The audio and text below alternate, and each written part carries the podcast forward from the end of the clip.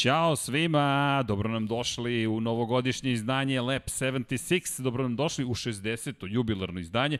Ne znam da li ćemo mu dati broj ili nećemo dati broj, ali Radujemo se što se završava 2020. godina, pre svega šaljemo vam mnogo ljubavi i zdravlja i sreće iz studija na kraju univerzuma. Pred nama je emisija koja nema baš klasičan koncept, pričat ćemo o svemu što se događalo ove godine, kako nama, kako profesionalno, kako u Formula 1, u Moto Grand Prix, u NASCAR-u. I nadam se da ćemo se zabaviti večerašnja posada, ovog svemirskog broda, gospodin Pavlo Živić-Kujić sa moje desne strane, gospodin Dejan Potkonjak sa leve strane Ćao. i U virtualnom svetu nadam se da će nam se na četu pridružiti gospodin Aleksandar Đankić. Nažalost, godina je takva da smo i na kraju godine imali peh.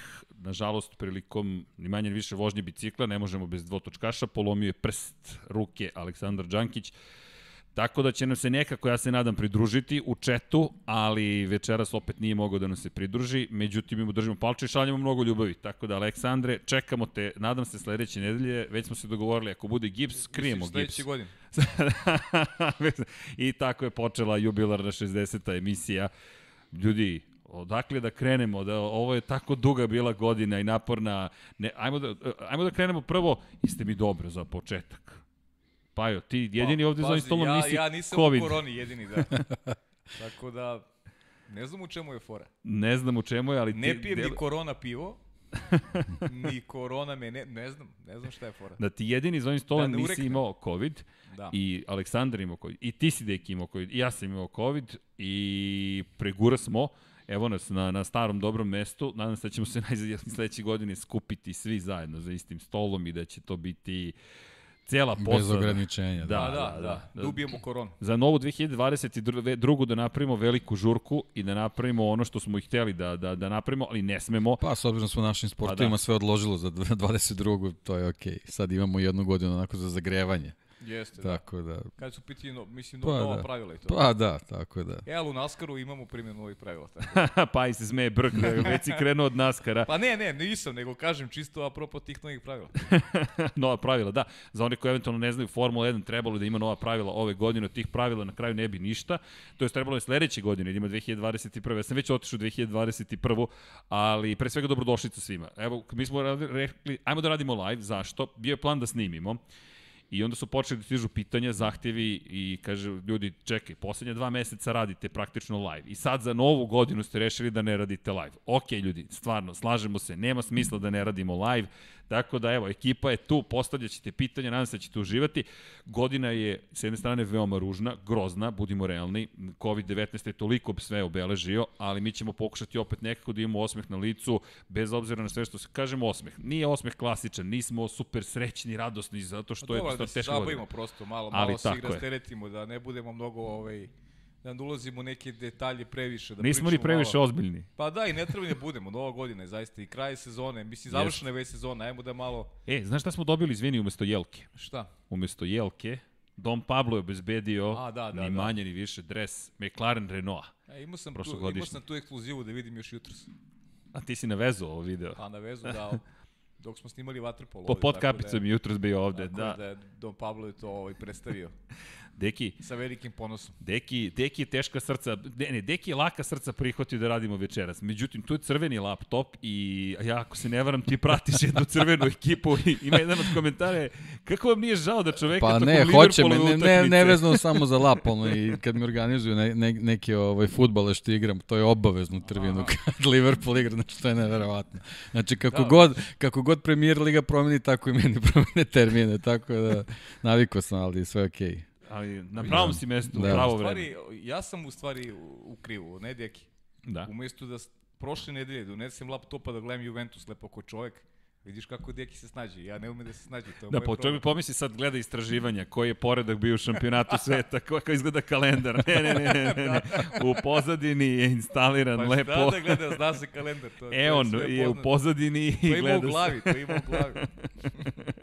I kako tako mudro pa, da. ćuti i uživa. Pa, pa uživa kreće polako. pa kreće polako. Zagreva se, a mi završavamo polako.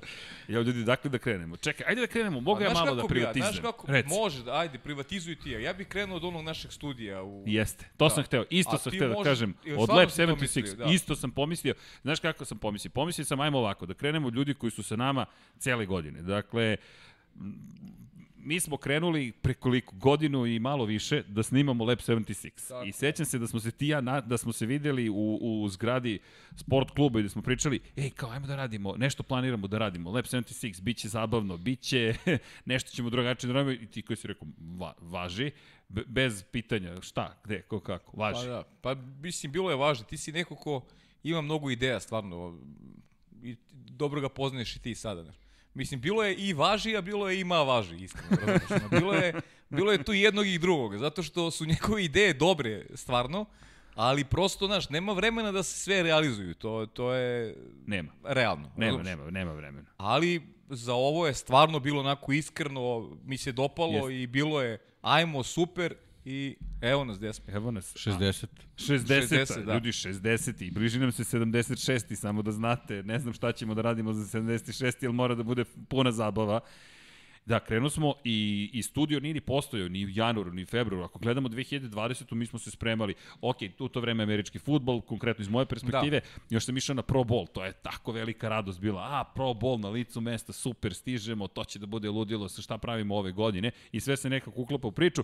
Januar, februar posvetili tome da napravimo studio, pa dobro, ajde, da, studio ajde, da budemo sad, ajde da pričamo malo u studiju, zaista da nevezano. Tako je, za studio. I koristio si odlazak u Ameriku i da malo i doneseš neke stvarčice, da malo Da, ne, ne znam da, da li... malo osvežiš, da, da, malo... da li smem sve da pričam. Pa do, ne, ne, ali kažem, malo si razmišljao na tu temu Jesam. dok si bio tamo, što je Jesam. onako... Jesam, BH Photo sam zgodno, posetio. Zgodno tržište za, za, za, za tu tematiku. Savršeno tržište. Pa, da. Mi koristimo Atem Mini. Atem Mini se u to vreme tek pojavio, u Evropi ga nije bilo.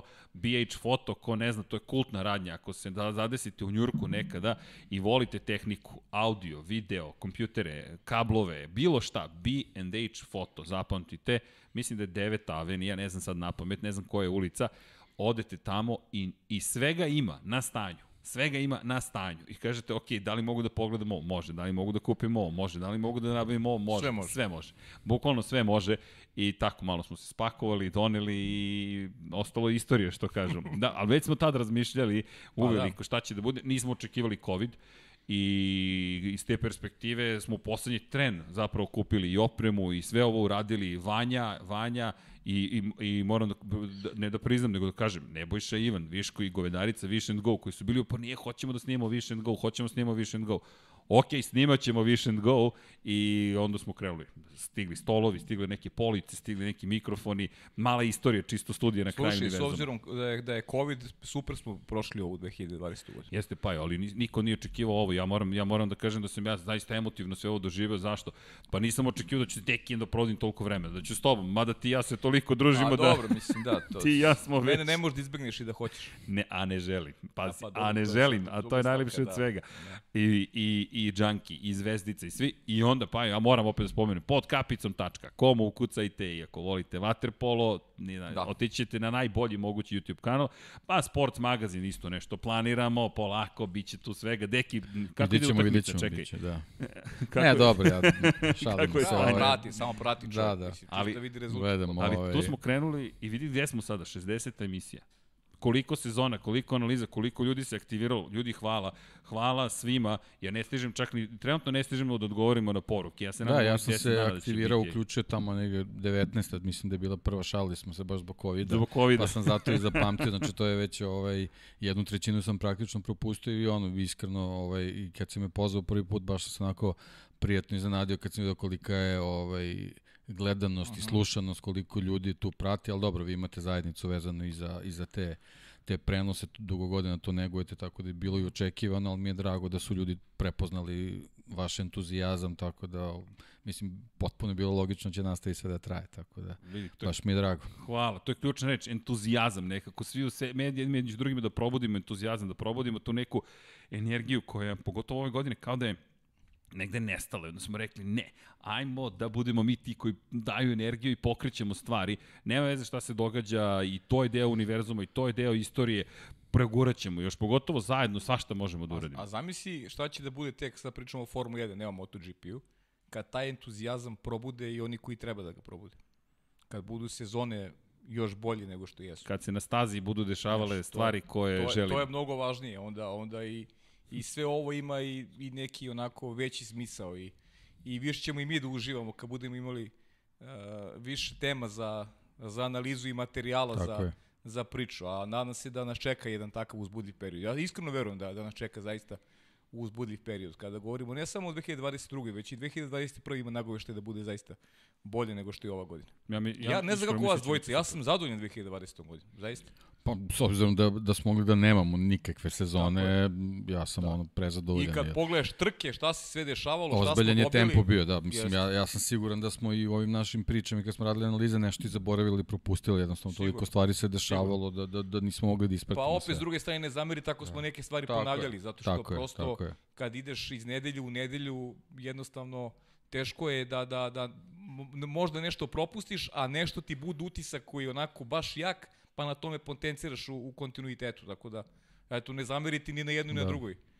Ne, videli smo, bilo je, bilo je dosta grešaka što se tiče ekipa u, u šampionatima, ali jednostavno to je ono, sportovi i visoke tehnologije u takvom tempu i takvom ritmu da, da se ne dešavaju propusti, zaista je ovaj bilo, bilo jako teško, posledno što su i oni imali dosta zdravstvenih problema, tako da, ono, ja sam zadovoljan sezonom, ono, uspeli smo da izguramo, eto, bilo je nekih situacija gde je moglo baš onako crno da bude, eto, uspeli smo nekako i to da, da, da prevaziđemo, tako da zadovoljan sam po tom pitanju. Vidi, kad pogledaš sezone jednu i drugu, dobili smo jednog starog šampiona, Luisa Hamiltona, kad pričamo o Formula 1 i MotoGP-u, dakle, rekordi su jednačeni neki, neki oboreni, pričat ćemo o tome, nećemo zaboraviti naravno ni Mihaela Šumahera, žalost, juče je bilo sada već koliko, sedam godina, sedam godina, kada da, je imao to je ta, taj tragični incident na skijanju, Dom Pablo, Pablo nam je doneo iz da. lične kolekcije prosto knjigu o Mihajlu Šumacheru, tu je i Benetton, čuveni prvi šampionski Benetton Mihajla Šumahera od pred 26 sada već godina, bilo je 25-godišnje izdanje prošle, 2019. kada se pojavilo, Benetton Ford B194, to planiramo i da Da, evo vidi se, da planiramo da ga sklopimo, naći ćemo vremena i za to. Nivo 4 je neophodan za sklapanje ovoga, tako da će biti ozbiljna aktivnost, ali pamtimo Mihala Šumahira, naravno da ga pamtimo. Keep fighting, Michael, jeste poruka. I nekako keep fighting cela planeta, ja mislim da je poruka, ali neverovatno je da je prošlo 7 godina, da je to nešto što je toliko obeležilo Formulu 1, da je toliko, tako mnogo vremena prošlo, meni zaista neverovatno. Ove godine, pritom, Lewis Hamilton izjednačio se po broju titula, osvojenih 7 titula, ima čovek 95 pobjeda, to je novi rekord po broju pobjeda, jedna istorijska godina. S druge strane, u Moto Grand Prix smena, potpuna smena generacija, veliki šampion koji je bukvalno pao i koji je ozbiljno povređen, za koga ne znamo narednih šest meseci da li će se pojaviti ili neće. Dobi smo novog šampiona Joana Mira, neka potpuno druga priča i u Naskaru gde smo videli I tu smo dobili novog šampiona. Da, novog šampiona. Opet najavlja, najavlja smene generacije. Isto. Da, ali ono što je zanimljivo, tak, takođe koliko se NASCAR brzo snašao, šta smo videli? Videli smo e-sport takmičenja ove sezone. Videli smo kako svi sportovi odjednom dobiju žestok udarac u martu, ali nekako uspevaju da se snađu i u roku od tri meseca potpuno reorganizuju, da mi ipak dobijemo sport. U jednom momentu, kao što si rekao, neki strah je bio ogroman da ga nećemo dobiti. Lične tragedije, nažalost, mnogi ljudi su preminuli tokom ove godine.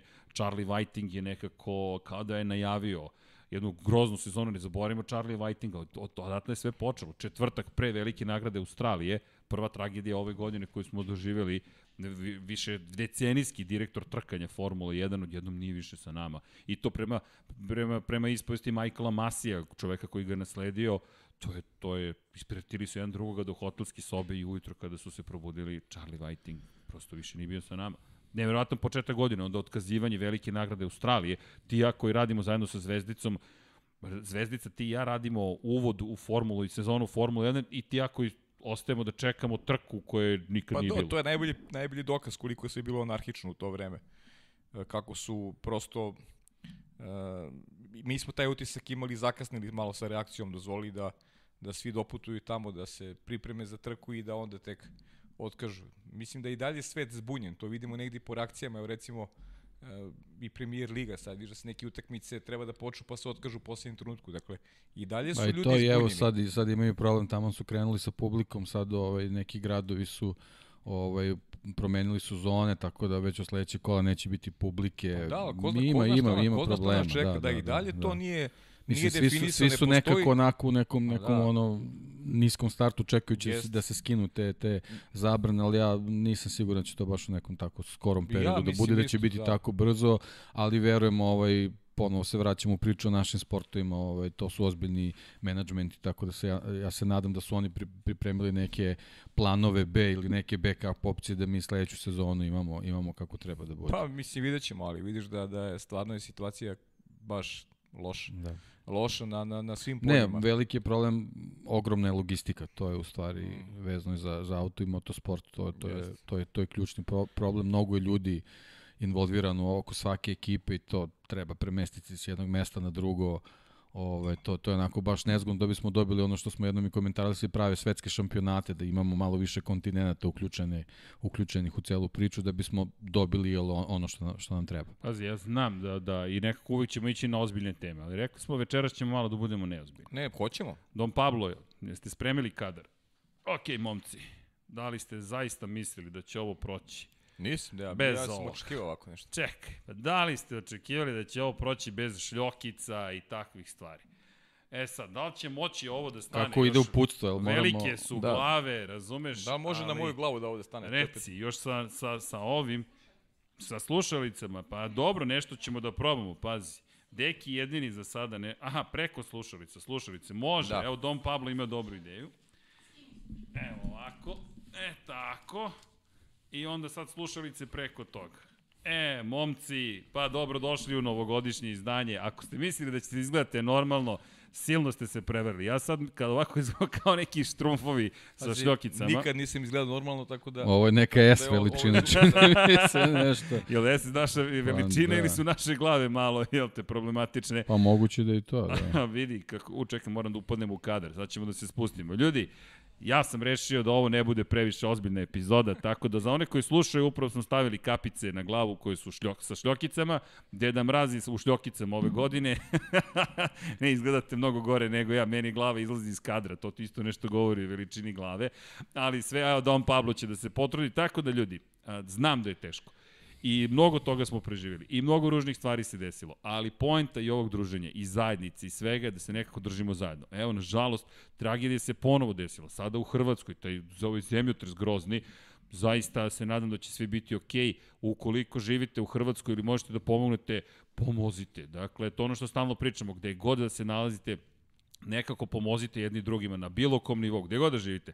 Srbija, Bosna i Hercegovina, Makedonija, Crna Gora, Hrvatska, Slovenija, ne znam, na, sa Tajlanda se javljaju ljudi, iz Australije se javljaju, iz Belgije, javljaju se iz Sjedinjenih američkih država, iz Kanade. Iz Nevažno. Meksika. Iz Meksika, Meksika. čekaj, Nemoj to imali da smo Meksikance čekaj. ove godine, Tako tako je, je. Kako da zaboravimo Meksikance. Tako, ideja jeste univerzalna ideja je da budemo ljudi pre svega i da uživamo u automoto sportu nekako budi ono najlepše, makar kod nas se trudimo da, da probudi najlepše i zato sam rekao ne, ima da izgledamo šašavo i ima da bude zaista novogodišnji. Misliš kao i uvek? Pa kao i uvek, tako je Pajo. I ja moram, ja kažem, malo ću da privatizujem, ja sam jedan od najsrećnijih ljudi na planeti Zemlji. Imati zadovoljstvo, čast da radim sa vama, da radim sa Junkijem, da radim sa Zvezdom, da radim sa svim ovim ljudima. Dom Pablo, molim Dom Pablo, to ćete jednog dana saznati ko je Dom Pablo. Smeju se neki ovde. E, to je meni, to je, da ti kažeš nešto, to je meni otkrovenje godine. Ko je Dom Pablo? Da, da. Ili Dom ne, Pablo. Ne, Dom Pablo, Dom Pablo, da. Dom Pablo, jeste. Jeste, zadovoljstvo mi je veliko, da. Član ekipe koji Da, se... veliko zadovoljstvo mi raditi sa Dom Pablom i delim baš tu sreću. Dobri, sa Vanjom. Je, jedan od utisaka mojih najvećih 2020. godine, dobro, Vanju, Vanju sam znao. Dok ističe Dom Pavla. Ovaj. Što da namislim da, E, izgleda, lepo da ti izgledam stoji, sebi pazi. smešnije, izgleda sebi smešnije i ne znam koliko mi polazi to od ruke. Odlično izgledaš, mogu ti reći. Izgledaš izvrsno, dakle, izgledamo spektakularno. Hvala ti. Vidi, ti imaš srli i pajče majicu. Tako Pa da ja ti znaš zašto, a znaš zašto imam majicu. srli pajče majicu? Znaš zašto? Ne. Pa zato što nemam. Ja, poklonio si, sad će prozivka za majice. Čekaj, Ne, već je krenulo, ja mislim da je, da je u trećem komentaru već bilo pitanje za majicu, ali, Deki, ali stvarno, to je, Deki, to je jedan od utisaka Da, evo ga. 2020. Rekao sam mu takvu poruku. Koliko vremena treba da, da Takvu se sprema poruku majica? sam dobio, neću da otkrijem, zato što to treba da bude iznenađenje. Takvu poruku sam dobio da sam se onako naježio i rekao sam sebi da prosto to mora da se ovaj da se da se uradi vezano za majicu, znaš. I obećali smo do srpske nove godine da ćemo to da ispunimo, srđan ili tako. Do, do, da. Ali to definitivno moramo. Ne, ne, ne, ne, to smo, evo tu je šef merchandisinga koji je preuzeo, javio se, jao, ja se da. izvinjam, neko se još javio na e-mail, A ljudi, kraje godine, mi pokušamo papirološki sve da svedemo nekako da završimo deki. Ja Imamo i neke firme, da. da I neke firme, pa to, to, to je deo zabave. I, i te bo zabolela glava odjednom. Ne, sad mi prijatnije skapu. evo, Dragan Sugorov se javlja, majice. Hvala vam, Dragane. Pa da, svi, hvala, svi pitaju za majice. Pa evo, ja pitam isto ljudi. Slušaj, evo, Nemam ni ja, šta smanjite, smanjite mikrofon deki. Da, izgleda se... Ovaj... da. Slobodno na nulu, ni, ni, ništa ne. Pablo, pa, smanji... Dajte probu, napisat će ovde. Ovaj, Smanji deke, Pablo. Ako sam glasao. Ovo, Radivojević, Radivojević ima ozbiljno pretnu. Bacit ću kletvu na New York Jetsa. I znate da sam postao navijač New York Jetsa? A, a, ko su New York Jetsi? Da ko su New York Jetsi? To je su to jedan od dva kluba. Detroit Pistonsi, nisu? ne, ne su. A ti voliš Detroit. Volim Detroit, Tvoji da. su Detroit Lionsi. Dobro, ali ne pratim, znaš da ne pratim. Znam da ne pratiš. Ne pratim. Znam, u stvari šalim se, znam, ali ne pratim NFL, tako da. Ali kaži mi zbog čega si postao, ajde, sad me zanima zbog čega si postao toliko sam tipovao, New York Jetsi ove godine stalno gube i ja sam jedini tipovao u 99 yardi da će pobediti. I tipovo i tipovo i tipovo. Onda su me nešto izneverili. Imao stekao se utisak čak i u Sjedinim američkim državama da su predali jednu namernu utakmicu planski da bi su sledeće godine bili prvi na draftu, mm -hmm. što ja ne, ne mogu da prihvatim, to, to, to mi zaista, to se ne radi, evo ga, to se ne radi i, i to je nešto što mi je neoprostivo, ja sam rekao, ok, više neću da... Ne radi da, se, misliš u tvojoj glavi, ne možeš da prihvatiš da tako se to je, radi. Tako je, ako, ako se baviš sportom, treba da gradiš taj pobednički okay, da, mentalitet. Da. I to mi je bilo razmišljanje da sam odustao od Jetsa, oni pobediše ljudi. Kao što I... ja u decenijama nazad za Bengalse navijam. A ti si Bengalac? Pa da, da. Izvinjam da. se, možete da mi dodate onog tigrića? Molim vas, uh, dama sa Leopard uh, ta, štraftama uh, da nam dodate, slobodno bacite, a evo preko Pavla, molim vas. I, e, tako, hvala. E, e super. Hvala. ti Bengalac? U čas e. dve vezane pobjede. Čekaj, čekaj, slušao. U, pravi. U, pravi. Obradao se baš. Evo, izvoli, ako si Cincinnati, dajmo da. ti Cincinnati, dakle, deki, nisam znao da si ti Cincinnati. Pa, da. pa to je ono što ti kažeš, ono, kad navijaš za luzere, to je, pa mnogo su simpatični. Primit će Liverpool gol, pa šta reći. Čekaj, čekaj, nema. E, vidi, da kad se prebaci na moj kadar, vidi mu se TV, vidi mu se monitor, tako da, tako da je sve okej. Okay. Se vidi Tigrić ovde. Da. I, i, i, i sad, šta se, šta, šta se događa? New York Jetsi počeli da pobeđuju i nekako se stekao utisak da navijam za New York Jets. Ok. Pogotovo sada kad gube, kad ih svi uništavaju. I to što smo mi u studiju na kraju univerzuma počeli da navijamo za New York Jetsa, konkretno ja, to je znak da počinje nova era, to je era New York Jetsa. Tako znači, da, osvojit će, osvojit Tako je, tako je, tako je. Pazi, da, nemoj da posjećamo, ti ja za koga navijam, uvek mi se nešto lepo dogodi. Ej, da, Da, da, to je činjenica. Jeste. Ajmo, a možemo i da podsjetimo. Pazi, ti ja smo, kad je reč o naskoro 2015. počeli i ne zamerite, za, na, rekli smo ovo novogodišnje da, da, da, vrtimo, svašta, da, pričamo, da, pričamo šta nam padne na pamet. Da. 2015. dobi smo ti i ja po radnom zadatku NASCAR. Jeste. Zaljubi smo se ti ja po radnom zadatku. Ja u šoku bio, rekao, da li je moguće, šta me čeka sad? 4 ujutru, 5 sati prenosa. Nije baš lagano ubavu. Ne, nije. Ali eto, ali je bilo mnogo I dobro. I izabrao smo ti sa ja Logana i uzešli tituli jedan i drugi. Pa vidi, i to su uzeli u prve četiri godine, ja mislim. Tri. Četiri. Četiri. Četiri. Četiri, to, da. To, to, to, je, to, imali smo... Uz finala, konstantno. Jimmya Johnsona, Jimmy da je pravio da. tu probleme, a i Kyle Busch se nije, nije dao. Ali da, izabrao smo ti deki Spaje, ja, mada Paja, čekaj, čekaj. Najveći utisak ove godine, gospodin Deda Vanga. Dakle... Evo da mi zoveš baba i deda. Čekaj, ti navijaš za dedu, evo, opa. Vidi kako... Ko navijaš dedu? Pa vidi, deti, kakav ti kadar. A, misliš... Pablo? pa sve ti Dom Pablo namestio A. za tebe. Evo, ja ću da stavim ovo ovako. Ti znaš za koga ja navijam? Evo, okej, okay, može ovako. Eto. Za koga navijaš? Pa znamo, svi znaju. Za Ayrtona Senu. Za Ayrtona Senu i Valentina Rosija. Tako je. Tako da je tu je kaciga. Ali, evo, navijajte za Red Bull, please, GP Balkanci poručuju. Srđane, kada pozdrav kreće... Za, pozdrav za Balkanci. Pozdrav. Kada kreće lobiranje za stazu Lab 76 da se napravi u Srbiji, ako to može neko da izvede, to možeš ti.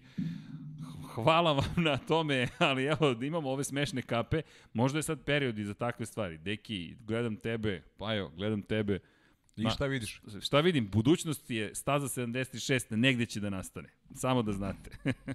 Super Radivojić, da, Radivojić, Srki, šalim se. Znam da se šalite, nemojte ništa brinete, mi ne shvatamo mnogo. E, ljudi, pišite, postavljajte Slobodno. pitanja, vi ste sada, znači, ovo je najbolje moguće prilika da odgovaramo na, na, na sva ove pitanja. Čekaj, pa, pa pitanje je sledeće. Kaži. A, ovo je opušteno izdanje. Jeste. Kakvo je to žurka novogodišnje bez klope i pića na stolu? Ko kaže da nema piće na stolu? Zašto imaš tri šolje na stolu, mogu da te ja pitam. Ko kaže da nema piće na stolu? imaš tri šolje na stolu, ja tu brojim. Ja isto imam tri, sad ne mogu da pohvatam šta je šta, ali okej. Okay. Voda, voda i čaj. Ne, čaj, voda, voda. Zašto? Ja imam, Zato što će ovo ja da imam traje, jednu, vidi. jednu sa česme vodu, druga je e, flaširana, flaširana i treća i je gazirana. Treća Coca-Cola, da. Coca-Cola, lepo.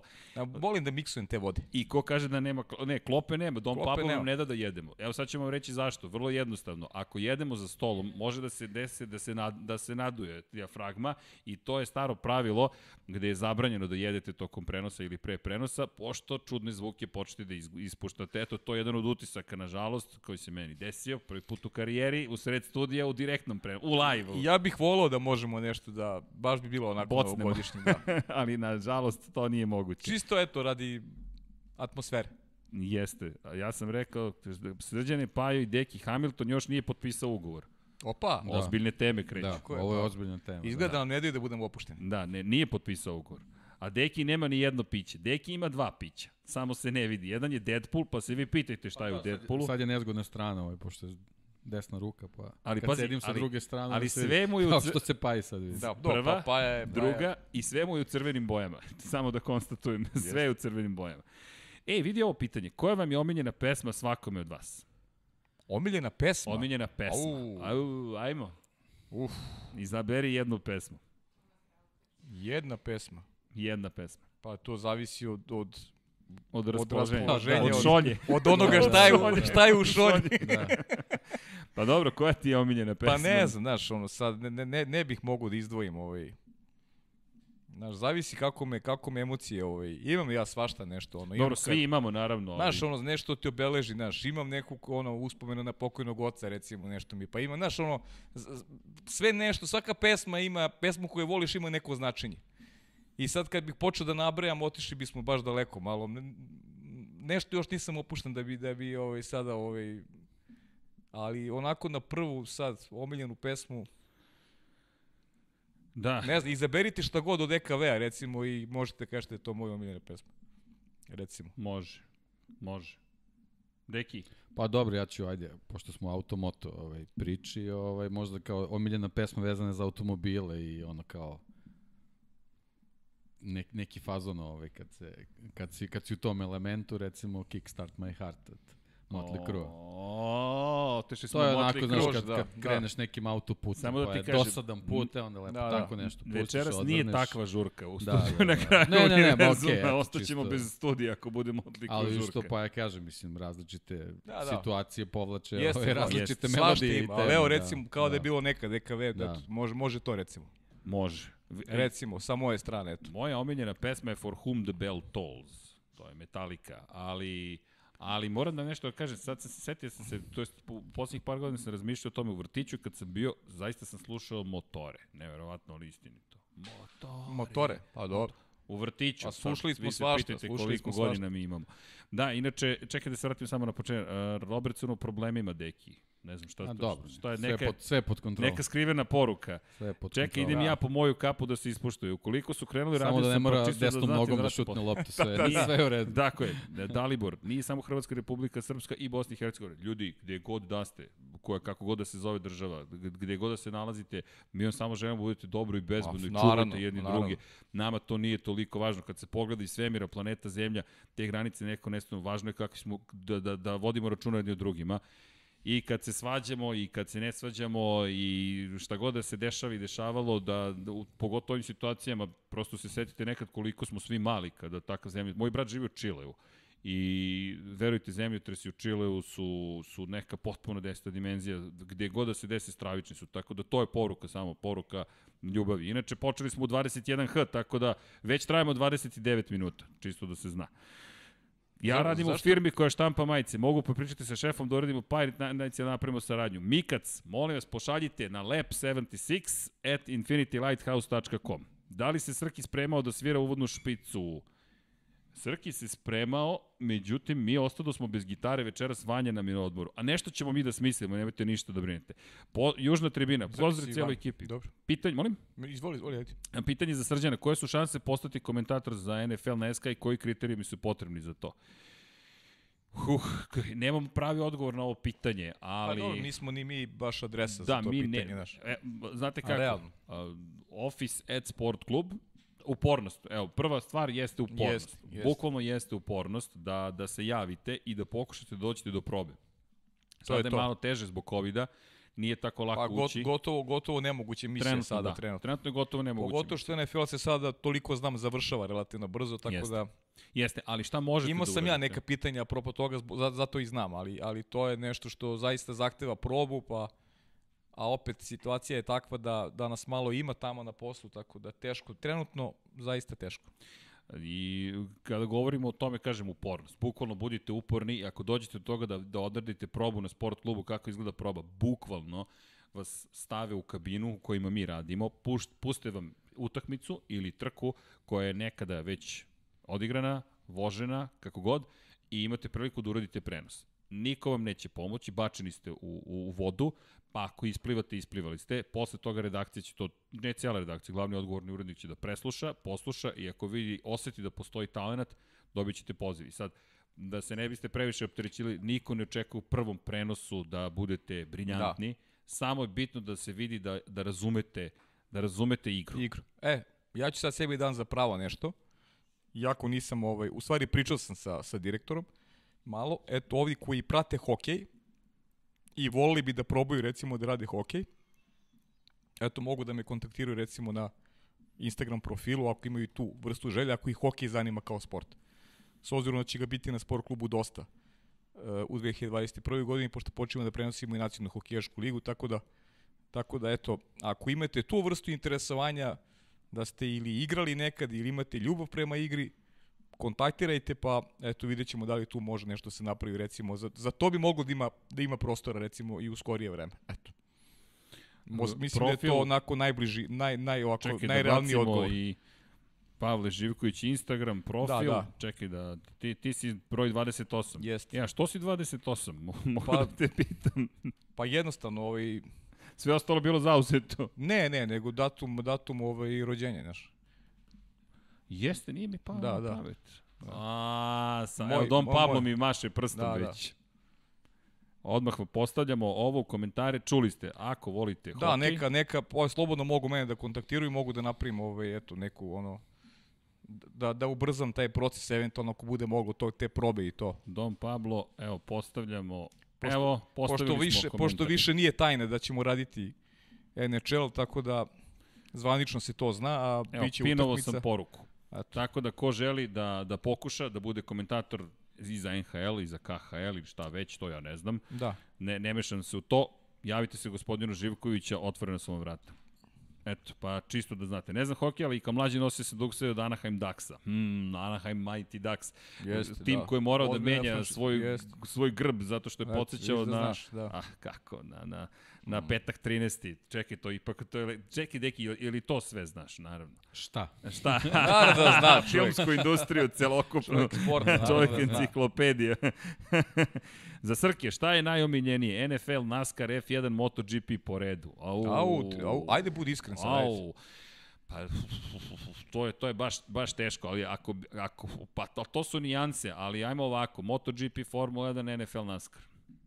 A, moto? MotoGP, F1, NFL, NASCAR. Mhm. NFL, ali to, to su takve nijanse, to je gotovo Okej, pa nemoguća dobro, misija. pošteno. Pogotovo MotoGP i Formula 1, to su druga vrsta uzbuđenja. To je bilo prošli put pitanje, drugačije, drugačije su to discipline potpuno, ali duže radi Moto Grand Prix. Duže radi Mhm. Moto Grand Prix, pa samo da radi sta... i drugačije se zaista kad se spremamo za prenose, nije ista priprema koliko tehničkih elemenata pokriješ na na Formula 1 i koliko pokriješ na Moto Grand Prix, ali Moto Grand Prix trka to je adrenalinski sprint, bum, Jeste. to smo pričali, a Moto Formula 1 je dosta drugačije. ali to je samo, eto tako, stice, stice okolnosti. Srki Pajović, da li ćete prenositi Formula 2 i Formula 3 Porsche Cup sledeće sezone? Ja koliko znam, Formula 2 i Formula 3 će biti sigurno na, a samim tim i Porsche Super Cup, znači u stvari ne znam da li idu sledeće godine u paketu. Uh, da, nisam to, siguran za to Porsche nisam, Super Cup. Nisam, nisam, nisam Pojavljuje se da. ženska formula. Da, formula ne, da, W. ženska se formula da. se pojavljuju, ali znam da nisam siguran da ide su, Porsche u paketu sa svojim. Ono što ne znamo jeste, uh, ono što smo uze, otkupili od prava jeste Formula 1. Često uz Formula 1 dolazi drugi paketi, međutim ne znam za Formulu W, pošto ne znamo, mi ne znamo kad je ugovor potpisan, tako da... To je pitanje... to da mi To samo jedan samo informaciju. samo jedan čovjek zna. e, Neće biti Formula 2 i Formula 3, neće biti ni istim vikendima. Tako je. Neće tako. biti isti tako je, vikend. Tako da Tako će biti mesta da se ubace. Biće, da, a, da. ali, ali ćemo ih imati sledeće da, godine. To verovatno na, moramo na sačekamo da izađe detaljan ovaj, Da, da. raspred Tako je, trka. tako je. U, slušaj, evo, pozdrav za družinu prstena. Kada kreće NHL i hoće li biti podcasta? Družina prstena. O, ovo je mnogo le... Jao, čekajte, stanite, ovo morate da vidite. Ko sluša, ovo ne možemo da vam opisat ćemo, ali čekajte, ovo je hit. Potpuni. Kako se zovu momci koji su doneli? Čekaj, čekaj, čekaj, čekaj. Piše mi iza, hvala. Ok, prvo ću da pročitam iza. Srećni praznici, želim vam puno zdravlja, sreće, dobrih trka, fenomenalnih gostiju i gledanosti. Aleksa i Petar. E sad, šta su nama pripremili Aleksa i Petar? I ovo je ta čista ljubav koja, koja, koja nas sve potpuno oduševljava. Deki, ne zameri, dobili Taman smo, posle. pazi sad ovo, opa, O, ovaj gospodin u crvenom, to sam ja, ovaj u crnom, to je gospodin Pavle Živković u našim omiljenim bolidima. Dakle, ovo, ovo smo mi, tamo, Radilion, O, Ruž i sve ostalo. Jeste. Momci su došli, napravili fotomontažu i poklonili ovo studiju. Momci su pokazali da ovaj koliko vole ovaj sport, koliko koliko slušaju naše podcaste i bukvalno nas šokirali. I- i- Ne znam Pritom čime smo toliko- zaslužili, Toliko, ali toliko hvala. fini, normalni momci. Da.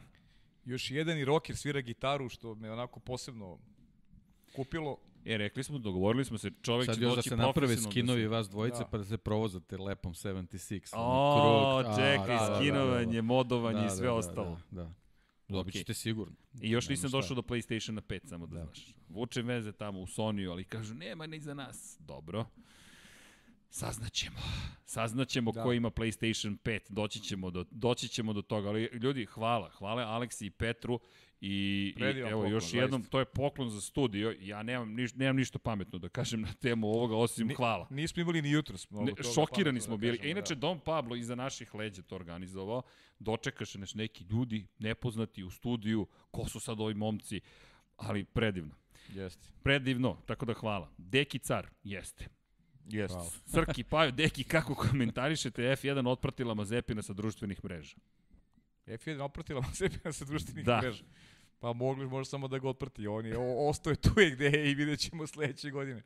To što ga otpratila. Pa pričali smo prošli put u podcastu. Meni je malo to onako isiljena cela priča vezana za, za Mazepina. Ne bih da ulazim u neke druge ovaj, analize. Haas je znao koga dovodi.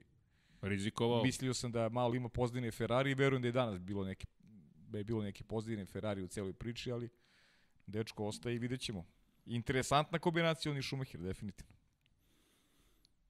Za Srkije, to smo već pitanje. Pitanje da li možete pozvati Jura Sebalja na podcast, pozdrav Sarajeva. To smo se već dogovorili. Gospodin Dejan Potkonjak je preuzeo ulogu neformalnog glavnog i odgovornog urednika Lab 76, pošto je shvatio da ove majice su odnele, odnele šalu i da neko ovde mora da zavede red i mir pored Dom Pabla i dobili smo, ne brinite, sinopsis i kalendar za sledeću godinu i mi ćemo poslušno, kao štrumfovi, da kažemo, nema problema, Deki jedini ima ovu sedu bradu, pa ja smo pokušali nešto, ali Ma kaka, brade, meni to malo jači vetar, malo jači vetar i to je to. to je Pa nema šta, to. za VRC nema pauze, mislim, oni već krajem januara kreću, ovaj, Monte Carlo kreće, slobodan je ovaj drugi termin i treći termin je već april i reli u Hrvatskoj. To je, to je jako brzo, tako da u aprilu već ovaj, smo tamo i, i trebali bi do tad već, ono, vidim da već pišu ljudi u komentarima Da. kako stići, gde će, gde će se voziti, tako da Jure trebali Šebelj bi, je tako i na spisku. tako. Na spisku je, je, ljudi koji je. s kojima želimo razgovaram. Ima pitanje Sena Sempre. Šta mislite dovedemo opet iz VRC Hrvatske organizacije da napravite specijalu trci u aprilu? Koliko budu dozvoljavale epidemiološke okolnosti, Upravo to i moramo da vidimo Od toga samo znate zavisi. kako, taj reli se na taj način prvi put organizuje tamo, oni će ljudi biti u ozbiljnom, ozbiljnom poslu i zaista eto, treba, Jeste. treba vidjeti ako, ako, je, ako nekako može, možemo da učimo taj način da, da neko od nas ode tamo pa da vidimo da napravimo neku priču, vidjet ćemo. Ovaj, da može, ali, da može mi bismo ovde drugačije organizovali žurku za Ali da smo raspoloženi, naravno da jesmo. Da. Jel to je to je mislim najveći to, to automoto je... događaj u regionu sledeće godine tako jest, da nemamo tako nemamo je. šta da da da razgovaramo na tu temu. Da li je potrebno ili nije. Tako je. E, imamo, nažalost, konstataciju. Da, Andrej, hvala. Nećemo zaboraviti, to su najnoviji vesti od danas. Nažalost, Fausto Gresini je hospitalizovan. COVID-19 je bolest koja ga je snašla. Šta da vam kažem? Godina je katastrofalna iz te perspektive. Mi, mi samo možemo da poželimo da se oporavi. Mi, ni Deki, ni Aleksandar, ni ja nismo imali takvu ekstremnu situaciju. Nije bilo jednostavno, ali srećom Deki, ti nisi hospitalizovan koliko ne, ja znam. Ne, da, nisam ne. ni ja, nije ni Aleksandar, imali smo... Pa, sreće, prošao sam bez zapalenja pluća, tako sreće. da, ali dva meseca je trajao oporavak. Da, ja sam imao zapalenje da. oba plućna krila. Žurka je kompletna i Aleksandar isto, ali ali, ali čak i bez zapalenja možeš da, da zaista, da, da, da, može da potraje. Mogu samo da pomislim kako ljudima sa, sa, sa zapalenjem bilo, meni je mm. bez toga bilo onako baš, baš loše. Da. Da, tako da mu držimo, držimo za, za palčeve. I to je taj podsjetnik koliko je zapravo važno da da držimo, da, koliko je život važan i koliko je važno da se držimo nekako zajedno i, i, i zaista šaljemo svu moguću pozitivnu energiju. Nadam se da ćemo dobiti dobre informacije. Pozdravio bih inače čoveka koji meni bio neka vrsta zaštitnika i mentora, moj bivši razredni iz srednje škole Dušan Milovanović, to je moj profesor, mi ga i dan danas zovemo razredni, čovjek je otišao u penziju ove godine. Ajde da dočekaš penziju, izvukao se, oporavlja se, ali je bio u teškoj krizi evo, rekli smo malo ćemo da privatizujemo, veliki pozdrav, ako ikad pogleda ovaj Lab 76, zna da ga voli cijela njegovo četvrto jedan iz Politehničke akademije, tehničari za robotiku i fleksibilne proizvodne sisteme. Tako da se čovek izvukao, tako da držim palčeve i Gresiniju da će se to takođe desiti. Šta bih dao da emitujem Formulu 1 direktno, GP Balkanci? Pa šta, šta ste spremni da, da se dogovorimo, šalimo se naravno, ali pa, be, čujte. Od toga zavisi isključivo. da, idemo korak, idemo korak po korak, šalu na stranu, ali isto važi za sve. Ukoliko želite da se bavite ovim poslom, opet upornost, malo sreće, ali morate, morate baš da budete uporni. Zatim, ovo je sad da su komentari na, na, na NFL. Inače, Zoran Prica, Srki Paj, Deki i Lab 76 ekipa. Sledeće godine ako idete na trku u Hrvatsku, imate smeštaj kod mene na Plitvicama. Idemo sledeće godine na trku u Hrvatsku. Hvala puno. Evo, hvala puno. upravo smo hvala, se Pozdrav za Hrvatsku na stranu, ali hvala. I sve najbolje, čujte se. Da, hvala. Hvala Zorane. Mi obično se trudimo da se ne namećemo, sratit ćemo u posetu, a, ali najvažnije je da se družimo pa da se negde sretnemo na stazi da, da, da, da, da, da podelimo tu strast i emocije ka automotosportu. lično Jimmy, ovo je nešto drugo. Akcenat ima znanje, ok, ovo je NFL, NFL, vidim NFL je ovde preuzeo. Pa e. dobro, pio, pa nema veze šta, ajde, kad ljudi pitaju, nova godina je, pričamo o svemu, slobodno odgovori na NFL, kakve veze ima šta? Pa, šta se... Pričamo, sedimo, Čekaj da družimo da se, časkamo. Ovo su više komentari. Uvođenje sistema slično kao, aha, ovo je nastavak pitanja, Bruno Perković. Uvođenje sistema slično kao draft u američkim stostovima može pre pomoći u izjednačavanju grida. Mm, Bruno, ako vas dobro razumem, da se uvede da ne možeš da zaposliš tek tako. Šta mislite odluci F1 za smanjenje troškova? Svako mi je jasno zašto to radi, troškovi su sasvim deo ovog sporta. Bruno pita. Pa onda nastavak upravo ta priča o, o draftu. Sad zamisli, ulaziš u Formulu 1 da. i ko je bio najgori tim prvi bira vozača za sledeću godinu. da, interesantno Pazi, zvuči. Pazi, nije loše. Interesantno zvuči, bravo. Nije loše. Bravo. Pa dobro, nije baš tako jednostavno. nije, nije, pa nije, nije jednostavno, ali... A nije, nije, nije ni u duhu, nije teško je za poređenje, ali ajde, kao ali, sportski. Ali, čekaj, ali da. zamisli, prve dve godine moraš da vodiš, voziš za ekipu koja te izabrala na draftu. Ali imaš dvogodišnji ugovor. Pa to bi bilo zanimljivo tako, ako, ako ti to ulaznica u, ulaznica. u taj svet, to je onda možda i okej, okay, ovako sad na prvo loptu, ali mislim da to... Zamisli, ovaj... dođe Ayrton Senna, Michael Schumacher, Lewis Hamilton i Williams kaže da, vas dvojica, ti. Znači sigurno bi pronašli neku rupu kao što smo imali test mladih vozača ove godine. Da, pa da. Neko bi sigurno neku rupu pronašao. I mi smo mogli na test mladih vozača, da, da. pa ti vidi. Ali, da. ali znaš da bi se, pa ne... I, pa i kako se je promenio generalno sada, ono, posljednjih godina? Kakve se ekipe prave? Ono, ranije si imao, kad smo bili klinci, imaš identifikaciju čoveka i kluba. I to je nešto postoji.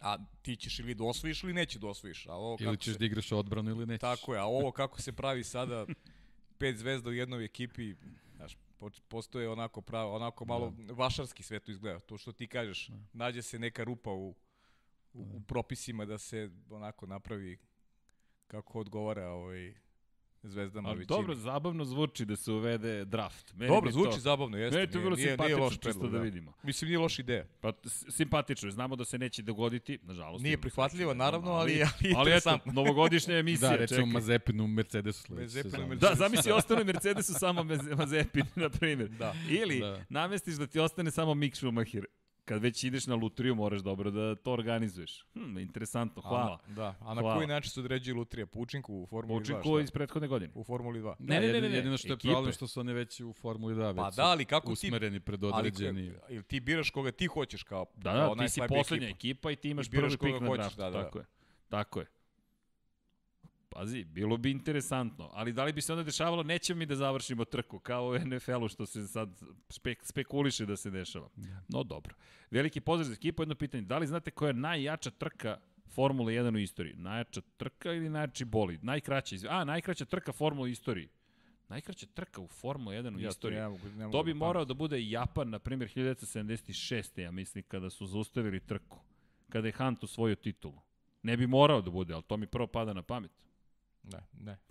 Ne, Bila je, ne, znači, uh, prekidane trka u Monte Carlo ne, 84. i prekidane Adelaide 91. A Malezija, Bron Grand Prix, kad je pobedio? Da, ko, pa sad... A da, bravo, bravo, da, Malezija, dobro, bravo, da. Malezija, Bron da, Grand Prix. Da, da, Ako je to pitanje. Da. Ako pa je dobro, to pitanje. ali ne, ne, ovako na pamet sad stvarno. E, bravo, da moguće, je... moguće, bravo, moguće da je Malezija. Malezija mi je u glavi, 2009. mi je to u glavi Jeste, nekako. vrlo moguće, vrlo da moguće da je, da je Malezija. Ali ovako na pamet zaista ne znam to koja je, bila, bila najkraća. To je baš bila kratka trka. Jeste. Šta je još bilo? Da li, da li, da li je Japan? 76. Ali Možda ne, on je odgovor, nego je Lauda odustao, da. Uh, odgovor, pa evo, čekamo odgovor. Koja je najkraća trka I, u istoriji? Dejan je pogodio. Australijski Grand Prix 1991. Bravo, deki! Evo, pa, čuj, Dejan pogodio. Ne, ne, Dejan je znao. Dejan sve ne, zna. Ne. Dejan Sveznalica. Ne, ne, palo mi je na pamet zato što stvarno ozbiljan je pljusak bio i Jest. ovaj potop je bio stvarno ono, vrlo vrlo opasno je bilo voziti ovaj tako da čekaj da vidimo da li ima koji je šta tu još piše u istoriji, sad ćemo mi to da otkrijemo. I šta kaže istorijat? Pa Australija je broj 1, koliko mogu da vidim. Najkraća, ovo, smo, e, ovo sam pronašao na DHL-ovom web sajtu, kaže najkraća ikada jeste australijska. Velika nagrada Australije 24 minuta i 34,899 sekundi. Pa velika Gde nagrada Španije. Čak je Ayrton Senna rekao dosta. Dosta, Prekide. da, da, da. Čak Prekide. i kišni čovjek da, je rekao da, u redu. Pa ne znam koliko se puta i ono krenuo na stazi. Da. Baš, da. baš je bio srećen. E, malo ću opet da, da. da privatizujem. Malo. Da, naravno. Pozdravlja sve Igor Marković. Pozdrav ga. Pozdrav za Igora. Šalje telefon Jure, Jure Šebalja odma. Hvala. Eto, pa da. I pa Suga da. šalje broj. Da. Kaže, vidit ću i sa Davorinom Sretnerom, predsjednikom Haks ili Danielom Saskinom, jedinim tvorcem VRC u Hrvatskoj da ih dovedem kad god budete hteli. Hvala. Trebalo da idem u Švedsku na VRC, ali otkazana mogu je svašta se napravi tamo. E, ima koronu Igor. O, i on. Da, okej okay je. Nek se drži. Tako da, Čuvaj eto, Igore. Pozdravlja vas sve i Evo, pozdrav. Poslo je, poslo je telefon poslo odmah. Ču, sluša i re, reaguje na keca. A, pozdrav Igore, pozdrav. Da. Inače, samo, eto, velika nagrada Španije 1975. Druga najkraća, treća 2009. Malezija i tako dalje. Igore, drži se. Da. Ulje divljeg origana, to je hit. Yes. da. Ulje Španija 75. prekinuta zbog, zbog teškog udesa. Da. Trka gde je Lela Lombardi osvojila pola boda. Jeste, to je jedna od čuvenih trka. Čak Tako si je. se i ti rodio. Da. I tad si da. počeo da pratiš, da. verovatno, sledeće Nisam godine. skoro. jedini si ja u to vreme nisam rodio. da, jedini, ti jedini nisi. Sutra rođendan Hermanu Tilkiju, ništa važno. Pa, A, pa srećan rođendan našem, Hermane. Hermanu Til, našem da. omiljenom dizajneru da, da, for, da. staza Formula 1. Šta bismo mi bez njega? E, čekaj, ovo je pitanje za Dekija. Ovo Deki moraš da znaš, toliko si tipovao na njega ove godine. Da li znaš kome je danas rođendan? 23. Nemoguće, pazi, ovo je nemoguće, mislim. Nisi ti dao do motociklista je. Ako si tipao... Pa jedino može Miguel Oliveira, ja ne znam ko drugi. imaš još ja jedan. sam samo na njega ima tipovao. još jedan, Dom Pablo da zna. Da sam tipovao na nekoga. Jesi, jesi. Opa, Opa, imao si suflera. nešto jako I pokazao. dalje, mo možemo, pa- pazi, deli broj, pazi, samo ću ti reći, deli broj sa Maxom Verstappenom. A, A, beštija. Alo, nova godina. beštija, beštija. E, da, ne, da, Bastirini, da. evo neko je to Ej, napisao. e, šta ste deki usipali u ove šolje? Uroš, da li možda imate informacije da li će vaš kolega Srđan nastaviti sa njegovim podcastom? Na Srđana A, Radovića. hoće, da, da, hoće, hoće, hoće, hoće. Srđan i blok po blok će nastaviti da snimaju. Prosto je bila neka situacija da sad mi ne otkrivamo to, to, to će Srki... Hoće srđan da objasni, da, ali hoće, naravno da hoće. Da, ali hoće, nemojte, nemojte brinete i i, i, i, i Džile i Srđan će se vratiti u studiju na kraju univerzuma, prosto neka privatna situacija. Bilo sve okej, okay, svi su okej, okay, ali prosto neku predostrožnost su morali da preduzmu. Tako da, nemojte da brinete, prenećemo pozdrave. U svakom slučaju, ko nije ispratio, obavezno gledajte. Vish and Go, blok po blok, pod kapicom, Walk On podcast, Dekijev, drugi o- omiljeni. Pazi, o, ovo, je, 76. ovo je takvo veče Da, da ću odmah da mu pišem i evo, Evo, Srđan ja ću, vam dati, ja ću vam dati informaciju iz prve ruke, tako da, a idemo dalje, ali prosto, Evo, Dejan Andrić, čujem se sa Jureom, ponekad mogao bih možda da spojim. Molim vas, što više ljudi nas spoji kad se Da. pojavi Lab 76. Neće imati izbora, morat će da dođe. neće, da, da, da, da, da, da, neće moći, tako neće moći, kaže ne. Da, ako može koja reč, e to je najveća vest koja se desila zapravo. Da, ako može koja reč o vesti da će slobodni treninzi po 1 i 2 sledeće godine najverovatnije trajati po 60 minuta. Ljudi, to je ozbiljna da. Promena. To je skraćenje za čitav sat na stazi, dakle za trećinu vremena su uskraćeni koji su, na, koji su računali ove godine i prethodnih godina. To nije mala stvar. I kakav je komentar? Pa mislim da će biti pod još većim pritiskom timovi. Kome će pomoći, ne znam. Ne, ne, ne mogu u ovom trenutku da dam pravu procenu. Mislim da će u velikoj meri zavisiti od toga kako će se timovi pripremiti. Ovo će, verujem, podrazumevati više aktivnosti u simulatorima i potpuno drugačiji pristup zapravo trenizima 1 i 2. Mislim da ćemo tome prisustvovati. Deluje mi da će biti više aktivnosti, ali opet to nikad nema, nema tu garancija. Pitanje je kako će, ono što mene sad tu zanima, kako će se tre, ka, ponašati prema gumama.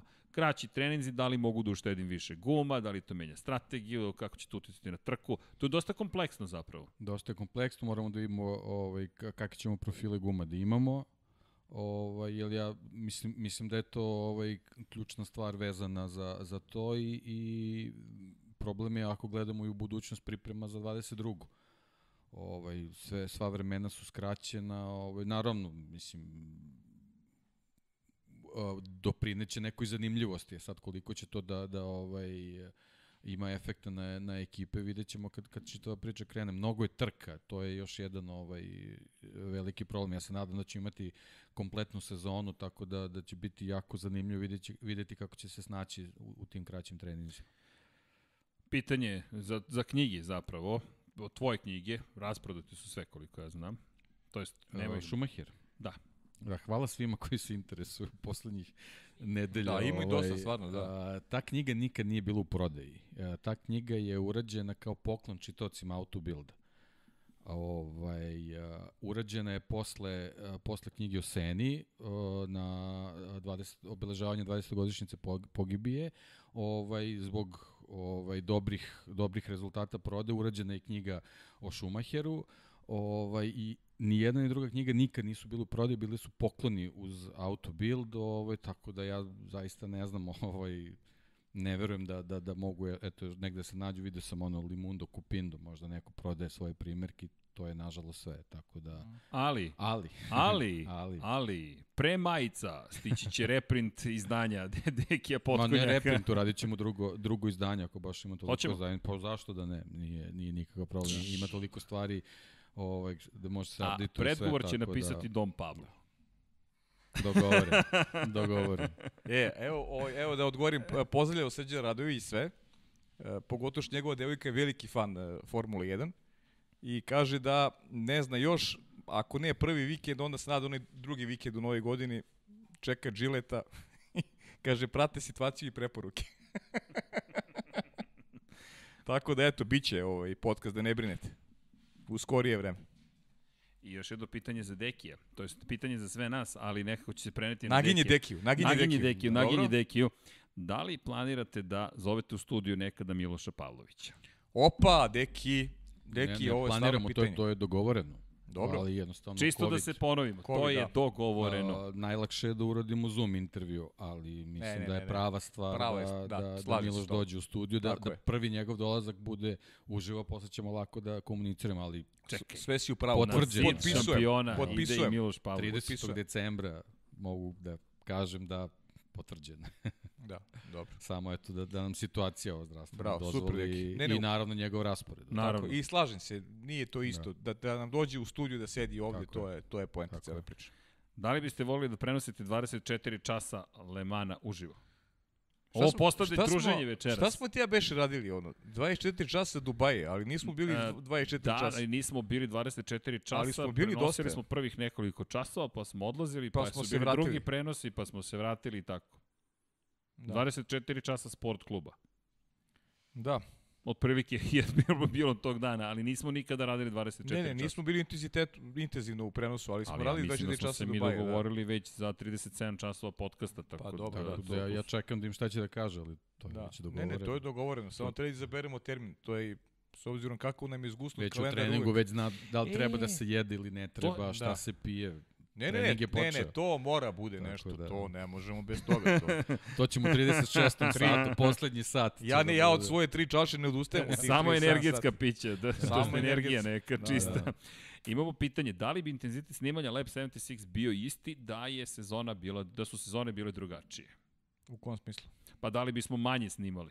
Ili isto? Pa kako bi, ne, mislim, ne može manje, kako manje?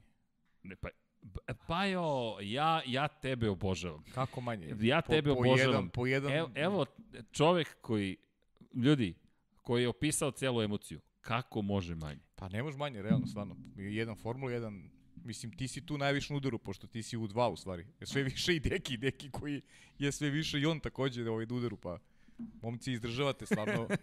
Čekaj, čekaj, ne znaš ti naš plan, polako. Taj udar će se proširiti i na tebe. Jel te Dobro, zovemo u MotoGP? ne, ne, okej, doći ću, mislim, ono nije sporno, jer rekao sam samo, ja sam tu Traže pored, nas i ličnost. okej, a tu pored vas mogu da pričam samo onako, iz, ono, kao navijač. I bit će nam Ne opet protiv zabavno i lepo. okej, hoćemo. nije- Isto kod. Deki kad kaže, ma ne znam ja to i onda krene, krene informacije da ispade. Ja, ja sam bio u kosmosu, inače. Si E, da, e, bio si da. u kosmosu. Bio je u a? kosmosu. Bravo, bravo. Da, bio je u kosmosu, ali... To je još jedan od utisaka 2020. Ej, da, Bravo. ej, da, da. Mo, I Hvala kako, kako si, kako, i si, i se snašao, a i si zadovoljan kako si Pa, snašao? imao sam tremu, mogu ti reći. Stvarno sam imao tremu. A, a ne, ozbiljno, zato, zato što ja, ja, ovaj, mislim, ja, okej, znaš, ja ne super bih... Je, mo- super je. Ovaj. Znaš, moja znanja su toliko površna o tome, znaš, bile su mi interesantne neke priče, gledam ono na, ono, istoriju i te fore, znaš, kao da vidiš kako je to. Ne, ovo je ono, baš bilo zanimljivo. Ovaj. Ali Srđan je baš veliki, baš Da. veliki fan, znam i ono, ne, ne, ne, bi, ne, Meni ne znam šta bilo- bi pričao. Meni je bilo super, jedva čekam sledeću fazu. Stvarno, sjajno. Da, vidi, već se sprema. pa da. Bravo. Vidi, odlično. već se sprema, Odlično. tako da i tu te čekamo. nema ništa Pa- da brineš, ko Marsovca, nema ništa Pa da do, ja ću tu nešto Znaš kao da. Na slavu se ne zove. Ja ću, ja, ja ću doći sam. Ja ću kažem, e, vidite pošti gledajci kako je raketa uzletela sad. to je taj moment. Ne znam da li znate kako to izgleda. Ali tvoja emocija, tvoja radost, to je ono što je dovoljno. Pa dobro. Više nego Okej, dovoljno. okej, ajde. Ja, moram. vidi, samo da znaš, SN8 su lansirali. To je visine zgrade Beograđanke u Beogradu. Mhm. Toliki je svemirski brod koji su oni lansirali. I podigli na 15 km i onda su ga spustili kao jedrilicu. Nije baš aterirao kako je bilo planirano, malo, malo je eksplodirao. Ali Deki, hvala ti. E, inače, Deki je bio fenomenalan. Naravno, tačno vidiš oko analitičara. Ugasio se motor, da li je planski ili nije planski. Ovo ne funkcioniše kako treba. Čudan zeleni plamen i sve što je rekao nema, se nema desilo. puno informacije, nije, nije lako. Mhm, mhm. Da. Ali godine gledanja Formula 1 stvorile su vrsnog eksperta za lansiranje raketa. Zašto je ovo farbano Tako zeleno? je. Zašto je ovde mreža? E, evo Igor još jedna poruku šalje, kaže, "O, o, veliki pozdrav, ne brinite za koronu, nije me, nije me strašno pukla, ali riknuću od osade. Neka gleda Formulu E. Po... A, i si čuo Igore, trke trolebusa glede dok te ne prođe, dok te ne prođe korona. Evo, Miloš... To je prava Slu- zanimacija. Slušaj, evo, Miloš kupio simulator taman da ga naterate da, jeste malo videli? da odveze. Videli smo E. pa kako, ono je... Mm. Tako da taman da ga malo naterate da odveze u studiju. Čujte, ako krenu u studiju da voze, ode i studio ima da odveze koliko je čovjek brz. Ali da, bit će to, bit će to lepo. Šta očekujete od Maxa Verstappena u 2021. Uf. Ja uvek očekujem da pomeri granicu, da svake godine bude sve bolje.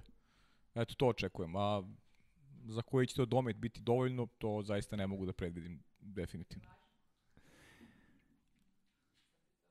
Nešto ovde dobacio. Tetovaže. Tetova, tetovaže, Pa dobro, da. imam Ako fore, ne osvoji titulu, tetoviraš se. Pa zašto ja pijem iz ove šo... Ne, tetoviram se, da, da. Ali ti mi određuješ. Da, da, Pri, tetovaže. pristajem da mi Pablo, ovaj, znam da nećete mi okanali nešto, znaš, da nešto... Kad dobiješ ovog tigra ovde bengalskog, ja da, Da, ti da. kažem, kad dobiješ, pa kad se skineš na plaži, a ono na bicepsu E, Pablo, tigar. Ili Samo- sidro neko. Sidro. Imam, Pablo, samo, samo jednu molbu, molim te.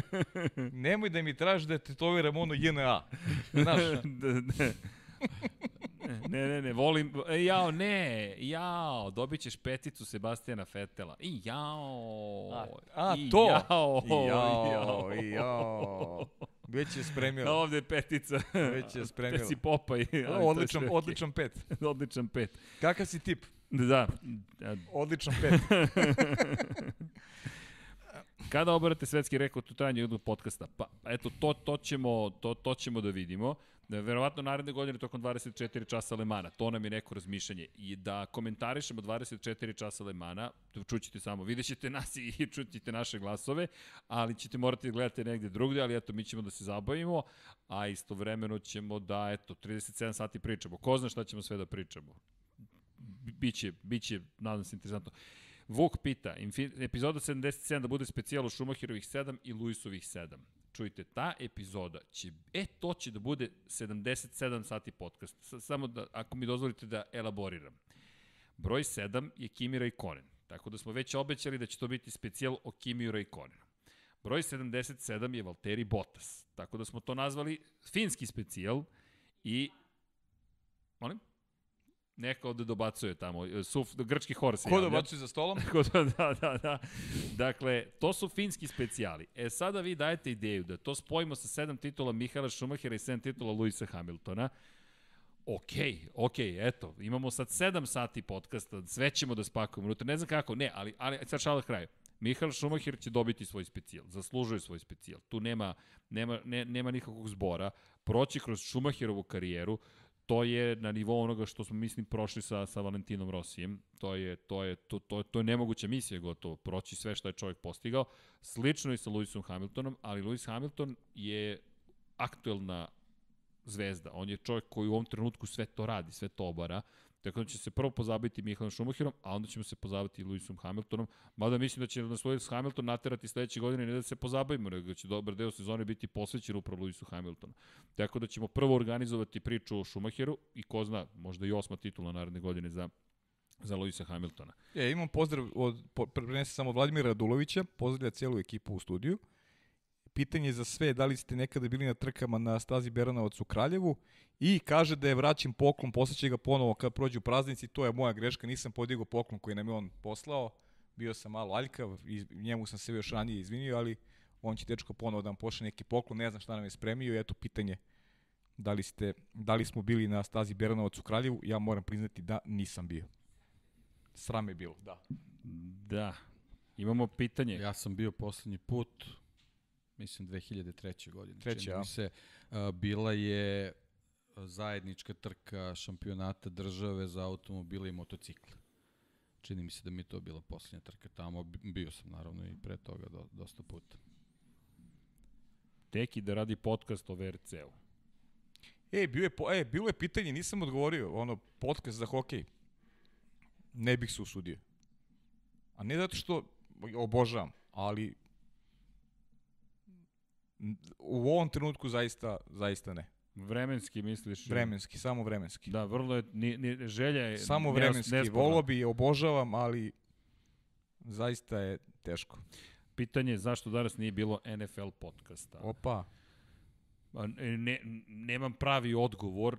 Rekao bih da je novogodišnja situacija uticala na ljude. Danas je bio takav haos, što u gradu, što privatno, svi koji učestvuju u NFL podcastu, da kada, kada bih spomenuo tu višu silu čuvenu, zvučao bih kao da se ponavljam, ali mi smo, mi smo se na kraju, zahvaljujući tom njihovom iskustvu, svi ovde skupili mnogo ranije, ali u periodu kada je, kada je bukvalno zvuči banalno, danas je bio kolaps.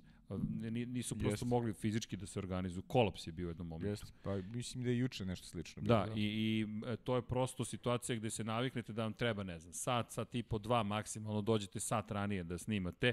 Danas čak ni to nije bilo dovoljno i toliko je zapravo bilo problema da se svi organizuju i uz odsustvo dobrog dela ekipe koji se pripremaju za proslavu nove godine, nemamo baš nešto slobodnih dana i onda deo ekipe je otišao na odmor, to jest otišao da, da, da proslavi novu godinu van grada, a s druge strane drugi deo ekipe je pokušao da se organizuje. Znam da zvuči banalno i evo, izvinjenje, ne, ne, ne, ali, pa pazi, ali, evo, to je nije, nije, nije da pravdam, pravdam sad kolege, nego prosto i mi smo juče imali e, tokom snimanja, tačnije pre snimanja sa Rađenom, onako čekanje, dogovorili smo se u četiri, počeli smo da snijemo u šest. Da.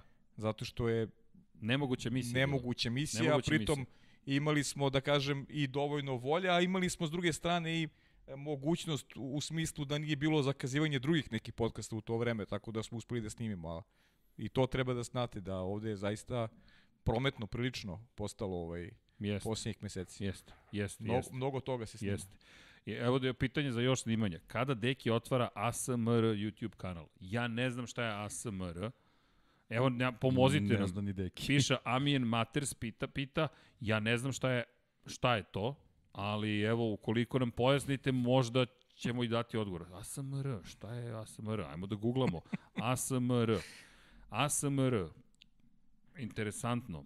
Ovo je Autonomous Sensory Meridian Response. Okej. Okay. Slušaj, odgovor Igorov na trolebuse i... Kaži Srkiju, Dobro. čitam, da baš vozim tostere i pegle po kući i šištim kao baba asmatičarka, da poniram taj loš zvuk trafostanice. Kakav god odgovor da je dao, ali... Mislim da će morati da gledate trke. Ali mora da priznaš da je originalan. Iako je bolestan, uvek, zadržao je taj uvek, svoj prepoznatli uvek, duh. Uvek, uvek. E, a pazi, ima još ono pitanje. Andreja da. nas pita. Da. E, koju bi trku da možete izabrali da komentarišete? Monako 1984. ili Monako 1996. Kako, čekaj, koja je prva? E, Monako 84. ili Monako 96. Mm, okej. Okay. Interesantno pitanje. A ja sam se zapitao isto što i Pablo u glavi. Šta je beše bilo 84. Sad ja pokušavam. 84. Da. Sena, Sena Prost bi morao da bude. Sena kada su mu oduzeli pobedu ka, oduzeli. Kada je prosto bilo mahao, kiša, tako? kiša kada je mahao da. prosto da se zaustavi uh, krug, da, u momentu kada ga je sustizao Sena, je mahao da se zaustavi trka. Znaš da 84. Ja sam se prebacio i, i, koju ja deceniju. Da, ja, da, ja, da, da, evo, iskreno, da, iskreno nisam se da, setio da. da to 84. A, ako mene sećanje dobro služi, ja, ja možemo da proverimo, ali to je moment kada je Ayrton Sena zapravo pokazao ko bi mogao biti. I da. to je moment kada, ne znam, 20 i nešto sekunde izostaje za prosto. Ako je, prosto ako je to taj detalj, onda, onda, onda mu onako 84. Ja bi pre 96. ali pre te obe bi 82. prenosio. Pre te obe bi 82. Da, eto, ako mogu da biram. 82. bi izabrao. Tako je. Uh, Mon, koju si rekao trku? Monako. Monako, 82. Monako, da. Okej. Okay. Ok, Monako 82. Dakle, a, a izbor 84. 96. A šta je, šta je da, koje bismo prenosili? Da, ili... koje bismo prenosili? Koje bismo komentarisali? U, to je komentarisali. trka se i Mari Walker i, i, i James Hans bunili. O, koju bismo da. komentarisali? Ovo je nemoguća misija. Da li Olivije? Pa, nis... pa ne, pa ne, da, ne, mora ne, ne, 84. Pa ne, ne, o, ja nisam, nisam povezao da je ovo, ovo... Mora, mora, mora 84. O, o, Dobro, jeste ovo je pa nis, ali je bilo je mnogo, mnogo 90... zanimljivije. 96. je 96. mi, mi ostao potpis. Jeste? Ako ti ostao potpis, režemo ruku i dajemo uz kacigu kada pokorimo kacigu. Da, pa ja se upravo naslonio na Valentina Rosija, tamo gde je potpis, ali lakirano je, nemojte malo, ništa malo, da brinete. Malo, malo. Sve je okej, okay, okej. Okay. Pa da odmori malo. Da, da, da. Bravo, Andreas, bunila se malo se pita. Da, da, da, ali odlično pitanje. Da, Jest. To bi morao da bude Sena te, te godine. To, to, to je ta jedna od tih čuvenih trka. Pozdrav za Lep Sentis, imam pitanje. Ja kao veliki navijač Alonso mislim da je najbolji vozač u Formula 1 u ovom veku. Jedin vozač koji pobediš u njegovom prajmu. Šta vi mislite o tome? Čekaj, čekaj, ponovi, malo si brzi bio mnogo. Uh, Pem, Pempes pit, pit, Dobro. pita. Pozdrav za Lab 76, imam jedno pitanje. Ja, kao veliki navijač Alonsa, mislim Dobro. da je on najbolji vozač Formula 1 u ovom veku. Jedini Dobro. vozač koji je pobedio Schumachera u njegovom prajmu. Šta vi mislite o tome? Pa dostignuće stoji. Da. Da, dostignuće stoji. Da, apsolutno. bravo. Le, lepo Da. si odgovorio. Trka u Imoli, to je... Da, je- 2004. da, to je da, to je da, za sva da, vremena da, trka. da. To je najbolja trka Da. ikada. Pa definitivno Ali da vozač, najbolji vozač sa veka? velikim ambicijama, onako stvarno veliki radnik. Među Jeste. top 5, Da. A znaš šta je? Da. Ne, ne volim da se, mislim, pa top 3 čak. Možda. da, ali pričati o tome da li je najbolji veka, ne bi, vo, mislim, ne mogu to da pričam tako, zaista. Svako ima neke favorite i to je, osjetljiva je tema. Ali nije samo to, mislim da spada u grupu naj, jednih od Spada, najvećih. pa ne, ali spada u onu grupu Ali koju smo, kako smo ih mi to je nazvali, čuveno, ko je vanzemaljci. najveći. Nazvali smo ih vanzemaljci. Da. To je ta neka četvorka obeležila prethodnih 15 godina koji govorimo stalno. Hamilton, Vettel, u stvari trojka Hamilton, Vettel, Alonso. Dobili smo inače odgovor za ASMR i pomislio sam da bi to moglo da bude. To su ti žmarcini iz leđa. Da, okej, deki, vidi. Dobro, dobro. Dakle, t- dakle Hvala. žmarcin iz leđa. Praviš poseban YouTube, kad se, dakle, kad se šapuće u mikrofon. Da. Kaže momčilo Šapući Vukić. Uz neku ambientalnu Opuštajući muziku. zvuci. ASMR su vam oni trncini iz kičmu. Tako da, Deki, molim te. Deki čita knjigu o Mihajlu Šumacheru i Arturu Seni. Ej, čekaj, eto, primjer. to može. Deki čita svoju knjigu. Može. Naracija na, narrated by Dejan Potkonjak. Može. Ok, ovo je interesantan koncept. To bismo mogli da uradimo. Milan Markov nudi tehničku pomoć da napravimo svoj fantazi. Milane, ok, Milan, pozdrav za Milana, ok, da, da, da, da to, to zvuči vrlo zabavno. To zvuči vrlo zabavno da napravimo, da napravimo šta? Da napravimo fantasy za F1 i MotoGP za sve, za VRC, da napravimo ono, full fantasy, da se svi, da se svi zabavljamo. Može. Hvala, Milane, čujemo se mi. Lab76 at infinitylighthouse.com, ali mi se svakako čujemo. Čuo se ženski glas iz studija. Da, imamo jednu damu koja se krije ovde Da. i neprijatno je čim je spomenemo, ali je tu u publici sa šefom merchandisinga. Tako da, bez brige. E, Dejan Janić pozdravlja sve, kaže, šta sad kažete na Hamiltona, za Hamilton, jer sumnjate sad u penziju? Podseća na chat, meni je poslao zaista da on veruje da će ide u penziju. Znamo kaže da je Ove Toto... godine. Znamo da je, ne, ne, ne, da- znamo da je Toto produžio na tri godine, Hamilton izgleda da da da Milja uh, ludost postaje realnost. Ako ništa, bar ima više šansi ovaj komentar o penziji nego pre, kaže on. On veruje da, da će otići ovaj, br brzo u penziju. I pozdravlja sve. Dejan Jani. Zaista mi je pisao od ranije i, i, ovaj, i čak mi slao i neke glasovne poruke gde, gde ne javljuje penziju Luisa Hamiltona. Interesantno. Da. Moram ti priznati, eto, inter... ok, pamtimo. Pamtimo, Pazi, da, pamtimo, da. to- Zaista odavno, sve. evo, baš, baš je pisao, Pamtimo. baš je momak pisao odavno, da. Evo, sad mi Srki- sad, sad posjeća na to. Srki, pitanje za mene šta pijem iz ovdje. Stvarno je voda i čaj, samo što ima ih više, ali je, to je to, to, to, to je oprema, inače moramo da se hidriramo, bukvalno. Jednom smo propustili to da učinimo, bilo je bolno. Na ne, svi pijemo vodu, nego mora u tri šolje zato što nemamo vremena da dosipamo, zato. Pa na to se na kraju Da. svodi. A ja, ja, malo, ja, ja malo više pijem, zato malo više tečnosti mi treba. Jeste. Gdje Paja slavi novu godinu? Opa, Pajo. Paja, pa, pa, paja, u Brazilu. sužen mu izbor, tako da... Poštujem ove, ove preporuke, preporuke. preporuke. Šta da, radim, da, ne vredi. O, vidi zanimljivu teoriju. Pablo je sigurno žensko. Opa! O. Po čemu ste, a, samo mi- po čemu ste to zaključili Zato samo? što se čuo ženski glas. Ali to nije Pablo. Da bi oni znali da je Milica tu. Ups. Ups.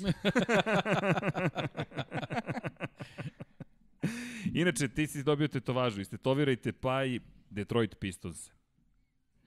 A ne, ne, Pablo je, Pablo kaže petica, ja moram da se Dokoliko, povinujem. da, e, dokoliko imate šansa, šta bi, šta bi vi vozili na Dakaru? Ukoliko bismo imali priliku. Pozdrav za Igora Sterijova. Ja 205-icu T16 isključivo. O, Pa, u dinu, u dinu, šta god da se desi. U dinu, u dinu, a? pa da, pa da, pa jednom se živi. Šta. ne, ja ne, nešto ne. što će da me doveze do kraja. Ne, ne, ne, samo to. I znaš šta bi možda Kamaz? Ono, To sam ceta, to ne možeš, bravo, bravo, to je bravo, moj bravo. odgovor. E, bravo, bravo, bravo, bravo, ja da, isto, da. bravo. Kamaz, bravo, kako, Kamaz, pa zna se šta Mislim, se vozi. ne, ne potirem ono prvo, ali... Da, da, da. da Kamaz, moraš Kamaz. Kamaz, Kamaz, pozadi staviš Kamaz jest, 205-icu i onda ideš sa Kamazom dokle može i onda izađeš. Može, može, da, slažem se. Ti si Kamaz. kao Batman. Da. Sad sam radio skoro neki pregled, ono, pred, pred Dakar, ono, Baha beš, ili tako? Pričali smo ti ja. Je tako bilo srđene? Da, Baha, Baha, Baha, da. da. Baha je bila, da. Jeste, jeste, jeste, jeste. Interesantno bilo. Da, Dakar se sprema, evo kreću za par dana, Pa već da. tamo. Dobre pripreme su bile. I znaš ko je bio dobar u Bahi? Carlos Sainz. Vozio sjajno. Kažu da je... Carlos Sainz senior, naravno. Kažu Pa da svi su seniori u, Da. u automobilima, ovaj, Da. baš su... I jesu. Da li je Dom Pablo žensko? Intriga se pojačava. Intriga sve, se pojačava. Sve se više priča o tome. Slobodno progovorite. Sve Dom- se Dom više Pablo, priča o tome. slobodno odgovor- Jeste žensko? Eto, mogli ste da čujete jasan glas, ali ovde su trikovi razni. A, de, a, Dejan Janić je. Slušaj, Dejan Janić je sve ovaj, da ti kažem. On, Dejan izgleda prati ovaj, Vrlo ozbiljnu prati situaciju. ozbiljnu situaciju. Ja sam izgleda napravio Dobro. Kaže, odavno sam zaključio za Pabla da je žensko, a ti si mi otkrio da jeste, jer si rekao, spremila mi je tetovažu. O... To je potvrdilo moju sumnju. Samo ću vam reći, e, Paja je Pa je posjećivo farbare, tako da ima tu dosta namaza, nemojte ništa da brinete, ovde je sve organizovanje. Vanja je na odmoru, Pablo je drugi lik, tako je, Dom Pablo je potpuno drugi lik. I zašto ne lep broj 76, broj 91 za Šumahira 91. pobedu? Dogovoreno. I to imamo više predloga. To je, ovde imamo predlog ko je sve predložio. Čekajte, Hamza Hadžić, Boško Desančić, ok. Eto, e, dogovoreno. a pazi ovo sad. Opet ide Igor. Kaži Srkiju Da. da mogu da mu dovede momka koji e, je verovatno našeg, Dobro? koji je verovatno klubski kolega Tita Rabata u Bardi Ducatiju sledeću godinu. Super bajk, naš momak iz Beograda. Aha, šta ćemo sad, kaže. Sad ćemo da uhvatimo trolu. Kaže, aha, šta ćemo sad? ne znam, šta, šta predlaže Igor, su ovo pregovori? Ne, pa ti znaš da sa njim nema, nema pregovora, pregovora. nego on je to, šta ćemo sad? on to kaže, Pripremit ćemo hoće. stolicu za gospodina i sešćemo da pričamo o svetskom šampionatu Superbajku. Čuo si? Može? Ja mislim da je to okej. Srki Blažičko, komentatori Formula 1 iz Hrvatske bi bio dobar gost, ujedno ima intervju sa Senom baš koji dan pre Imole. Od sledeće godine... Evo, sledeće godine je Hrvatska, da, Hrvatski Hrvatski sport super klub, klub, da. da, sport klub Hrvatske preuzima Formulu 1. Jeste, Tako da jeste. ćemo videti za narednu godinu ko, šta, kako, gde, ni mi nemamo sve informacije, ali nemojte brinite, nešto ćemo mi svako da organizujemo. Tako da, možda kad se, kad se Vanja vrati pa nam funkcioniše teleport i onda počnemo da ponovo funkcionišemo kako treba, nije, da Vanja- nije Vanja- loš Dom Pablo, ali Ili nije Vanja, Vanja. Vanja, ili, ili, ili Vanja muško ili žensko? Ha, dobro pitanje je. Pazi, za Vanju postoje dokazi. Da. Mercedes u Alfi nakon 2021. Da, vidim da to dosta ljudi pita i spominje. Mercedes u Alfi nakon 2021. godine. Ja ljudi to zaista ne vidim. Tu postoji strateška saradnja između Ferrarija i I Zaubera. čudno bi bilo se nešto zove Alfa Romeo Mercedes. Da, Znači, da, da, da, to, to, to bukvalno... Zauber, Zauber i Mercedes to je okej, to mi je onako nekako istorijska veza i, i ovaj, dešavalo se ranije, ali da tim ostane pod nazivom Alfa Romeo, to, to teško. To je teško, teško. Ali deki za tebe odmah. Da li te iznenadila promjena na mestu šefa Toyota VRC tima, umesto Makinena došao je Latvala? I kako vidi promjenu što se spominje da će VRC da ubaci hibridni sistem? Pa, mislim, jeste, iznenadila me to i McKinnon je onako čovek koji je meni bio rođen za tu poziciju, stvarno je preporodio, ne preporodio stvari, taj tim je doveo tu gde je doveo opet sa druge strane Jari Mati je, to smo već pričali u nekim od podcastima, meni je najomiljeniji lik kojeg sam intervjuisao u životu. Mislim, stvarno je fenomenalan Dasa i gospodin i, i sve i, i verujem, verujem da, da ima znanje da, da može ovaj tim da, da, da, da vodi tako da, da, da u stvari nastave rezultate koji su radili pod, pod Tomijeme. Sad, mislim, Tomi ostaje, on će biti savjetnik Toyota Motorsporta, tako da ni, ni, neće se tu verovatno ništa puno promeniti, a što se tiče te hibridne tehnologije, ja ono što sam mogao da razgovaram i sa vozačima i sa šefovima timova, između oslog i sa, sa Tomijem McKinnonom, oni jednostavno nisu za to. To, uh -huh. to u tom šampionatu ne vide kao, kao dobru ob- odluku pred svega što, što, što veruju da to može prilično da, da, da poskupi čitavu tehnologiju uže, uzevši obzir samo udese recimo koje mogu da se dese u VRC-u, taj automobil bukvalno iz početka mora da, da se slaže i to je onako veliki problem za njih, ali dok ne dođe do prakse ne mogu ni oni da kažu. ali oni su za, za trenutnu postavku kakva je, to, je, to su neki automobili koji su oni ovaj, sanjali da će se pojaviti posle grupe B. Tako da, eto, mislim, čisto delim neka, neka njihova razmišljanja, ali, mislim, jednostavno vidimo da sve ide u tom smeru, tako da verujem da će njih neka zelena tehnologija da zakače. Mislim, to je jednostavno neminovno. Hvala, Deki. Molim. VRC, morat ćemo više da pričamo o, o, o, o VRC-u. Volimo VRC, pogotovo sad uz činjenicu da će biti u Hrvatskoj. Prilika je samo da se normalizuje malo stanje u svetu, to je, to je najvažnije, najvažnije, a onda ćemo sve ostalo mnogo lakše i nadam se da će to biti okej. Okay. Vanja, da, gostove u podcastu broj 34, to je baš bio lep podcast. Da, šalim smo, naravno to je da bio, bio, jest, jest, To je bio baš bio lep, Jest. lep podcast. Jest. Da li će se... Da Su, li, sudar generacije. Jeste, jeste, baš je bilo dobro. Inače, Crazy Crab 64, lepa konstatacija. 2021. godina će biti kao godina nostalgije.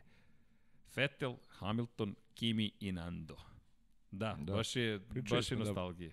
I broj titula na stazi i jeste, baš, baš nostalgično. Biće, I biće lepo će biti, biće Jeste. lepo. Ja mislim da će to biti, biti, biti. Hoće sigurno. Đokica kaže, stalno hvalite Senu, spomenite malo prosto. Činjenica je, nismo dovoljno spominjali prosto. Prost je jedan veliki vozač. Ja sam ga mrzeo kao klinac, ali sam onda shvatio veličinu Veličinu. Alana Prosta, jer u stvari Sena je i bio tako veliki jer imao velikog rivala kakav je bio Alan Prost. Pa, mo, dve potpuno, ono, suprotnosti, suprotnosti, potpuno ali- drugačije ličnosti, jest, drugačije ali veličine, da. filozofije takmičenja, tako da, ovaj, ne, ne, naravno, ni u kom slučaju ne treba umanjiti ovaj, Taman rezultate Alana Prosta. Taman posle, taman posle. Ne, Alan Prost je... I, To je ono kad klinački gledaš, ko, gledaš ko navijač. Ja sam gledao, gledao to isključivo kao navijač, nisam mogu očima da ga vidim. Koliko me nervirao čovjek. Kao, znaš, prosto je rival nekom koga ti obožavaš, koji je tebi božanstvo. Ali onda vremenom, s godinama shvatiš koliko je, koliko on veliki u stvari. Koliko je, koliko je i Senu učinio velikim. Jer to je taj rivalitet najveći u to vreme bio. A oni su jedan i drugi su kontroverzne ličnosti, Jest. kao što je Sena. Bio, i jedan i drugi su bili izuzetni vozači, kao što se je rekao, sušte suprotnosti i karakterom i taj karakter se izražavaju u vožnji. Način na koji je prosto znao da iskoristi, nisu ga slučajno zvali profesor. Profesor, jeste. Čovek koji je znao tačno da, je, da kalkuliše kako da završi trku uz minimalnu količinu goriva. Pa to kako je, da to ne je, ide pa na to je majstorstvo, goriva. to je, to je majstorstvo. znanje. Ali to je i razvoj Formule 1, to je ono što je zanimljivo. Razvoj Formule 1 koji u tih godina doživljava ozbiljan tehnički i tehnološki napredak, gde su oni počeli da onda da posmatraju koliko još goriva imaju.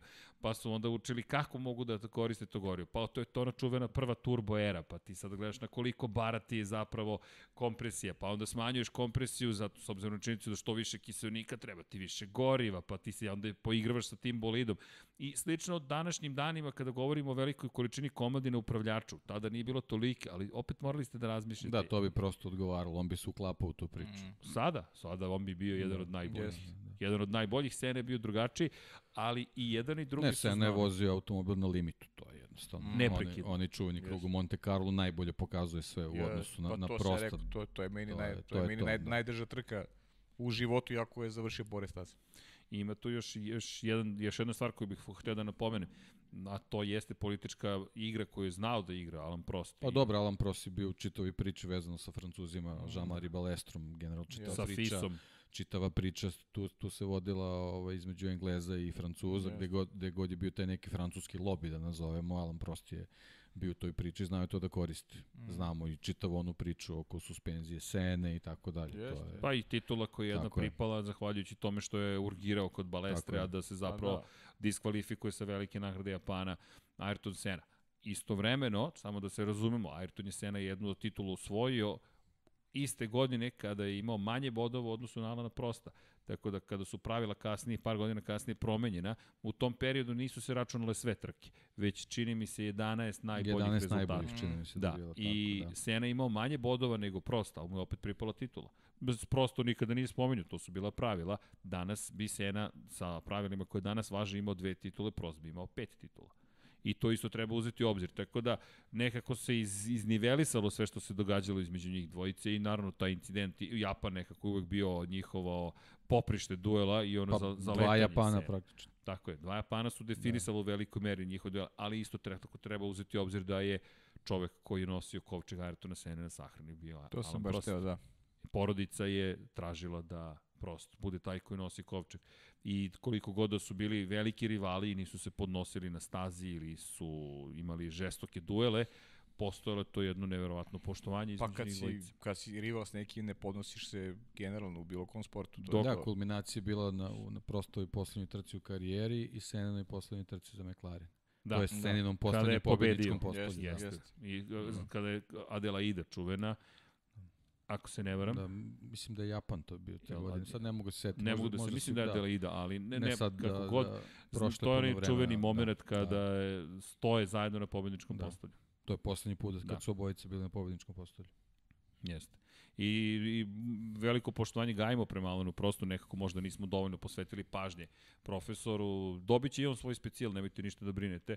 Zašto? Pa trudit ćemo se da, da je na taj način malo više pričamo o Formuli 1, da vas upoznamo još više sa Formulom, da se podsjetimo nekih stvari koje smo možda zaboravili, kao što Deki kaže, nekih stvari koje smo propustili i da se, da se zabavimo. Ova godina je bilo veoma zahtevna, da ne bude samo da, da odgovori na pitanje, prosto nekako da iskoristimo priliku da, da, da napomenemo. Mi smo imali u skraćenu godinu, sve spakovano bilo u, u šest meseci, čak i, i manje iz jedne perspektive, trostruki vikendi, prvi put u istoriji Formule 1, Mercedes koji se ponovo pojavio kao dominantna sila, Ferrari koji imao zatvorene fabrike tokom prvog talasa COVID-a, Nemojte zaboraviti da su ostali mogli da rade, Ferrari nije mogao, na primjer, da radi. Ne kažem da je to jedini razlog zašto Ferrari imao katastrofalnu godinu, već da se to stvari koje su se dešavali ove sezone. Pucanje pneumatika u Silverstonu, Hamilton koji sa tri točka prolazi kroz cilj i pobeđuje. Max Verstappen koji uspeva na taktiku da pobedi na sledećoj trci u Silverstonu. Red Bull Ring gde imamo pobedu Valterija Bottasa, gde imamo ponovo incident između Alexa Albona koji je ostao na kraju bez ugovora u Red Bullu. Ko zna šta bi se desilo da nije bilo incidenta da je pobedio Alex Albon u toj situaciji to, to ne znamo, možda bi isto, isti rezultati bili, ali mnogo uzbuđenja ove godine. Lando Norris koji dolazi do prvog pobjedničkog postonja, McLaren koji je treći na kraju sezone u šampionatu konstruktora. Bilo je uzbuđenja. Turska, koja nam je dala jednu neverovatnu trku, Sergio Perez koji je pobedio, i to, to, je, sko, to je skorašnja uspomena, Muđelo smo vozili, pa onaj strašan incident u Muđelu sledećem srećom, bez ozbiljnih posledica, pa je opet u Muđelu izletanje Strola van staze, pa opet Grožanov incident, strašujuća, zastrašujuća eksplozija.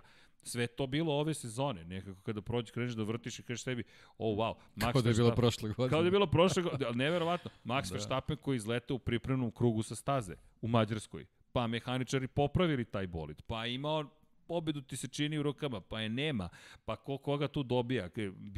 Mnogo zabavnih momenta smo mi imali. Imali smo jednu sezonu u kojoj Sebastian Vettel se oprašta na tužan način od Ferrarija. Charles Leclerc opet izlači nešto iz tog Ferrarija. Gledamo kažnjavanje Racing Pointa. Evo, Alfa, Tauri, Alfa Romeo, prostite se, sprema da ide stopama Mercedesa. Dosta i komentara na konto toga da će upotrebiti token iz izmenu, izmenu prednjeg kraja.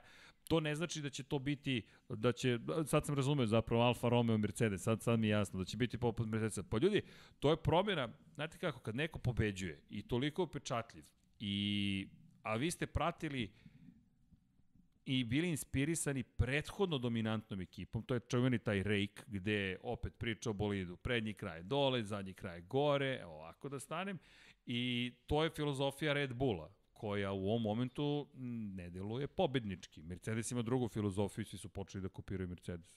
Prosto idete stopama onih koji to su uradili bolje nego što ste uradili vi. To, ide, to, to se kroz celu istoriju Formule 1 ponavlja. Izdignut nos, spušten nos, proširenje bočnih usisnih, usisnih otvora, pa onda smanjenje, pa onda dodatna krila sa strane, pa stalni da, neke ideje prolaze, neke, neke se ideje usvoje, neke se zaborave pokušaš... Ono što je uspešno, ljudi pokušavaju da implementiraju na, na svojim projektima, što ne mora da znači da, da, da, da će proći, ali jednostavno moraš da probaš i upravo to što si rekao, Mercedes je taj čije će ideje sa drugi da koristi, da probaju da, da, da prebace u svoj, svoj projekat i svoju priču. Omenjena trka koju ste prenosili, imamo to pitanje, ali, ali mi se zadruži, deki na tebi jedan sekund. Opet ja. Opet ti. Da li ti deki... zato što taj Liverpool te ubi, pa da. nemaš, nemaš pažnju. Koliko sam shvatio, 0-0 je bilo na da, polovremenu. Ne znam, da, verovatno namerno on prebacuje to da moram da, se koncentrišem. Da, da. da li Deki može da nam kaže šta misli o Maxu kao vozaču? Pa ga mnogo hvali, šta misli Deki? A, ja sam Maxa prvi put uživo gledao, ja sad, sad mislim da je bila 2015. Formula 3 na, na Red Bull ringu i ovaj on me zaista oduševio ovaj načinom kako je kako je dobio te trke mislim tu je već bila neka dominacija i sad uvek može da se kaže da je ono kao favorizovan tim uh -huh. i mhm. iako su kao ono trebali bi da su svi bolidi jednaki ali ali zaista je ovaj a, a, veoma je zrelo delovao i, i stvarno je ovaj na mene još sad ostavi utisak. E sad dolaskom u Formula 1 i onaj onaj njegov, njegov start sa tim praskom i tom pobedom u Barceloni i, i to sve to je to je sad možda malo malo i promenilo neka razmišljanja u smislu ovaj da da ono kao da to može da se desi slučajno ili da on je ono super talenat ovaj ali ali ja mislim da stvarno ovaj nešto se ovaj nešto se krije u njemu. Ja sam skoro gledao neki intervju eh, David Coulthard je radio sa njim i sa sa sa ocem njegovim. Uh, Max stvarno mnogo zrelo deluje i njegovo razmišljanje i kako priča tako da da ima a, dosta faktora koje ovaj koje koje koje pokazuju da da da stvarno ima taj šampionski kol u sebi. E sad videćemo naravno za za za, za takvu za, za, za, za podizanje priče na više nivo, ono što ste rekao, taj jednostavno Red Bull mora, mora da bude mnogo bolji. Mm. Tako da, ne, nesporno veliki talent i, i veliki vozač. Hoćeš još pitanja? Bazi, šta Pucaj. Deki misli o Alonsu?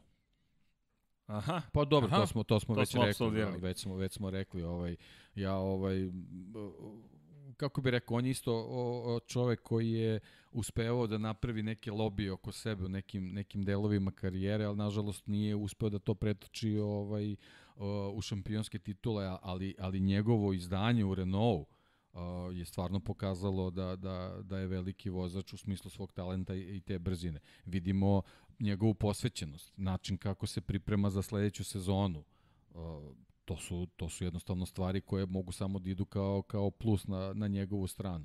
E sad vidjet ćemo da li sad u godinama u, u kojima je on, da, da se ponovo vrati u Formulu 1 i da bude na, na, na vrhunskom nivou, pobedničkom nivou, to stvarno redko ko može, ali vidjet ćemo, vidjet ćemo kako će da, da teče sledeća sezona.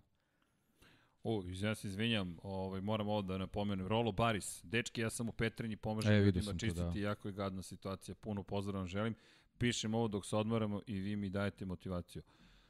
Rolo, vi nama dajete motivaciju, svi ljudi nam daju motivaciju koji pomažu jedni drugima, zaista ponavljamo gde god, kogod da se nalazi, uvek može nekako da se pomogne, uvek možemo da izađemo jedni drugima u susret, neke, to neki osnovni minimum, a ukoliko me potrebna motivacija, mi ćemo nastaviti da vam je pružamo. Mi nećemo stati, dakle nećemo stati. Možda nećemo uvek biti najbolji ili šta god, ali nećemo stati. Uporni smo i šaljemo vam, zaista verujem u tu filozofiju 42 život, univerzum i sve ostalo i, i život u životu treba, život treba da se poštuje, treba da se uživa i mi se zaista trudimo da to učinimo.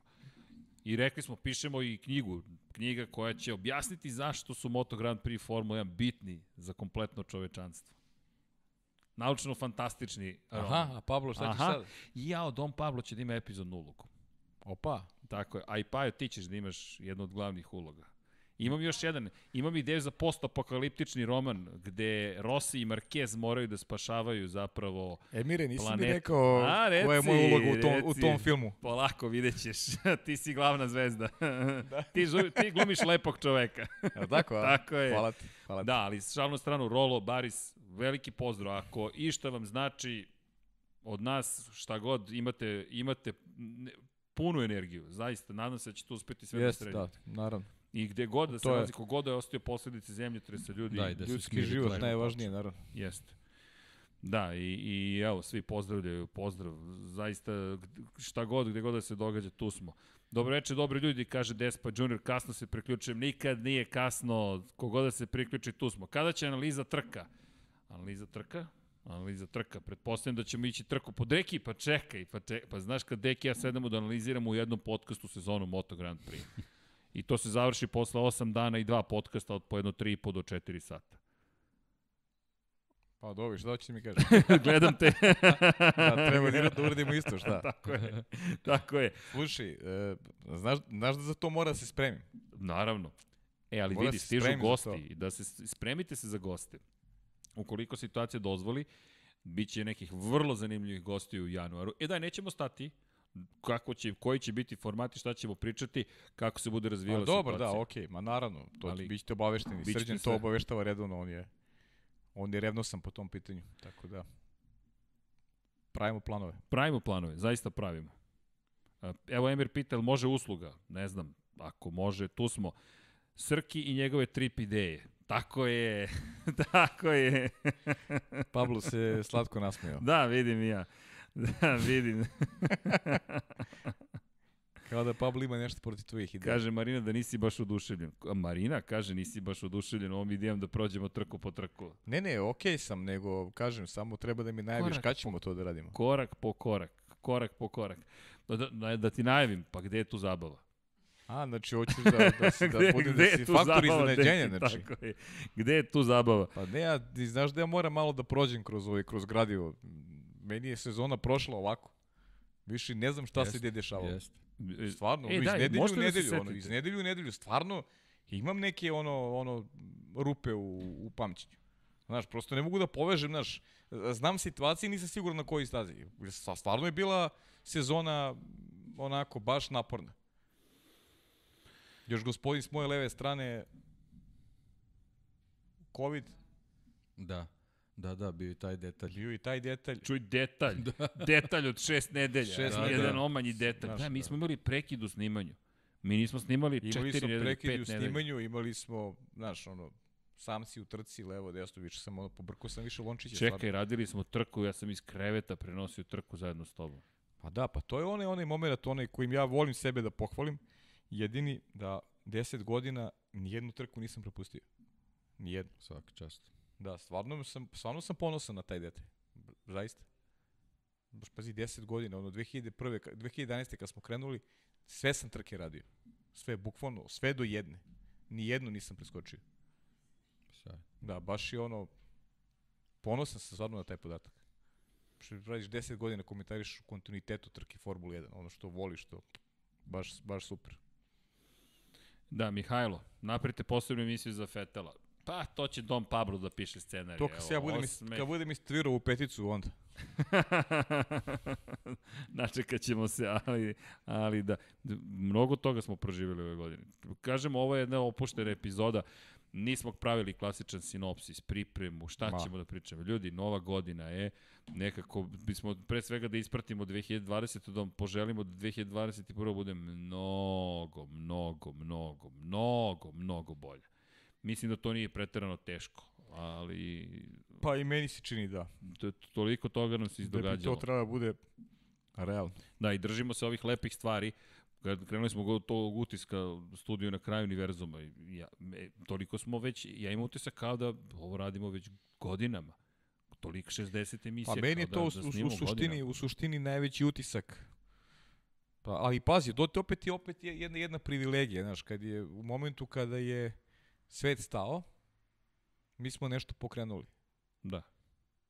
I kad se bereš manje više, redko su tu bili neki prekidi. Evo, mislim, imali smo tija taj prekid četiri nedelje, recimo, da nismo snimali. Da.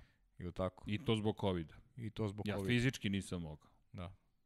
Niti sam smeo, niti sam mogao. Ja, mi ovo pod kapicom jedne, nismo samo jedno snimili, jednu nedelju smo preskočili za eto, tih šest meseci, recimo. Kucajte pod kapicom. Da, i, znaš, ali to je, Znaš, dok ljudi su stali, bukvalno manje više radili od kuće, a mi smo imali, bili smo baš produktivni i možemo i time da se dičimo, zaista, ono, baš, u stvari mi smo lepo trošili vreme, ovaj, dok su drugi spavali. Manje više. Da. Dok su bili dok su bili prinuđeni da spavaju. Vas dvojica niste spavali, to dok mogu da potpišem. prinuđeni da spavaju, da. Vas dvojica niste ne. spavali. Ko uđe u studiju na kraju taj prestane da spava. da. Da, da. Da, dobacuju ovde svi, da, da. da. Ali to je zato što je lepo. Nije, evo pitanje Igor Zelac, da li je neki Moto Grand Prix šampion postao šampion u borbi na poslednjoj trci sezone, a da nije završio trku? Opa, o, strašno pitanje. Dobre pitanje, ali pa, verovatno sad, da, jeste. Da, da. Verovatno jeste. Ne bi me čudilo tipa da je Kevin Schwanz tako nešto izveo. Kevin Schwanz uzu titulu sezoni kad, kada je Reini povredio. Kad, kad se Reini povredio, da, tako da sad ovako napamet, stvarno. Mnogo je trka bilo što kaže, pa... Ma da, ne, ja, ja stvarno ne mogu se setim ono baš. Ja moram da kad smo uspeli da pobrkamo Monako 84. Pa da. Šta, šta više Ja, da... Andreja me ubila sa, Da, sa da. Sve četvrte. Da. 96. da, zato što 96. je specifična jer to je... E, O, da, pa da vas pitam ja, planirate da spavate u 2021. U 2021. Da. Pa ja, pa i baš i ne. pa da ovih prvih dana. O, o, o, na Ova dva, tri dana. Ova dva, tri dana, da. Sutra planiram, mislim, večeras, ono, kad završimo, noćas. A, otkud Boško dan. Desančić mi kaže ima jedan šampion koji je svoju titulu, ali da li je to da li je osvojio titulu kada nije završio trku? Mm, Mir nije završio poslednju trku sezone, ali je već bio šampion. Pitanje je bilo da li je neko osvojio Na titulu na da. poslednjoj trci sezone, a da, Da, nije da. završio tu trku. Tako je. Tako sam ja razumeo to pitanje. Da. Ne znam, ja stvarno, to vas dvojica ako ne znate. Verovatno, posto, čim i postoji pitanje, verovatno da, da, da se dogodilo. Da, pričat ćemo i o Doviciozu. Svašta ćemo da pričamo. Ko su kraljevi Formule 1? On se Ko ima sir? Ne znam ko su, ko su Šta, ko su? Ko je, ko je dobio viteštvo zapravo? Ko je proglašen za sira? Frank O, u Williams? Formuli 1? Da, u Formuli 1. O, Sir Frank Williams. Jel o, dobio- Sir Jackie Stewart. Sir Stirling Moss, koliko ja Da, znam. jest, da, ste ne mogu, da, To su sigurno. tri, a još, još Coulter dva. nije, je li tako? Nije, Mislim da nije. Ne. nije, nije, nije, nije, Ne, nije sigurno. Ne, ne. Nije, nije. Ne mogu sad da ovako... Da. O, za ovu trojicu znam, to, to je sigurno sad. Da li tu još neka dvojica ovaj, se ubacuju u priču. Da, ne znam. Znamo da će Lewis Da. Hamilton postati šesti, ali ko je prethodnih pet ovako na pamet? Ser Serđan Erceg, da, da, da, da, da, da, Sergio Erceg. Da. Nisam baš na spisku kraljičinom, ali, da, ali, ali ovako se desi, dobro desi. zvuči, dobro zvuči, priznam. Ako me se sete, sete. Ako me se, sete se. Ako ne, nije se desilo. Tako je. Da ne, ne znamo, evo moram da priznam da, ne, Da. nemamo tačan odgovor na to pitanje. Je pitanje za tebe, da li vi više voliš Da perspektivu ili Christian retrospektivu? Horner dobio možda se. E, da nije Horner dobio. To mi je nešto u glavi da možda on. Mm, Da, znamo da Ne će Hamilton nisam biti, ali ovaj ne znam koji je... Kraljičine aktivnosti nisam ovaj, u potpunosti ispratio. E, ovo je lepo Inače pitanje. sam odgledao ovaj, sve sezone Krune. Mislim da se notira. Napusti, molim te, prostorije. Ne, bilo mi jako zabavno da, da gledam. Moram Šalim priznati. se, ali, da, ali dobro. So, svako uživa u svoj... E, izašla je Wonder Woman, za onih ko ne zna, valjda na HBO Maxu, ne znam. Čekao Evo, sam, čekao sam smeje. epizodu gde će Beatlesi da vrate ovaj orden i nije se desilo. A nije, nije bilo čak ni epizoda gde su dobili. Ovo, tako da baš sam... A inače bio i, i Duran Duran je, je bio u, u, ovaj, u epizodama muzika i David Bowie i svašta nešto bilo, ali Beatlesi nisu bili. Evo, Mateo Lovrić, da li ima neko da svoju Formulu 1 na zadnjoj trci da nije završio zadnju trku? u Formu 1. Pa ima Mihael Schumacher 1994. godine. Ali je on već vodio, mada moraš i da vodiš ako ne završiš trku da bi svoju titulu. Evo, Mihael Schumacher, Tomi Rakeca, evo, s ovim bolidom ovde. Adelaida Mislim, ima čuvena. još. A to mi prvo pada na pamet. Jel prosto, jel Japan bio poslednja trka? Nije završio trku. Tako je. Eto, prost isto. Ma ima sigurno. Pa Sena. čekaj. Pa Sena. Čekaj, je li isto Japan bila poslednja Pa trka? Sena kad je izbacio, Kad je izbacio prosto. prosto. Pa jeste bila Pa poslednja. molim vas, čekajte, ovo je sad suviše lako. Jeste. Ron Dennis kažu do, da je... Sir Ron Dennis. Da. Da. Isto, da, ne znam. Nisam pročitao to. Isto. Možda jeste, okej. Da, da, naravno. Pa. Ako smo pogodili Hornera, onda, onda je Ron Dennis. Jeste. Vratio bih se malo samo na, na, na, na, sezonu, šta, šta smo sve videli. Videli smo mnogo toga, videli smo i da je Daniel Ricardo napustio Renault, da su se popeli ponovo na pobedničko postolje, da su ostvarili najbrži krug u trci, da smo imali priliku da gledamo kako Renault polako stiče karakter ozbiljne ekipe Jeste. ponovo. Videli smo i konačno Estebana Okona kako zauzima drugu poziciju.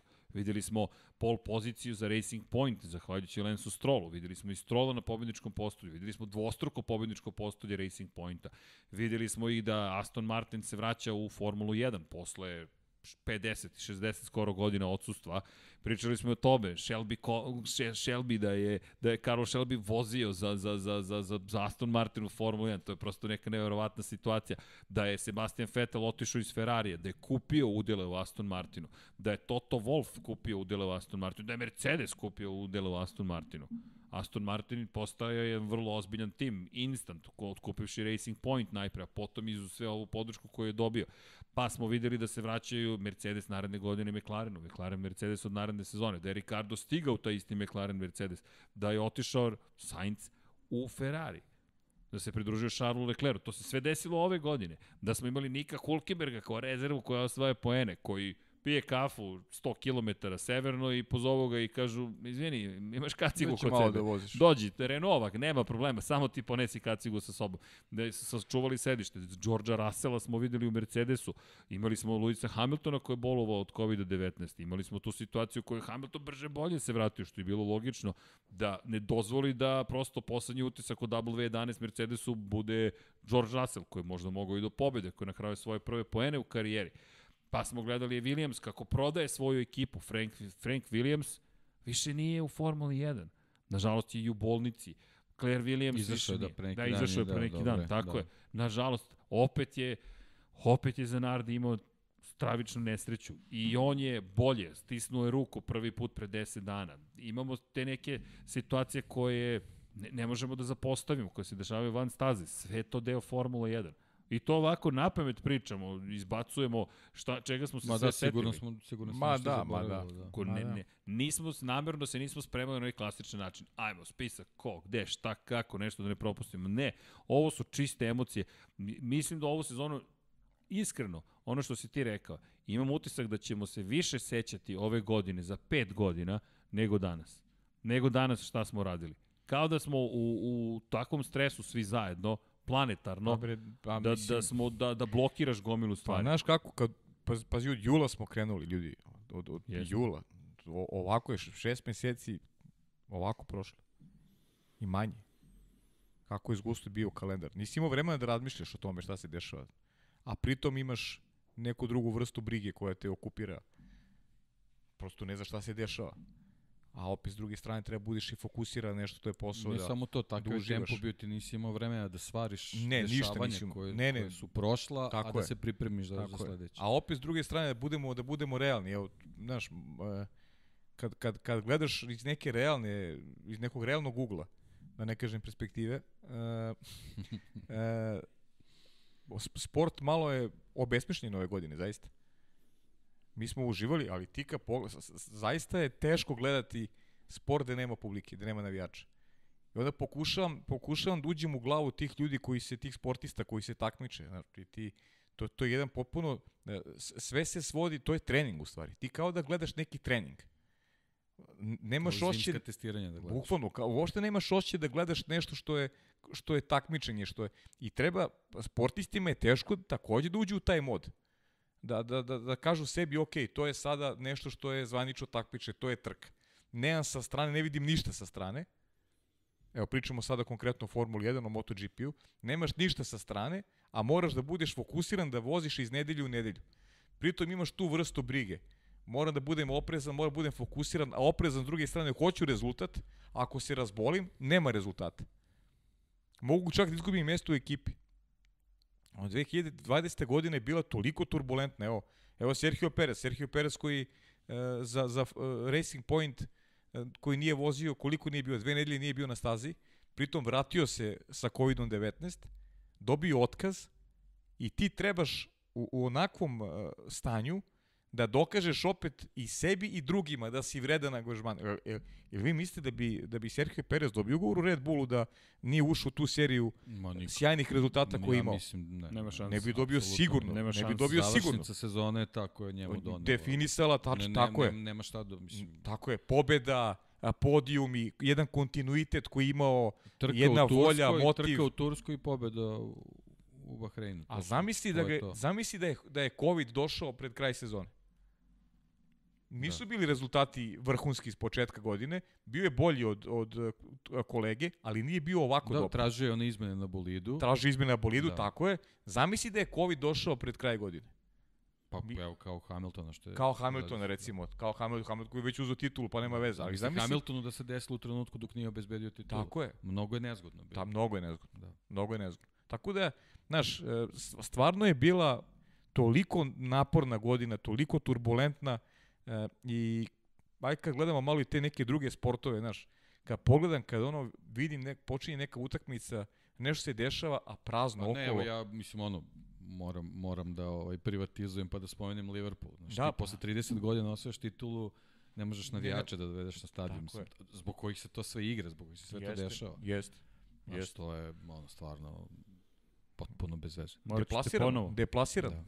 Pa dobro, to znaš, kad, kad, kad probiš taj neki led, ovaj, tu, Da, ide lakše tu posle. kletvu neku kada ovaj, preguraš, onda idemo dalje. Da. da, ali tako je bilo svima i tome smo pričali i za Hamiltona i za Joana Mira u Moto Grand Prix. Osvojiš titulu, pogotovo za Mira. Hamilton je imao svoje trenutke slave koje je mogao da podeli sa publikom. Mir, ne znam šta će biti, ali ovo bio taj trenutak slave. Mm. I ti pred praznim tribinama pališ petarde i osvojaš titulu koja je već bila viđena u rukama Da. Marka Markeza. E, ali samo da se da dovrši misao. Uh, opet s druge strane, svi ti momci, svi ti, aj sad kažem, fokusirani smo na automotosport. Oni su postali, čini mi se, još veći junaci uh, među navijačima nego što su bili ranije. Jer ti prosto, osim sporta, nisi imao drugu vrstu zabave. Koju zabavu si imao od, od tamo od marta meseca? Osim sporta, nema ništa. Pa, znaš šta je meni? Sve je stalo. Ti, ti, Ali- naš fo, fokus je na sport. Nekako su, nekako su se takmičenja uh, se, se održavaju. Dešava se nešto. I ti si negde neko koji nije pratio toliko pomno, mislim da se uključio, aktivirao, jer je prosto sebi popunjavao vreme, jako nije neki zaljubljenik, neću sad da kažem konkretno Formu 1, ali u neki drugi sport, u neku, u neku drugu vrstu zabave koji, koji, koji sport, no, neka druga sportska disciplina. I mislim da su time negde učvrstili, da kažem, svoje pozicije e, među navijačima, možda stekli neku, neku novu grupu fanova i to je nešto što je opet takođe obeležilo a, 2020. godinu iz, iz tog ugla sportiste. Vidi, ja stalno posmatram, pitam se često sport, šta znači, šta mi radimo u cijeloj toj priči kada radimo neke stvari. Meni je ova godina potvrdila, potvrdila, nadam se da, ne, ne, ne znam, nikad nisam 100% siguran neke stvari, ali ono što si upravo rekao, gledaš te ljude koji su realno oličenje superheroja. Ti gledaš priče koje su hollywoodske, ti gledaš stvari koje ne bi trebalo da rade, to, to nisu obični ljudi. Meni je strašno, izuzetno mi je žao Marka Markeza. Izuzetno mi je žao Marka Markeza. Mi ne znamo, evo jedno od pitanja kakav će se vratiti. Mi nemamo predstavu kakav će se vratiti. Nažalost, Deki i ti ja smo slutili na osnovu i ličnih iskustava, da. kakve su pa, kako, koliko su to potencijalno ozbiljne povrede, ali kada se vratim malo unazad, kada pogledam njegovu vožnju posle prvog izletanja, taj superherojski nastup koji se završio loše po njega, pa i taj pokušaj da izađe na stazu, da, mi ti ja smo imali mišljenje da to ne treba da radi, bili smo mišljenja, ali da je bilo drugačije, da mu se ruka oporavila i da je izveo to jedno čudo, to su stvari koje, koje inspirišu, gde, gde, gde ja duboko verujem da mi zajedno, svi koji se bavimo sportom na ovaj ili onaj način, imamo tu dužnost i to si lepo Pavle rekao. U momentu kada cela planeta stoji, kada se svi pitamo šta sad ovo znači, je li ovo nova norma? Nije ovo nova norma. Mi smo društvena bića. Odbijam da budem odvojen od ljudi. Mi smo društvena bića. Mi, mi treba budemo društvena bića. Da, obožavam tehnologiju, super je što mogu da zovem, ne znam, Maverika Vinjalesa iz studija pa intervjuišem odavde, što mogu brata sada da dobijem koji živi, koji je u koga god ali na kraju dana hoću ovo, kao što smo malo pre rekli, mi, mi Miloš hoćemo da dođe ovde. Naravno, na bezbednoj da razdaljini, ali da dođe. To, mi smo ljudi pre svega. I onda dobiješ situaciju u kojoj ti gledaš ljude koji uprkos svemu što se događa se bore za nešto. Za neku ideju. To je ideal, to je ideja. To, to je koncept. Meni je to fenomenalno, jer ti daje, meni makar je bila ideja motivacije. Kada vidiš veliki, veliki nastup i kažeš, ovo pamtim, Znaš to, Sena 84. u Monaku, ne znam, Olivije Panis 96. Moment kad ti kažeš, ma uprko svemu, Sergio Perez, ako ne inspiriše Sergio Perez, ko će da te inspiriše? Ma ništa ti ne ide u drugu. Pa dobro, to je motiv naš To je fenomenalno. i na tom ličnom nivou, pošto mnogi su, evo, vas dvojica ste prošli taj, prošli ste COVID, ležali ste kući. Jesmo. I šta ste radili? Možda čitaš knjigu, možda gledaš nešto imaš priliku da gledaš recimo ono što voliš. Gledaš Formulu 1, gledaš MotoGP.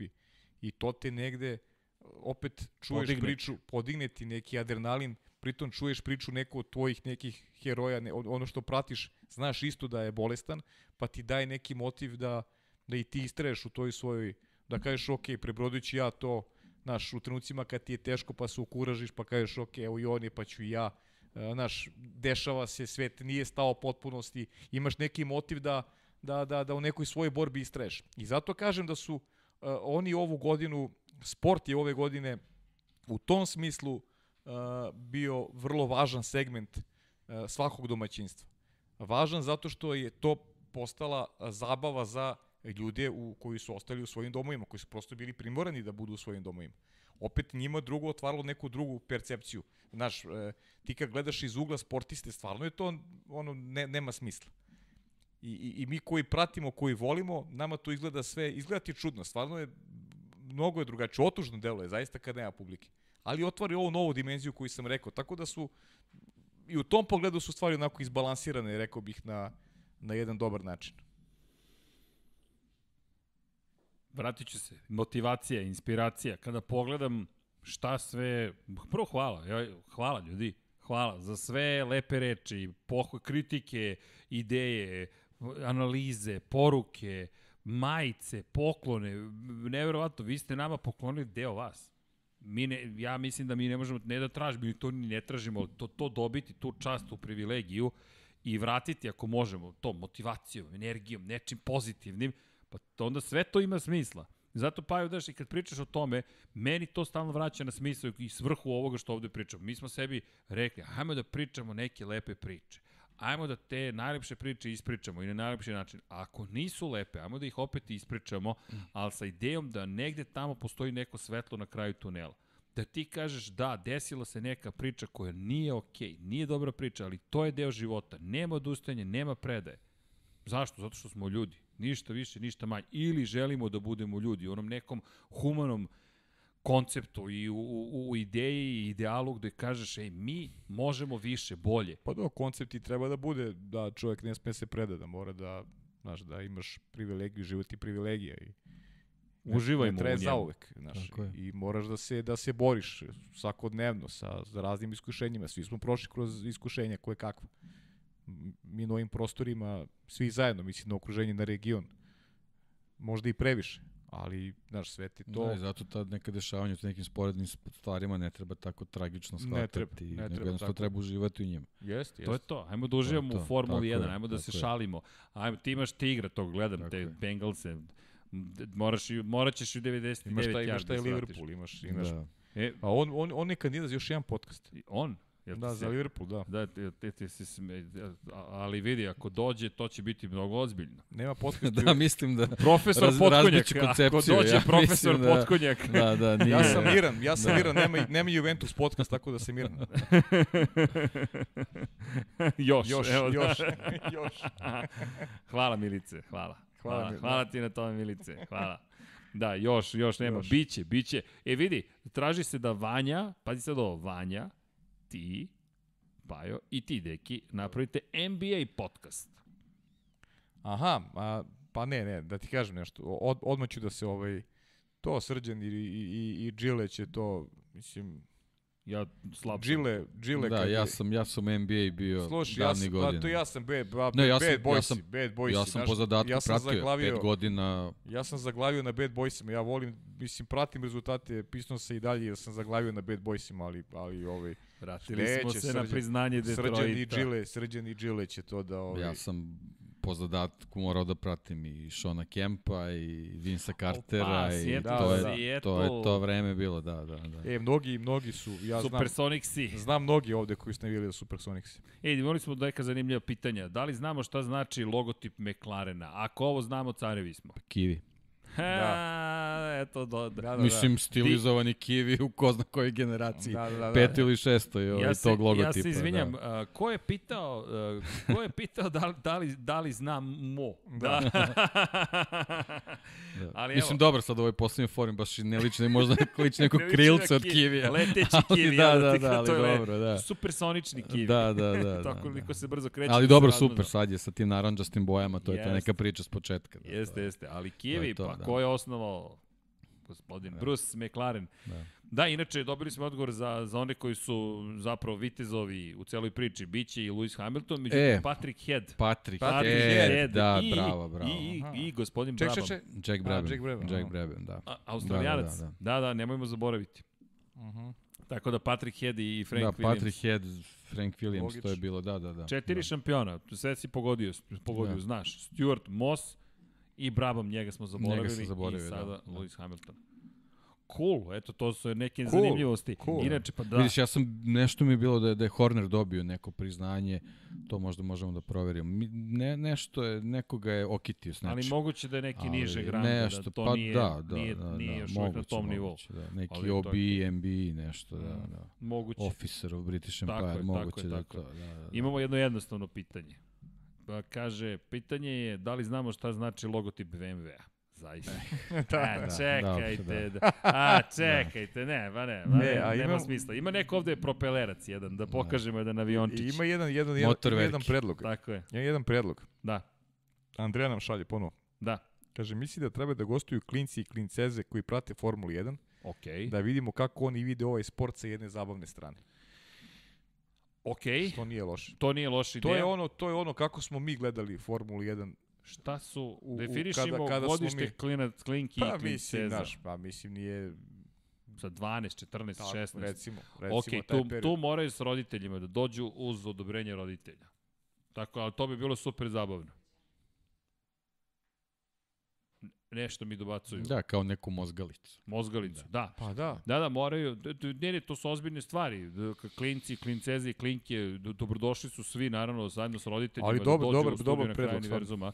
Meni se dopada profesor Pa to je- to je tu, ja ono- mislim da će doći do izražaja. Da, to je, to je ono, ono kako smo mi gledali. Ali to je super predlog.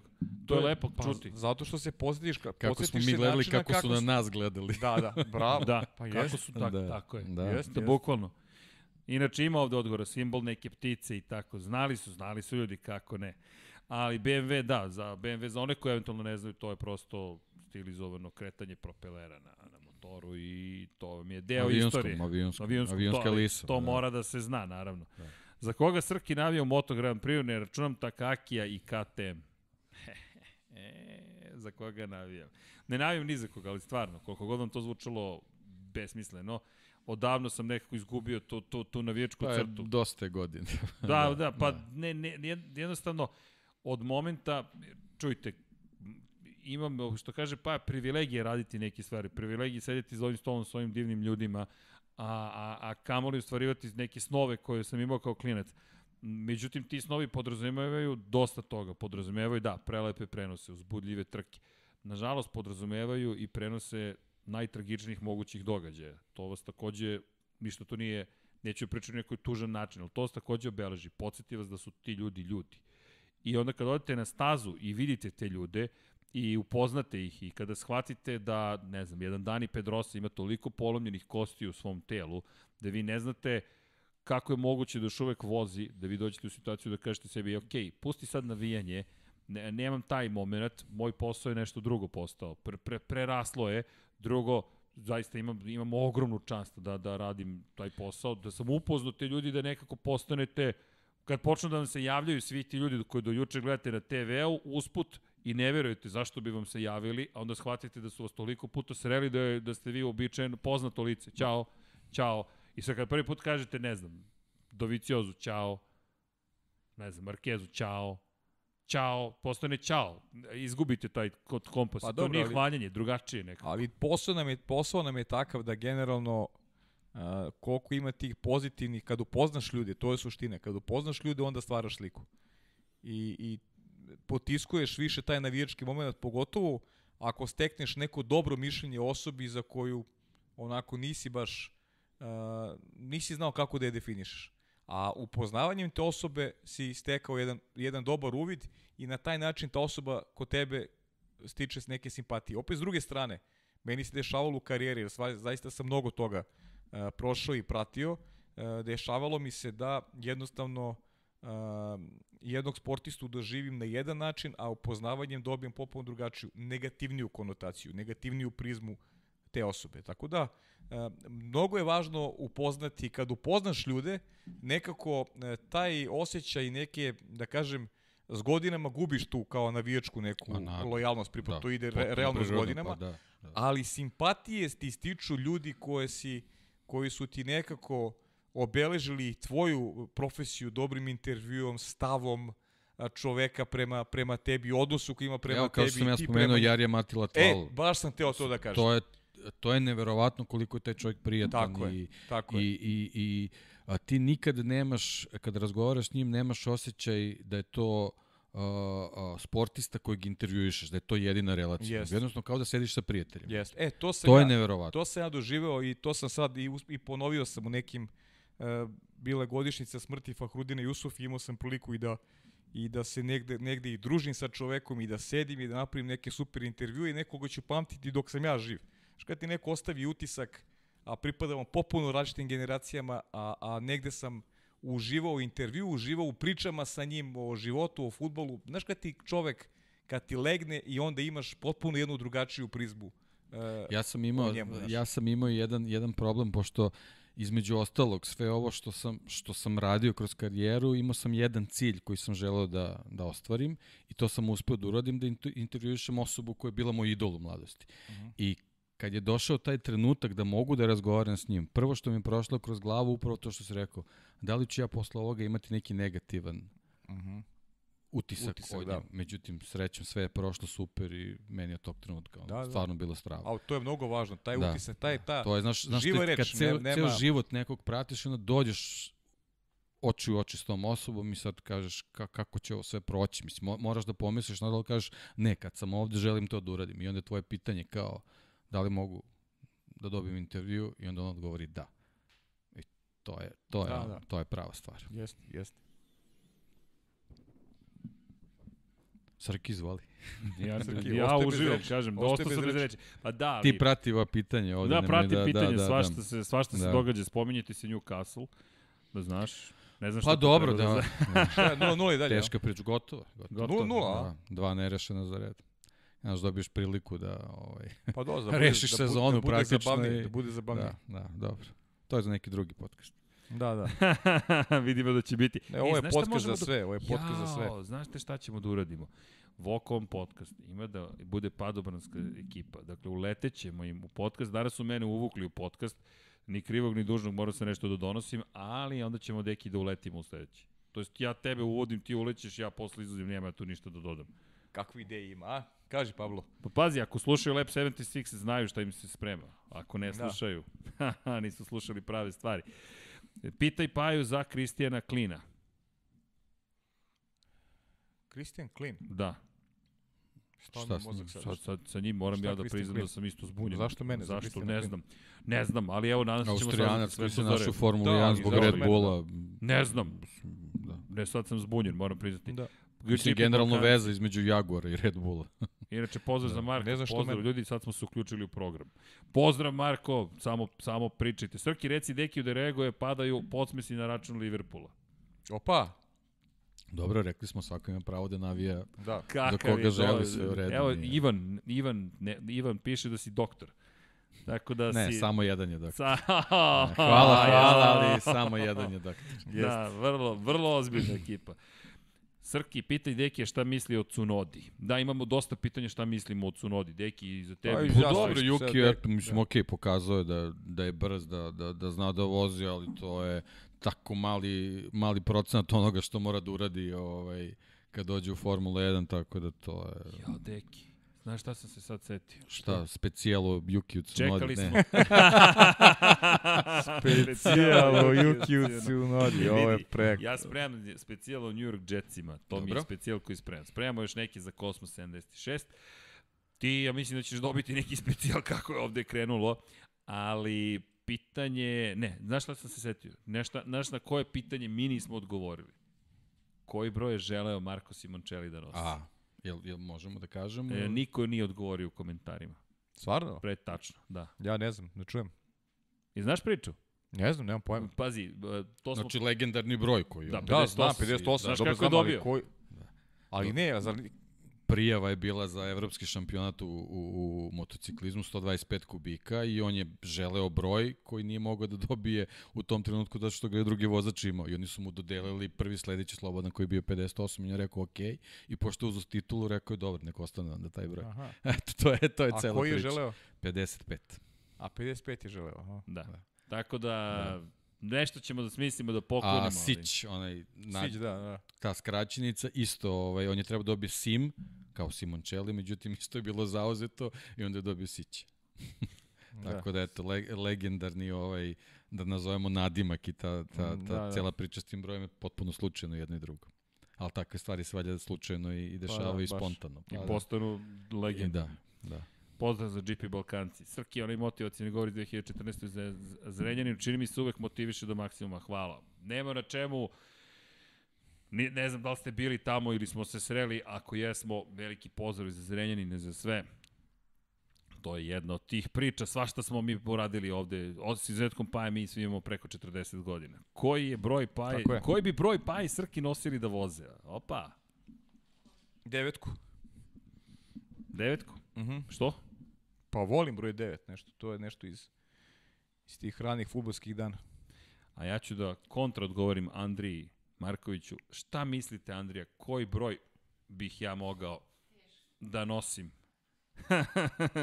samo jedan broj od sada, od ove godine, od kad navijam za New York Jetsi, samo broj 76. Specijal o Dekiju traži Elmir. O, Elmire, pa to bi trajalo 15 Dobro, sati. Sad, sad već odlazimo u ekstreme. pa dobro. Ali hvala svakog slučaju. Lepo. Da, da, u podcast broj 62 da zovemo Dušana Borkovića. Broj 62, au, pa ne znam da ćemo stići. To je sledeća nedelja. Čujte, evo, odgovaraju GP Balkanci za broj moram da vi, moram da, pa dobro, to, pričat ćemo, Im, imamo s kim da pričamo, ali to, to, ne sam da obećam, prošli put sam obećao, pa je bilo problema. Da, da ne obećavam više ništa, osim majci. Majice moramo to, inače ode meni glava. Majice su trajno obećanje, ode Nemojte meni ništa glava. da brinete. Ko je najprijatnija osoba koju je Srđan upoznao od vozača u Moto Grand Prix padoku? Najprijatnija osoba koju sam upoznao u Moto Grand Prix padoku. Ja je pošteno, stvarno. O, da, to je zanimljivo. Najprijatnija osoba. Čekaj, ko je najprijatniji? Ne, ima, ima ih dosta, su, stvarno su, zaista su ljudi prijatni ali ko je baš, baš, baš, baš bio, nisu monster devojke Dom Pablo, do, do, dobacuju. Njima je bilo najprijatnije kad su mene upoznali. Ja, ovo je, ovo je lepo. ovo je bilo dobar odgovor. A? Nije, nije loše, novogodišnje izdanje. Ko je najprijatnija osoba?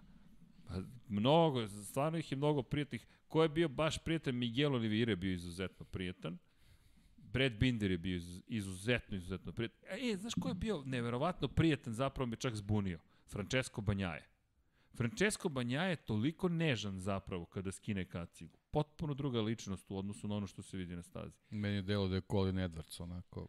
A Colin Edwards je drugačiji, on je, on je, on je zabavan. Pa neposredan. Da, da neposredan je, da, potpuno je. Da. Neposredan, Dani Pedrosa isto izuzetno prijatna jedna osoba. Ali znaš, kad je takva osoba, onda je ona tebe opusti. Znaš, to je... Pa da.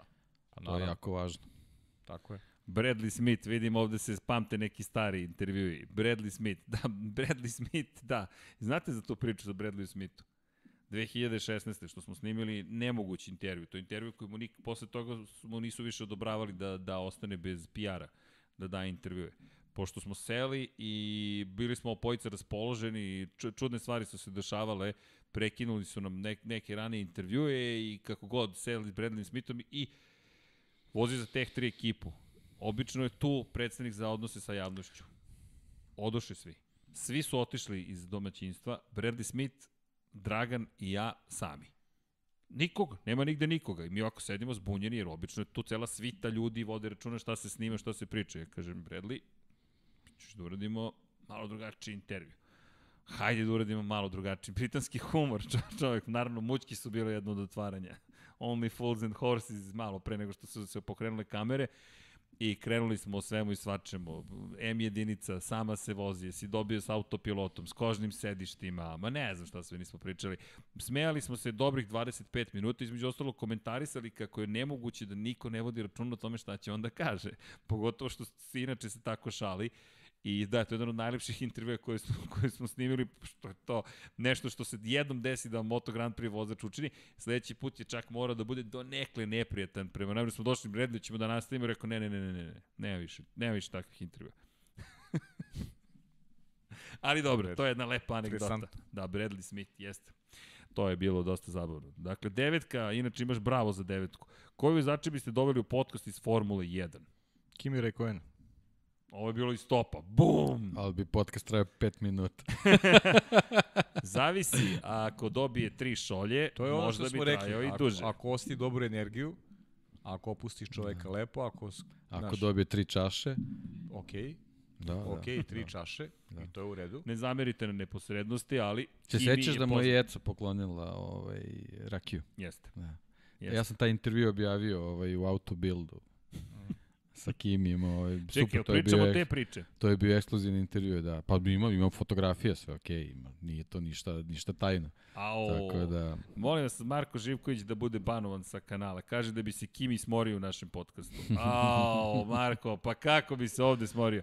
Znate kad se ne bi smorio? Ostavili bi smo ga spaju i ne bi se smorali. Mislim da bi rešili sve situacije, da bismo imali... Tri čaše pitate, kod njega, tri čaše kod mene. Koji ste najbolji imali, koji je najbolji radio, timski radio?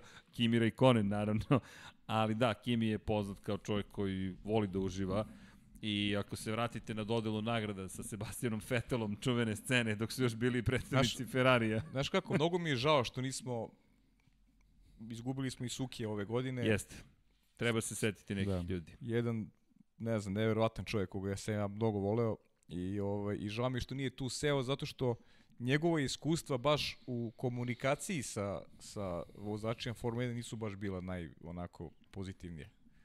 Nije baš imao neko, o mnogima neko baš Pa dobro, da, zato mišljenje, što naš, prvo što je stvarno mnogo toga i prošao i preživeo jest, u nekim jest. svojim ranijim zadacima, tako da Yes. ja verujem da nije mogao da svari ovaj, pa, dobro. Ta, tu neku ovaj, uštogljenost yes. u Formuli 1. Ovaj, yes. ali on, je, on, je bio, on je bio lik koji za jako kratko vreme ovaj, sebe etablirao tamo i svi su znali za njega. Jest, živa istina. Da. Ali baš bih I razgovarali smo čak jednom prilikom, priča, pričao da. mi je strategiju kako je smislio da kad se pojavio tamo da ga jako brzo zapamte. Mm. Tako da ovaj, mislim da bi to bile zanimljive priče, eto, nažalost. Da ali imamo ko bi mogao da, da, da e, to je, ovaj, to razgovara da. o tome, tako da... Ko je Suki? Srđan Sulejmanović, fotograf da, Evropske da, fotoagencije, da. ovaj, jedan, jedan od redkih fotografa koji u poslednjih nekoliko sezona, sad ja ne znam tačno, gotovo na svim trkama Formule NBA.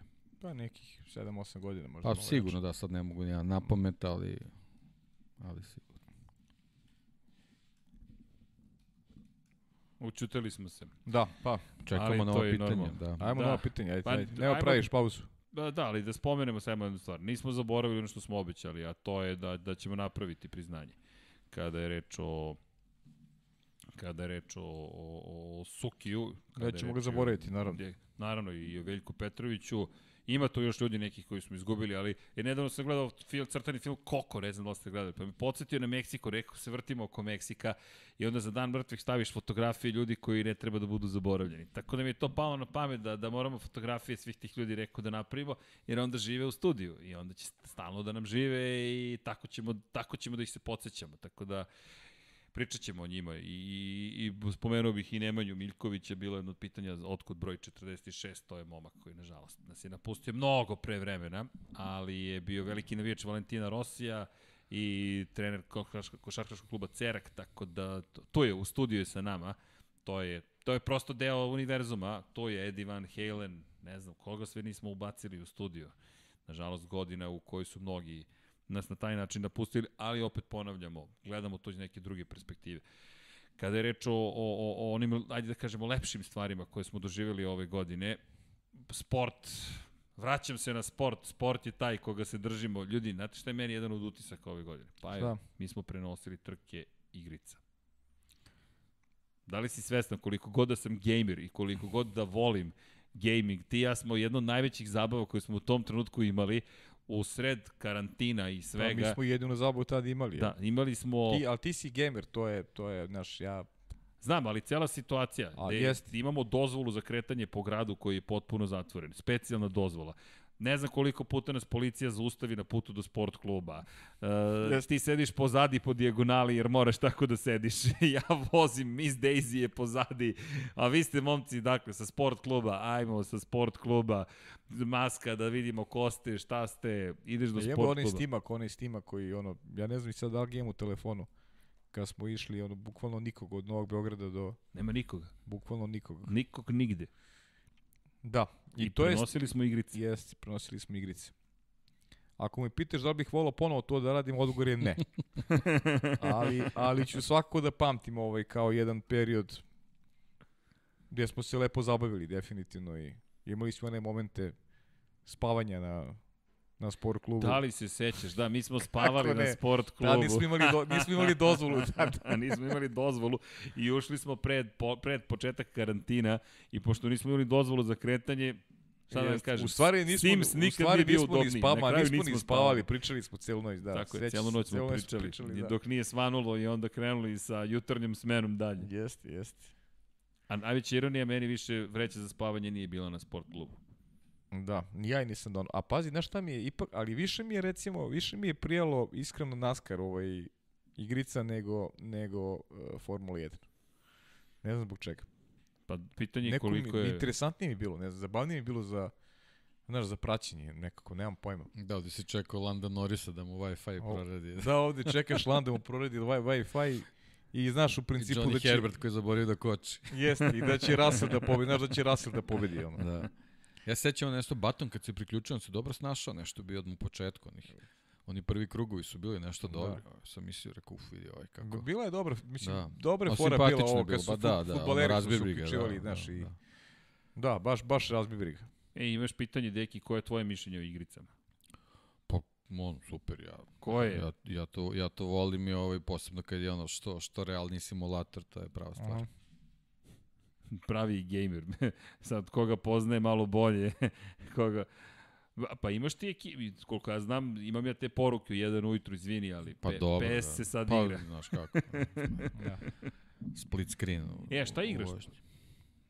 Pa trenutno Gran Turismo imam neki i Gran Turismo. I Gran Turismo. to je, pa to je trenutno, da. Ovaj, klinec on igra FIFA, znaš, tako da, ali ja to slabo, ja već sa tim komandama i gubim s nulom već utakmice, to više nije ni opuštanje, već je nervoza, raste i onda bolje, da, da. bolje da to Čim preskočim. tenzija, da, da, nema potreba. Da, ove trke, onako split screen je to onako zabava, lepo.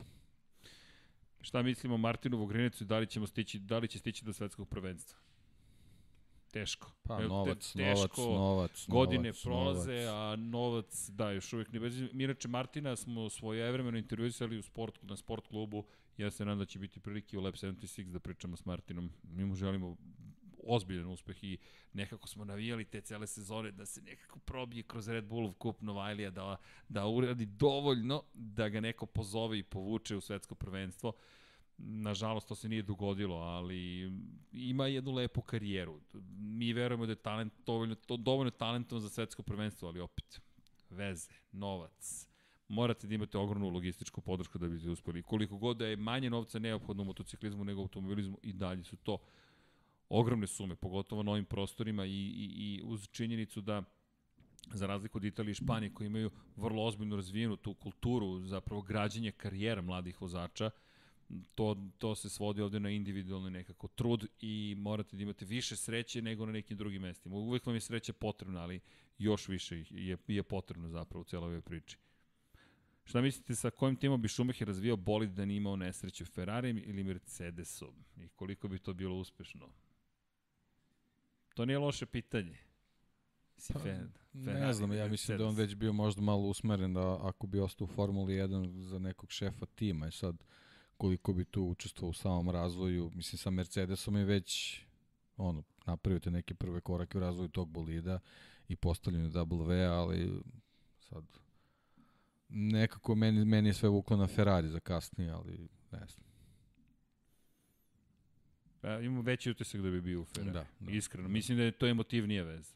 Bez obzira na svo poštovanje prema Mercedesu i odnosu i završetku karijere u Mercedesu, Ferrari i Schumacher su nek, i čak i danas mi je prva asocijacija na Schumachera Ferrari. Da, mislim da je nekako to, to bivstvovanje Rosa Brona i veza njegova s Mercedesom povukla na tu stranu naravno kasnije neki, neki marketinški motivi, ali mislim da bi se sve završilo sa Ferrari.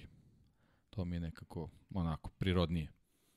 Pa tebi pa je... E, sad sam čitao neka pitanja, pravo ti da. kažem. Daj, po, po, po, vrati me na temu. Da vratimo temu. Vratimo Schumacher, temu. da li bi Dobro. misliš da bi bio privrženiji Ferrariju ili Mercedesu? Da li bi bio privrženiji Ferrariju ili da, da nije doživio nesreću, da. Pa verujem Mercedesu. Mercedesu? Da. Verujem Mercedesu. Zato što mislim da je počeo jedno poglavlje novo sa Mercedesom i mislim da bi bio prviženiji Mercedesu. Takav utisak imam, ne znam. Možda grešim. Jeste napravio svoju Ferrariju, ali napravio je dosta toga i za Mercedes. Ona epizoda kratka sa sa, sa Nikom Rosbergom, nekako je zajedno sa Rosbergom utkao put u ono što, što je Mercedes danas. I mislim da bi nekako, nekako sam ga nekako vid, nekako mislim da bi bio da bi bio ovaj u, u, u, u tom delu priče. Mada imamo sa drugu stranu medalje vezano uz njegovog sina i Akademija Ferrari, levo desno, ali Da, ne znam zašto I mislim. ja nekako više gledamo ka, Ka Ferrariju. Da. Da, gledamo više ka Ferrariju, moram da Dakle, priznam. zbog tog istorijskog nasleđa, ali mislim da to Jeste. generalno na tom nivou ne znači ništa. Ipak je on, jest ikona Ferrarija, ali ikona nemačkog automobilizma takođe. A mislim da Nemci i tekako dobro vrednuju svoj, svoje sportske ikone. Imam ovde, inače, zahtev za, za gitaru. Gitara nije postavljena. Momci, morat ćete malo sada da, da preuzmete glavno komandu. Ajde, može, naravno, ajde. I da ja postavim gitaru, pošto ne bi bilo lepo da ne ispunimo obećanje. Jel se slažete sa mnom? Ok, hoće da, o, dajte mi jedno pa 5-6 minuta sad da setapujemo sve tamo pozadi da to namestimo. Ajde, ja baš Da gledam da im šta priključimo. još ima ovde. Jel, jel možete da preuzmete? Može, može, slobodno. Može, naravno, da. Hvala, ljudi. Evo, Samo pa sekund. će, pa će nam će da vidi tu da šta ima od, od Pa tih da, pitanja. gledaj evo, možda šta. ima šta ima tu nekih pitanja, pošto se ljudi javljaju. Evo, ovo je zanimljivo. Možete zamisliti rivalstvo Rosija i Markeza da su isto vreme počeli karijeru u Moto Grand Prix. Uf. Pa šta bi bilo kad bi bilo, Pa, ali da. ovaj Valentino Rossi je kroz karijeru pokazao da ono psihološki rat je znao da vodi, da je znao da Mhm. da organizuje ekipe oko sebe i veliko je pitanje ovaj kako bi kako bi tu ovaj teklo priključivanje Marka Markeza u čitavu priču. To je to je jako jako važna stvar.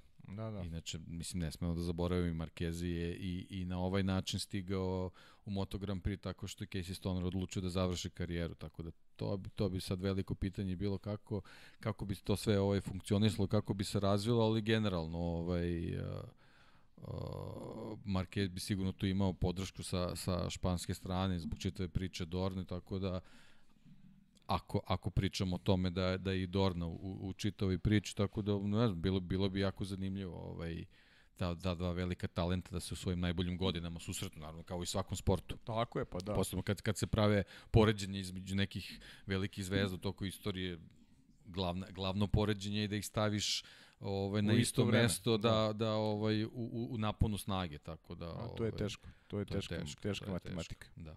Kogod se mi trudili, meni morate priznati ovaj, te neke ti neki izbori nisu mi do kraja ovaj ni jasni, ni opravdani, ni ne Da. zašto se ljudi trude da to rade Da, i mislim Jer- i generalno to su različite generacije. potpuno različite. A, jel ti, ti u stvari ti u stvari preferiraš ono što je tvoja generacija, tvoje odrastanje i, i ti prosto namećeš ono što je tvoje. To je Pa kao, da, ali to, ali kao to ona te- polemika Lebron, i, Jeste. Lebron ili Michael Jordan. Da. Mislim, to je... Pa da, ali znaš, ljudi- to je, to je nekako i stvar evolucije. Lebrona možda ne bi, ne bi ni bilo da nije pratio Jordana.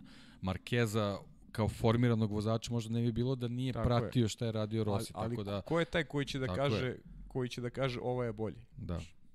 Oni su najbolji u neko svoje vreme, znaš, Tako svako, kao- svako kao vreme sad- ima svoje junake i, Tako je. i, i znaš, smete mi negde malo, u stvari pravi se ta neka ti neki sukobi generacija se prave u, znaš, u tim izborima, jer svako protežira nešto, Pa naravno, nešto da, što da, je uvek. svoje, znaš, kao što ću mi u ja ću fudbalu kaže Maradona, ali to je da, neko, naravno, naravno. neko moje odrastanje, znaš. Naravno i sad kad dođe neka generacija koja nije, nije imala prilike uopšte da ga gleda je. uživo kao Kakav Maradona, Messi. kakav Maradona. da. Messi, Da. znaš, Da, da. Ronaldo, znaš, Da. kakav Maradona, Ronaldo.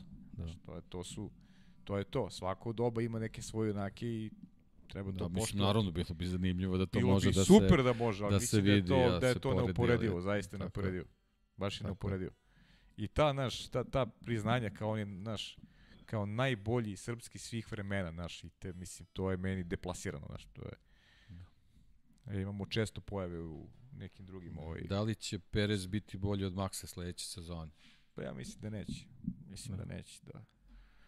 Ono što smo pričali, ja zaista mislim da je Max najtalentovaniji najtalentovaniji vozač, ali pitanje je samo kako će se odvija ta karijera. Da li će se tetovirati ili neću, zavisi od mnogih faktora. Da. I njegov i uspona Red Bulla, toga gde će on nastaviti Ja mislim karijeru. da sad trenutno, trenutno je jako važna stvar kako će se Red Bull pripremiti za sledeću tako sezonu. Je, tako je, to je krucijalna stvar. To je, jer videli smo ovo, ove godine mnogo toga nedostajalo. Sad, da li je možda nedostajao taj bolji, kvalitetni drugi vozač da bi imali bolju taktiku u odnosu na Mercedes? Jer generalno Max se sam borio protiv dvojice vozača Jeste. koji su mogli da prilagođavaju taktiku mnogo lakše, ali ih je dvoje. Dva automobila u trci je mnogo bolje Jeste. nego jedan. Mislim, Jasno, jasno. ovaj, sad onako, to su teške reči prema Albonu, ali zaista on, on u, u, u, u sigurno tri četvrtine trka, njegova strategija je potpuno bila nevažna Tako za je. Mercedes. Ali ko garantuje da će Sergio Perez da se nađe Tako dobro? je, da, ali, ali jednostavno ono što smo pričali, ovaj finiš sezone je pokazao da, da Red Ne, Bull ne. na taj način može da računa na njega, na, njego, Jeste, na njegovo izdanje i to je u stvari važno, znači da, da se bori u kvalifikacijama za, za prvi startni red sa, sa dva automobila Tako i da je. u trci ima dva vozača kojima možda su prostilja strategiju odnosno na Mercedes. Tako je, ne, u tom pogledu... I to je ključna stvar, tako da, Da.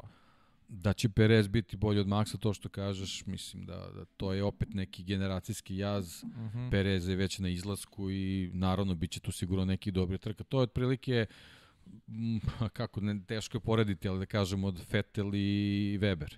To je otprilike ta, ta, neka, Da, da. ta neka priča, to jest uh, Red Bull je u Perezu dobio Webera.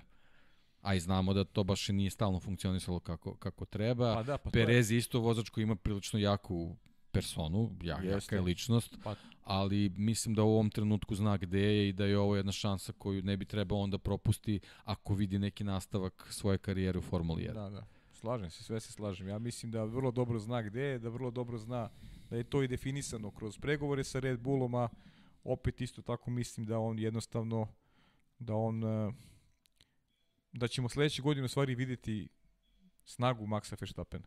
Da. A Max je definitivno neko ko je ogroman talenat i neko ko će taj duel sa Sergio Perezom, ja i ne vidim tu uopšte će postojati duel.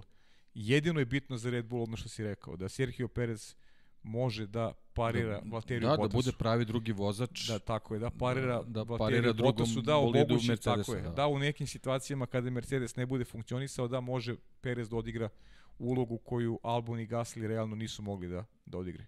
Ali opet kažemo, građujem se pitanje i vidjet ćemo, svi smo želeli Pereza, dobili smo Pereza u Red Bullu, kako će sve to izgledati? Evo još malo pa ćemo i da saznamo šta je manje od tri meseca. Da. Koju bi stazu odmah vratili u Formulu 1? Koju bi stazu odmah vratili u Formulu 1. Uf, pa pričali smo dosta o tim stazama. Koju bismo stazu vratili? Pa ne znam, ja sad onako gledam ovaj, šta se de- dešavalo u ovoj sezoni, ba šta znam, što se mene tiče, Da. ovaj, pa možda bi ta Imola bila Da. zanimljiva, ovaj, eto, čisto, čisto zbog, te, zbog te neke istorije, ali Muđelo smo videli po meni, nažalost, mislim da je, da je nebezbedna za Formulu 1. Ovaj, Nažalost, generalno da. nismo je mi ni imali kroz istoriju, ovaj, u, u nekim drugim ulogama smo imali, ali recimo eto iz te neke istorijsk, iz tog nekog istorijskog ugla Imola bi onako bila. To je Imola, da. Da. Imola Turska je da. dobra bila. Mada smo videli sad sa ovim dimenzijama bolida i Imola je potpuno drugačija konfiguracija Mm. staze. Ovaj, mnogo, je, mnogo je uska za tu priču, videli smo koliko je tu izletanja Mm. sa, sa tih sa tih okvira staze, ovaj, tako da šta znam, ali recimo, eto, ta Turska, na primjer, bila je ove godine zanimljiva je dobro, zbog da. te kiše sad, kako bi bila da su ti neki suvi su uslovi, jeste. da. Ali eto, recimo, ako, ako gledamo kroz istoriju imala. Mogu da se složim, da. Imola deficit. Čekaj da pogledam ja još malo da imam. Mhm. Što ima od pitanja ovde.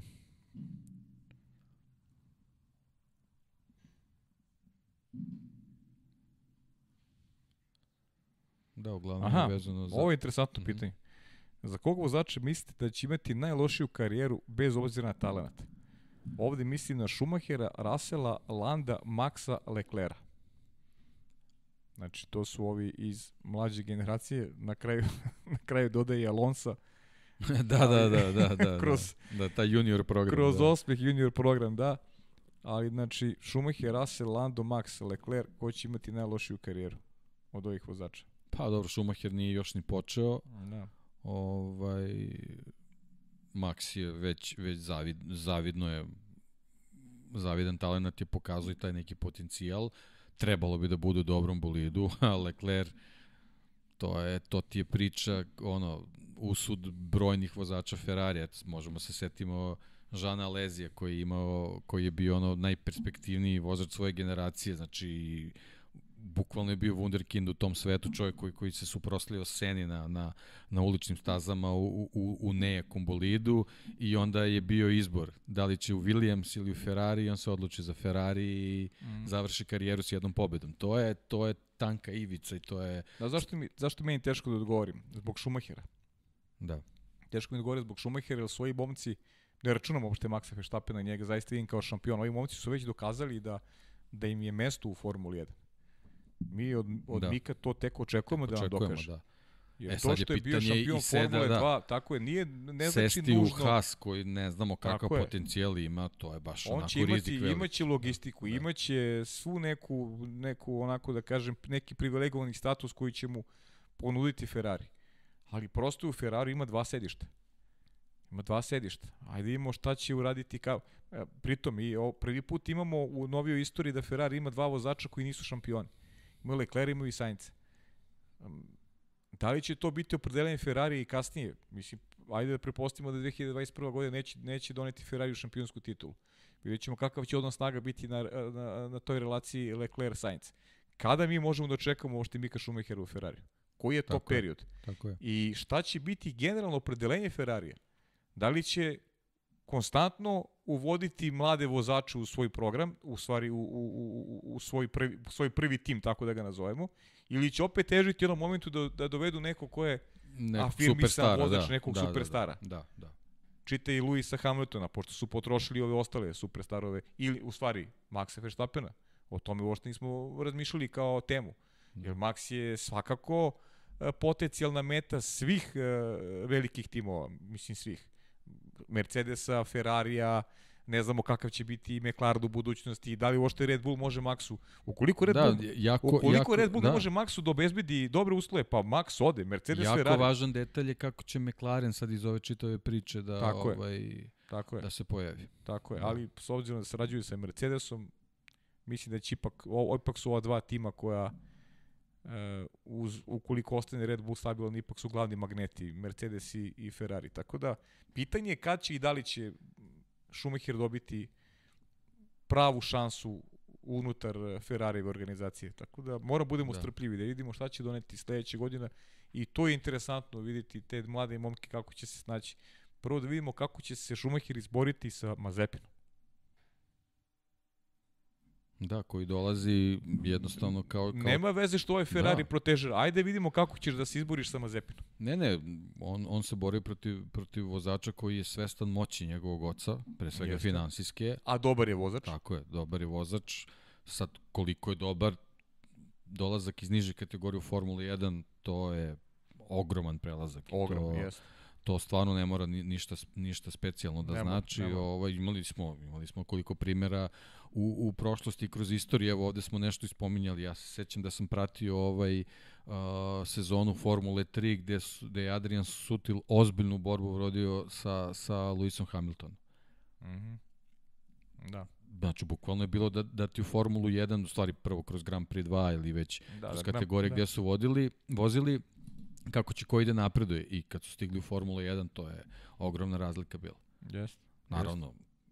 Do, i sponzori su ti koji sponzori, tako naravno, sponzori su ti koji diktiraju, ali jednostavno Sutil ni u jednom trenutku nije pokazao taj potencijal kakav ima u Formuli 3. Jeste. Nije, nije, u stvari nije, nije dobio pravu priliku, ali jednostavno to je sastavni deo Formule 1. Da, mislim da ovi momki koje, da... koje, koji su navedeni da su oni već neke, neke pozicije stekli i pokazali da su zaista dobri vozači i predstavljaju veliku budućnost.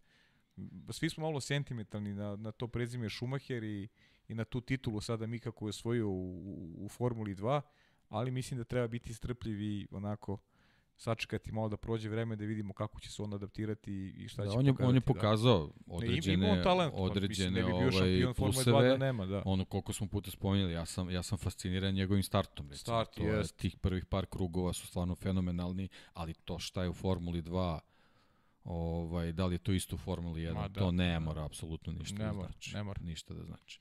Možda bi imali neku prednost da, da, da se ove godine niskoprofilne gume ovaj, uvode e, u Formuli 1. Tako je. Možda bi imali prednost, ali to će se već anulirati ovaj, mm. u sledećem periodu. Ne, neće oni bukvalno nik, nikakvu prednost imati u odnosu na to što su kao nešto malo naučili kako te gume funkcionišu i pre svega pitanje je kakve ćemo smesi dobiti kad, kad te gume dođu, tako da bukvalno te neke prednosti koje bi imali više nemaju. Da, nego sad su bukvalno ovaj, kad dođu zimski test, testovi kreću od nula. Dobro, to Tako smo da, da vidjet ćemo, da. Vidimo da li ima ovde još... Uh, čekaj, ima izgled. Pozdrav za studiju dok sa verzima, u mom slučaju iz Komšiluka. Jedno misli, aha, šta misli da li bi Šumacher da nije imao nezgodu i sa kojim timom? Aha, to je ovo, u stvari ovo ste čitali vi. Da, moguće, da. Da, s kojim timom bi razvio, da li Ferrari Mercedes i koliko bi otprilike to uspešno bilo po vama? Da nije imao nezgodu, s kojim timom bi razvio bolid, Ferrari ili Mercedes? Izgleda da smo dobili ista pitanja. Čak ima jedno i...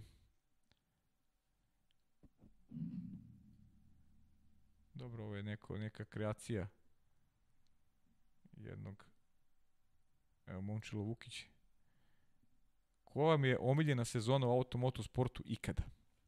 Momčilo Vukić koji redovno nas prati, redovno i piše omiljena sezona u Formula 1 nikada. Pa sad bi zaista morao da preturam po, po glavi, iskreno. Meni ta, pa mislim ono, Sena, Sena prost, dueli ona godina McLarena kada su bili dominantni. Koliko su imali pobjede? Sve pobjede ima McLaren u koja je to godina bila? To je 8... Uh, pa možda bude 89. 90. Da. sad. 89. Da, moguće tako nešto da je bilo sad, ne, ne mogu napomenuti. Ne mogu ja isto da, ali, ali da. to je bila ozbiljna dominacija. Jeste, bila dominacija, ali dominacija u kojoj su dva vozača zaista vodili fantastične bitke cele godine. Mislim, ja opet pričam iz, iz, neke, iz nekog mog ugla odrastanja i tada sam to gledao onako klinački, dečački sam gledao i navijački. Da. I onda je to budilo više strasti u meni. A Pa dobro, da, ja isto tako mogu kažem, mislim, te čitave 80. zato što tad sam počeo da otkrivam i, i, i, kraljevsku klasu 500 kubika i, da. i tu su vozili vozači koje sam ja ovaj, voleo i naravno ovamo u, i u Formuli 1, tako da te, te neke 80. mislim, ono, ta neka 81. druga, 82. recimo koja je bila onako baš burna u Formuli 1 i, i tragična prilič, prilično i zbog Žila Vilneva i Didier Pironi i tako dalje. Mislim, to je onako baš, baš bila interesantna sezona, tako da eto, na primjer, to je to bi bila možda neka godina koju sam ja onako baš, baš zapamtio. Da. Pozdrav veliki za za Nihada Salih Bašića, ne, ja nažalost nikad ja ovo ne mogu da pokažem, ali stvarno ti je kreacija sjajna, napravio je bolid Formula 1 od, od upaljača, od neverovatno šta je, šta je dečko napravio svake čast. Kaže, toliko sam inspirisan Formula 1 da se napravi ovo i posle neku sliku, nažalost ovo ne može baš da se da se vidi, ali veliki pozdrav za Nihada. Da, Srđan još pakuje, sprema gitaru, sad kad koncert kreće, Ako misli da su zatvoreni lokali u gradu, jedan nije, evo, jedan je otvoren. Imaćemo čak i živu svirku. Ko je najbolji menadžer ili šef neke ekipe? Da,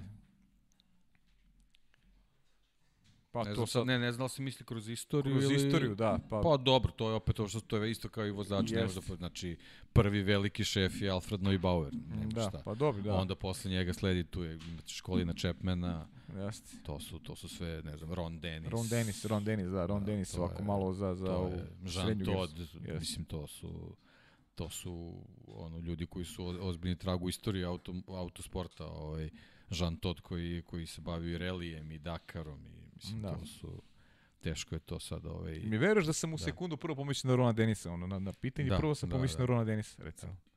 Pa dobro, to je sad to je što se rekao, to su te neke godine ovaj pa kad, da, pa da. Leclerc ili Max? Si... Kaže, da li delimo isto mišljenje da će veći šampion biti onaj koji više bude imao sreće, hoću reći bolje bolit. Po meni su isti, jer Leclerc je ipak manje sezona u Formu 1 nego Max. Da li mislimo isto?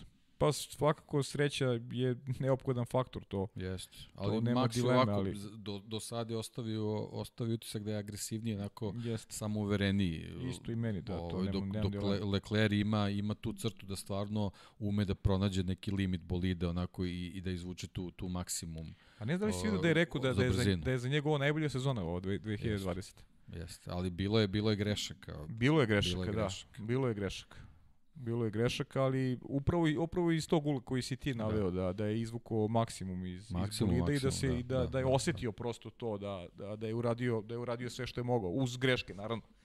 Dobro, sastavni su deo, tako da taj da, recimo, kaže, taj Istanbul Hamilton je upravo postao ser u Britaniji. Sad, sad je izašla vest. Čestitamo, da. Eto, čestitamo. Čestitamo, da. da. Evo, sad će Srđan doći to ime da zasvira nešto. Da. Sir, Sir Hamilton. Da, God save the Queen. Samo sređen kako je krenuo, za zasvireću u sledećem podcastu izgleda. Koga vidite kao šampione, sledeći šampion u Formuli 2 i Formuli 3? Uf. No, to će biti, to će biti interesantno. Pa ne znam, znaš kako, Žou recimo mi je ozbiljan kandidat naredne godine. Prema je uvek jaka. Prema, prema je dakle, jaka, ne, pokazala je stvarno da, je, da u ovom da, trenutku da, ovaj, Pjastri je došao na mesto Mika Šumahera, da. imamo tu i dalje Švarcmana. Da. Švarcman ima tu tragediju, ovaj, jest. tako da i on, i on, da, se, da. on se sjajno izborio sa ovom sezonom. Jeste, jeste. Tako da, ovaj, ima ima dosta dobrih momaka, stvarno ovaj ono što ste već spominjali, stvarno je sezona bila ovaj da, da se vidi e, kakva je neka nova generacija vozača koji, koji nisu samo kandidati za Formulu 1, nego i, i za druge, naravno. za druge vrhunske šampionate, ali svesni smo, naravno, ne, ne može ne može ovaj da se desi da 10 Novajlije dođe ovaj na, na 22 mesta, ali otprilike dobili smo tu neku selekciju vozača koji su ovaj uh, zaslužili da se nađu u, u Formuli 1. Da. Da ima neke ovde poruka i na i na račun moje konstatacije. Koja da... akademija pravili i napravila najbolje vozače? Pa ja, nešto što sam video, ako, ako je vezano za, za bodove, ovaj, Ferrarijeva akademija je ove sezone bila najuspešnija. Jest, da. Jest. Tako da eto, ako je to neko merilo, to je to.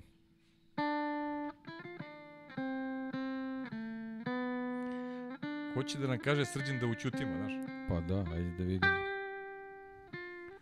Kao ipak i njegova gitara jača od naših glasova.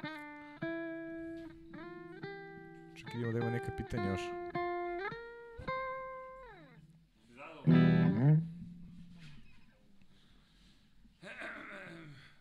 opa, vidi, ispao sam iz kadra.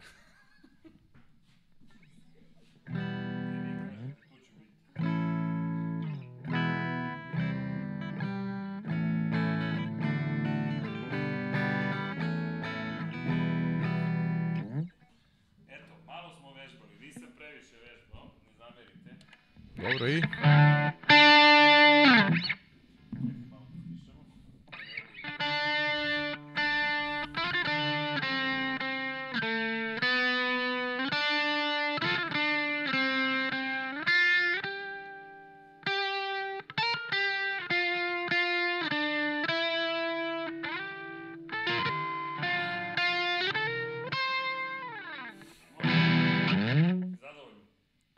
Odlično. Zamerite, nisam se spremao, moram da budem iskren. Pokušali smo sve da spakujemo ovu nedelju, ali, ali ovo je najdelje što sam stigao.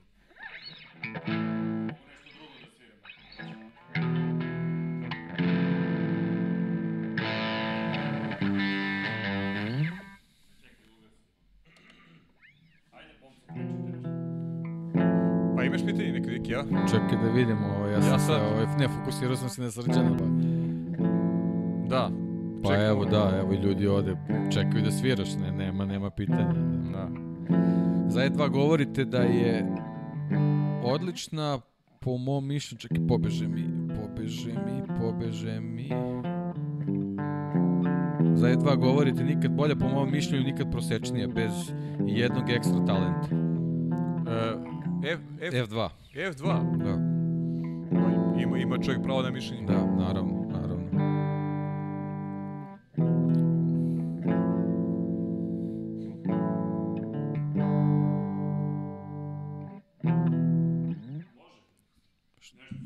Pa ajmo, ajde. Aha, A mi pričamo, znaš, mi, mi, radi, mi radimo, mi radimo ovde, znaš.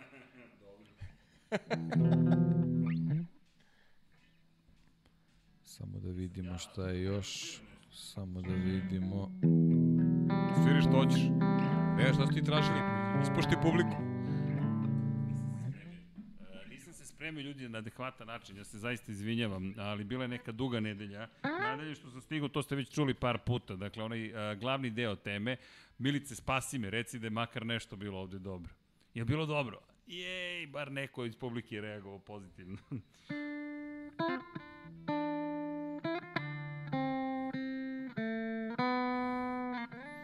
Ako vam se dopada srđenovo sviranje, broj žiro računa je... Muzički dinar, uplatite. Šalu na stranu. Da li Hamilton ima najbolju vozačku postavu u Extreme E šampionatu? Pa, Sebastian Loeb je u timu, mislim, samim tim, fali samo Ožije da, Da dođe da, da, da, bude kompletan užitak, da, Jeste. tako, ba, ne, pomenimo to, da. Kristina Gutierrez, mislim se zove devojka, Aha, s njim što vozi dobro, okej, ali Sebastian Loeb, mislim, institucija, da je to- to, to je to, da. Dovoljno, dovoljno. Da, da, da. Adekvatno. Eto, ma, malo smo svirali, ne zamerite, Pa, dobro. oprostite za novu godinu, ali... Ali, znaš šta je bitno? Ispunio si obećanje. E, vidi, stvarno nisam stigao dovoljno svirati, Ne, ne, ali pa sam, dobro, o, ovaj deo sam naučio, pazi. Evo, leže ti prvih 50 evra, kaže. Eto. Opa! Nije to loše. Ima i A, muzički Kićanović za novu godinu. A, Da imate priliku da vozite bolide Formula 1, koje biste voljeli da vozite i na kojoj stazi? Ili to ova slika možda govori slika, sve, da. ili to to? Jeste ta slika. I, i od, odgovara mi i staza. I staza, jel da? Odgovara mi i staza. Može, može, može i Monca, ali Srki. to je to. Da. Da imaš priliku da voziš bolid Formula 1, koji bi to bolid bio i na kojoj stazi? A mislim da smo to pričali. Jeste, pa zato smo i dobili ovaj poklon. FW14 B bi svakako bio jedan od njih, ali MP4 kroz 4 bi bio bolid broj 1 u, za mene. Volao bih prosto to da probam, da probam tu, tu, tu zver. To je, to je nemoguće za kontrolu. Reci, Pajo. Igor, Igor. može Alija se udalija od hokija. To samo gramofon i ploče. One gramofon od tetke. E, ljudi, nisam, nisam svirao preko 10 godina. Sad, od kad smo ušli u studiju, sam počeo polako da sviram.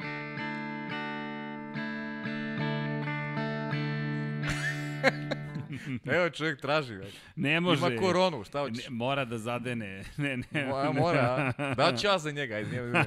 Nemoj pa, ne znam, stvarno ne znam. Lagaću da znam, nemam pojma. Davno, davno nisam svirao. Dobro, eto. Izvini Igore, zabavi se na Izvini, neki drugi način. biće nekim drugom prilikom. Da, ali ostao sam dužan celu temu. Malo mi je potonuo kadar, tako da...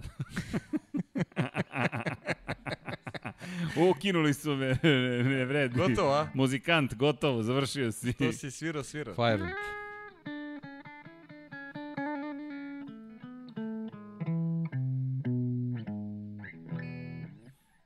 I tako. Čujem da ste se vi lepo zabavili. Dok Jesmo, sam ja da. Pa dobro, pročitali smo, ima naštelovao. dosta- Pa ne, dosta ono što ima pitanja je pitanje, bilo, ne znam da. da li ima tu kod Da. tebe nešto, ja više nemam šta da radim ovde. Čekamo, Jel čekamo. neko ostao posle muzike uopšte prisutan? Sad ćemo da vidimo, sad ćemo da vidimo, da. Žorž, evo ga Žorž. Da.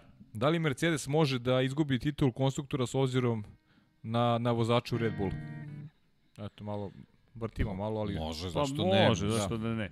E, ali ljudi, i- i- jesi ti vidio pitanje za tebe? Da li si imao nekoga kao što ti je bio Nelson Piquet u Formula 1 u Moto Grand Prix? A, lepo pitanje. Bravo, Ne, lepo pitanje, odlično. Nisam. Eto vidiš. A da. To To je... ne, ali pazi, da ti kažem nešto. Ja nisam imao kad sam bio... Ne, znaš kako, Moto, Moto Grand Prix u stvari u Kraljevu, kad, kad su ovi klasi u 500 kubika, toliko se dobrih vozača pojavilo u, ovaj, u, u, u jednom trenutku i nekako drugačija atmosfera u toj čitavoj priči bila to što, to što Srđan kaže, teško je navijati za nekog. Mhm. Znaš, ja sam, ja sam navijao i za Kenija Robertsa, i za, i za Fredija Spencera, i za Rendije Mamolu, i za Johna Kučinskog, Randija mislim. Mamolu, da. Znaš, to, to, su, to je nekako potpuno je drugačija priča bila. Nije Daryl Beatty kad se pojavio. Znaš, to, to, to je, ne, ne znam kako bi to mogo da, da, da ovaj, opišem, ali nikad nije postao jedan vozač na kojeg sam se fokusirao i pratio sve živo vezano mm. samo za njega. Nekako ceo taj šampionat, ceo ta zajednica mi je bila zanimljiva. Mm -hmm. to, je, to je ta neka razlika. Ne znam, meni je u pamćenju 250 kubika kategorija. Kompletna kategorija tamo u sredinu Ali 90. opet kompletna kategorija. Da, kategorija. Ne mogu da, da. izdvojim iz tog perioda. Iako sam tad već počeo da pratim 95. baš ozbiljno da pratim. Pa to što smo pričali, to mi je bio zadatak u žurnalu. Ali ceo moj utisak glavni bio da, u to vreme se pojavio Rossi, pa je prvi počeo da skreće pažnju kao pojedinac. Ali kategorija 250 Ne, Rossi je to prepoznao šta nedostaje tom šampionatu i on je to majstorski iskoristio ali to radio baš na lep način. Ali vidiš koliko on traje, on je već sad imao nameru da, da, da ovo ali radi. I ti ja smo pričali o tome koliko je profesionalan i da, koliko da, on, da, da. koliko god da je i radio i, i iskreno i na početku je radio stvari koje nije ni razmišljao da će postati kult. Ne, ovo sve, sve što da radio ne može bez mnogo energije i mnogo truda i, i posvećenosti. Da, i posvećenosti. Da, ali on je prvi koji nešto više, mada ti meni nekako me uvek podsjećaš na Berija Šina i na, na Fast Fredija iz svih onih priča koje si pričao. Jer Moto Grand Prix je drugačije vrste junaka imao i drugačije su bile bitke. I iz te perspektive, kažem, meni su 250-ice bile herojske. Olivier Jacques, Tetsuya Harada, kasnije se pojavio da je Giro Kato, Ralf Waldman i Max Bjađi. To je četvorka da. veličanstvena koja da, je da. vozila neke od najlepših trka koje smo ikada imali prilike da gledamo. Od početka do kraja brzi, precizni, agresivni i do poslednjeg trutka nisi znao ko će biti prvog sveta. Dva puta je od, te, u dve, od četiri titule Bjađi osvojio u poslednjim trkama. I to pobedivši Ralfa Waldman u direktnim duelima. Da. Prelepo, to, to je baš bio prelep jedan period iz te perspektive i onda je Rossi osvojio svet na, na, na, na, na uslovno rečeno na prečac. Ali je imao i prostora za to. Duan koji je Enekaci ga iza, koji je potpuno drugačije pristupao tome. Ali da, zanimljivo, ne, ne, nekako, da, heroji su drugačiji bili, ali MotoGP sad gradi neke nove heroje. Neka da, neka drugačija priča, mislim da je to dosta i Dorna zaslužno za to, ali ovaj nije, nije, jednostavno ne može da se poredi na taj način. Bar, bar što se mene tiče. Ok. Da. A, a, shvatio sam. Znači, Formula 1, da, Nelson Piquet bukvalno od, od početka, znači od, od 78. 9. do, do 91. Ali deki, ali pa još što ste što ste propustili vas dvojica ovo pitanje? Da li ćemo da li ćemo nas trojica da pevamo nešto? A? Samo kad sam ja za gitarom, a ovo sve ostalo se izbegava. Pablo, ima neko jaje u frižideru. Boško, samo ću vam reći sledeće. Ne želite da vam pevamo. Uh, ljudi, sigurno ne želite da vam ja pevam. Da. Queen to, ili Guns N' Roses? To može da se čuje. Queen ili Guns Queen ili Guns Roses? Da. Pa ne znam, Queen. GNR. GNR, dobro. E, šta mislite o finim odlukama koje se primenjuju u nekim situacijama, u nekim ne? I koja je odluka najkontroverznija? Ma, ja sam to već sto puta rekao, to u nekim situacijama da ili ne, to mi je najgora stvar koja, koja može da se desi i u Formuli i u Moto Grand Prix. Ista, mislim, ti, ti neki aršini, to mi je skroz ono, ne, neshvatljivo da, da ne koristi neki drugi termin. Koji vam je, ajde, ovo nismo postavili pitanje, ko je vama heroj ove godine? Heroj ulice. Heroj godine. ne, ne, heroj godine. I u Formula 1 i u Moto Grand Prix. Heroj godine? Da, heroj godine. Pa u Moto Grand Prix po ovaj momak što je osvojio titulu, mislim, ja ne znam ko može da bude drugi junak, mislim, ono, to je nevjerovatno. Ja nisam čuo za njega dok nije osvojio titulu. Iskreno. Stvarno ne, ne, ja sam tebi rekao, ja to stvarno ne pratim na taj način. Ali je nevjerovatno mi je zaista da je, da je momak uzeti tu. Ja to gledam, eto, tako kao, kažem ti, gledam kao, ponekad pogledam trku, zaista ne pratim. A u Formuli 1 smo rekli, u Formuli 1 je Sergio Perez. Ko je tebi, Deki? Sergio Perez i Pierre Gasly, to su, ono, prosto teško mi, ali Perez, ipak se, promenio sam stav, Perez. Ma, heroj je onako baš teška odrednica, ovaj... Meni je Perez, znaš zašto meni Perez heroj? COVID, dobio otkaz, e, vratio se, nije imao iste uslove kao, kao kolega u ekipi. Traži identične uslove, dobio ih, pokidao do kraja sezone. Eto, zato mi je... Da, iz tog ugla, da, s tim bi se složio, da. Ako bismo gledali recimo na, na sličan način, dobro, naravno ne, ne zdravstveno, ovaj, možda bi Morbidelli bio u Moto Grand Prix. Da, ja sam, navio sam zdušno, mora priznati za Morbidelli, da. srđan zna, ali ovaj, ipak koji momak je vi šampion sveta si. Pa dobro, da, šampion sveta, to je ovaj, ono, čast. odrednica koja, koja te postavlja na tu poziciju, ali, ali recimo vezano za neka, za neka izdanja, mislim da bi Morbidelli možda bio ispred. Ovako, na prvu loptu. Kažu, jedino sam ja shvatio da ovo malo opuštenije emisije. Pa šta ste uradili dok sam bio odsutan? Niste valjda bili ozbiljni? Malo smo su, da, odgovarali smo na pitanje. Bili ste ozbiljni? Odgovarali smo na pitanje. Odgovarali smo na pitanje, jedin smo, jedin pa nema neozbiljnih pitanja. Čekaj, nema da. neozbiljnih pitanja. Samo Aj, dajte malo mi pošte, neko, dajte neko neozbiljnije. Dajte... Vi ovako, pa, pa ostavim vam podcast u, u, ruke da bude neozbiljan i vi ga ozbiljite. Dajte mi neozbiljnije Čekaj. pitanje i bit će. Pa daj, pa nemojte ljudi, mora nešto neozbiljno krajnje. Ne, evo, odgovaraju ljudi koji je, koji je... To nema više vode. da, hero, jedan od heroja Roman Grožan. Da, meni je Perez u Formuli 1, a što se tiče... Da, s Perezom bi se... Perez je, ja bi se junač, okay. to jun, to, baš da, junak da, sezone. Da, posebno kako, ono, epilog cele priče. Epilog, da. To je to. Jeste. Jeste, jeste. Jest. I Morbidelli mi je da. u Moto Grand Prix, da, mire svoju titulu, ali Morbidelli imaš stariji motocikl, Upravo otpisan to, da. si, e, ne, niko e, to je moja, to, nema to, kukanja, ne, ne znam detalje, ne da, znam nema detalje. kukanja, borba, problemi sa Yamahom okay. generalno. Jeste. Ne znam I detalje, onda, I onda ta vrhunska borba u finišu. Ali mi je drago što da, je on da. junak jer navio sam za njega. Sarma, Sarma, zar za novogodišnju emisiju niste mogli dovesti neku gošću? Nismo smeli. Nije da nećemo, verujte, ima da napunimo studio, neće se videti post scenografija ka, kada nam daj, da, daju mere, ne, kada nam dozvole mere da, da bude više ljudi Nije, u studiju. Ljudi, iskreno, verujte. Ajde, iskreno, niko neće s nama, to je problem, da znate. Ej, srećna nam nova godina. Srećna nova godina, Deki mi pokazuje 0-0-0. Srećna nova godina, jedan dan pre vremena. Srećna nova godina. Ljudi, u studiju na kraju univerzuma ste prvi dočekali novu godinu. Mi sve radimo Prošla napred. Mi sve unapred radimo. da mi idemo ispred vremena i što se nas tiče već je prošao 31. decembar, negde u Australiji se već spremaju za proslavu nove godine. E, mi smo i ispred Australije. Tako da želimo vam srećnu novu godinu. 0-0-0-0 je i, mi, mi, i, i ja se nadam da smo vratili u neozbiljne vode ovaj podcast, jer takav Ček, bi trebao pa, ajde, hoćemo, da čekaj samo da imamo da li ima neke, pa ne, ali... Evo, Boris Trutin, izvini, kaže, kaže. O, evo, kaže čovek, Lab 76 broj 100, da, da bude s publikom, kafana, livada, sala, nebitno gde. Au, može.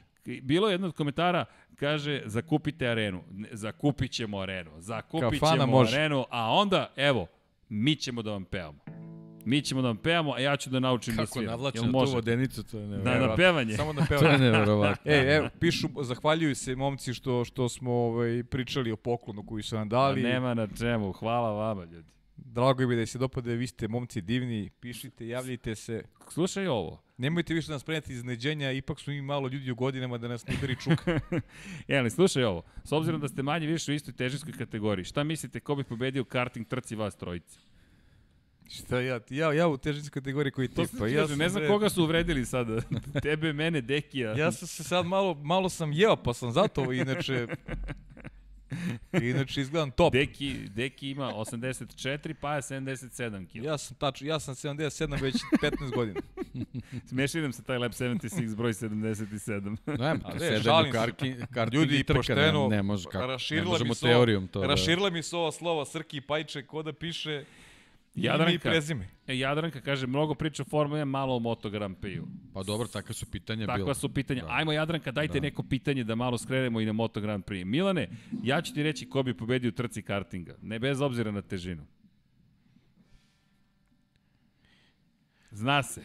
Dobro, ajde, ti bi pobedio, ajde, ne veze. Da. Ajde, neki. Ma, okej. Okay. Ajde, ti bi pobedio, ajde, bravo napravit ćemo ti pehar, doneću mi sledeći put. Najbolja sezona u Formula 1 po vašem mišljenju, uh, Danis uh, Hasan Begović, veliki pozdrav Danis.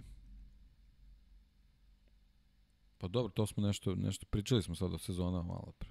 Pa da, pričali smo, da, šta smo pričali o, o trkama ili o sezonama? A pričali smo o pa sezonama. Pa da, ja sam ne znam, mislim. Preozbiljni ste ljudi. Da, 82. Pa na pitanje. 2002. Otko znam. Odgovorimo da, na pitanje. Je, sad je teško to... Ovaj... Evo, opet imam neko ozbiljno da. pitanje, šta da radim, mislim? Ništa da odgovorimo.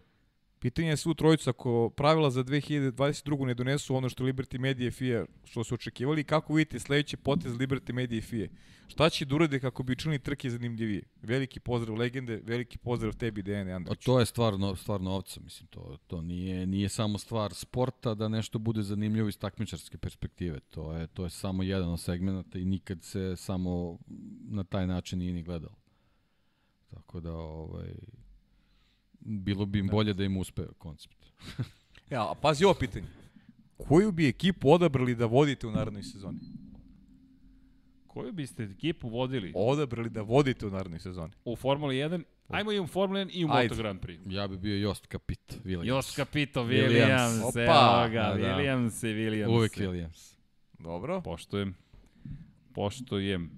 Koju, bi, koju bih ekipu vodio sledeće godine? Koju bih ekipu? Ferrari. E, to se... Ferrari. Bravo, i ja ste da kažem. Ferrari, dajte ja? mi Ferrari. A znaš zašto bi ja Ferrari? Znaš zašto? Da oteram Binota. A ne, ne, ne, ne bih ja. Ne, ne, ako ja vodim, onda sam ja Binota. Ti si Binota. Da, ko vodi Ferrari. Onda sam ja Binota. Jedan od strateških ciljeva Pa ne možeš da budeš Binoto ako vodiš Ferrari. Znači ti mora budeš iznad Binota, šta? Ti moraš da budeš taj koji vodi. Nema znači problema, pitanje je da vodiš. Da... Znači nema Binota. Ti, ti radi sa Binotom što hoćeš. Ti si znači Ferrari, ti si glavni, nema više Binota. Pa to, ti to ili sam... ga ili ga vraćaš negde na neku drugu poziciju ili mu kažeš pokažeš mu vrata i, i, ne, ne, ne. i to je to. Jedna od stvari znači, koja bi bila upisana kao KPI za tu godinu, zamena pneumatika ispod 2 sekunde. Zamena pneumatika ispod 2 sekunde. I da vežbate dok ne spustite Tako ispod 2 sekunde. da imamo samo jedan proš, jednu lošu pa, zamenu dobro, guma mo, za celu sezonu. Možda će sada da bude bolje, nema Fetela više. Misliš da će to da se... Izgleda, izgleda da ih je Fetel nervirao, pa su morali da, da menjaju gume za 7 sekundi. Pazi, Pe, Petar gađa u, u glavu. Srđane, ko ti je draži kolega, Deki ili Paj? Eh, o, što voli moja pitanja. Opa, novogodišnja emisija Prošla je počela. ponoć. Prošla je ponoć. Ča, čaše su prazne. Idemo. Ko, ko mi je omiljeni kolega? Idemo. Žanki, javi se. ko mi je omiljeni kolega? E, odgovorit ću isto kao i sa vozačima Moto Grand Prix. To je čista ljubav. Kad ih upoznate, ne možete. Nema tu, ne, ne možete da birate. Ne, ne možete. Ja, ja ne, meni su obojica, ne, ne, to, to su, mi smo više, nismo ni kolegi, mi smo prijatelji. Kad izračunam sate koje sam s Pajom proveo, izvinjam se u kabini, zabrinut sam. Zabrinut sam koliko sati smo proveli. Deki ti ja još imamo to da... Da, da. da. da. Biće možda, ko zna. Ko, vidi, proveli smo više nego sa, sa, sa mnogim bliskim ljudima. A da, Da li ste odslušali F1 Beyond the Grid sa Matijom Binotom? Ne. E, nisam, moram priznati nisam da nisam. ja, kažem, iskreno. Hoću. Ferrari bez trkačkog inženjera sledeće sezone. Da, da, da, tako je, to je, to smo videli. Smena Binota u podcastu Lab 76. Smena Binota. Da. Da Deki može da prenosi sa vama šta bi radije prenosio MotoGP ili F1. O, Marija, isto, teški udarci. Dobro, da, pitanje. to sad kreće na, da, da, da, na pa emotivnu stranu kreće, da. Pa dobro, sad se opustili su se ljudi, naš, prošla ponoć. Pa, ako gledamo sledeću sezonu, stvarno mi je teško sad da, da, da, da odlučim. Da. Biće i, i Formula 1 i Moto Grand Prix. Biće super. Biće, biće baš zanimljivo. To je kako vamo ovaj, srušiti Mercedes, a vamo šta će biti sa Markezom. Sa Markezom, da. Znaš, mnogo je, mnogo je ovaj pitanje tu. Mm. Tako da da Daniel kaže to bi odlično. bi između kabine. Da, da, da, evo, to je to, to, to, to, to, to srđan inače radi. Tako pa, da, da, da. To, to, otprilike. Da, odličan podcast, kaže Daniel, bio mnogo podcenjen čovek i posao koji radi. Ne pocenjujemo nužno Matiju Binota. Moje mišljenje da Matija Binota samo nije čovek na pravom mestu. Da on treba da bude deo koji, da pokrije deo tehničkog razvoja Ferrarija i da to ne znači da on dobar ili loš ili da ne zna svoj posao, ali... Ma nije dovoljno je recimo iz perspektive Ferrarija da ga, da ga uporediš sa Lukom i Montecemolom 70. godina, onda kasnije dolaskom Jean Toda, pa Ferrari traži više Ross Brona, znači Ferrari mora da ima jedan uigrani orkestar koji mora Tako da, da je. da funkcioniše. Ali vidi, ko uigrava orkestar? To je, to je, to je ono, to, ono što to, hoću da kažem. Je. Kad je Toto Wolf primetio da ne može da uigra ceo orkestar, dove Niki Lauda. Tako je. Ali, ali taj čovjek to mora da uvidi. Ali to tako je, e, ali to, to, to hoću da kažem, ti moraš da znaš gde su ti ograničenja. To ti je, ti mislim, da isto je sad, sad Binoto Binoto, to je bilo i sa Arrivabenom. Jeste. jeste. Isto je. Ali ekstremnije kod Binoto, jer Binoto potekao pa, ekstremnije, jeste, i znaš I, kako sve, sve su oči bilo uprto njega. Ali redko koji inženjer može da vodi ljude. I ne, možda može da, možda. Hoćemo da pričamo o Ducatiju? Ne, možemo, ali, ali samo, samo ho, hoću... da spomenemo nekog iz Ducatije, inženjera. Pa jeste, ali to, to je bukvalno to, možeš to da preslikaš priču, jer Luigi Dalinja je tehnički izuzetan da. i on će da stvori motocikl, ali to nije ono što je odlika onoga ko vodi tim, to mora da bude vođa. Upravo to, ali da vidi, vođa. Ducati je imao performansu, Ferrari je izgubio. I opet su se susreli sa istim problemima vez, vezano za, za osoblje koje vode. Ja, izvini, moram, moram da, da nam skrenem mm -hmm. pažnju na jedno pitanje. Evo malo neozbiljno, luda žena pita.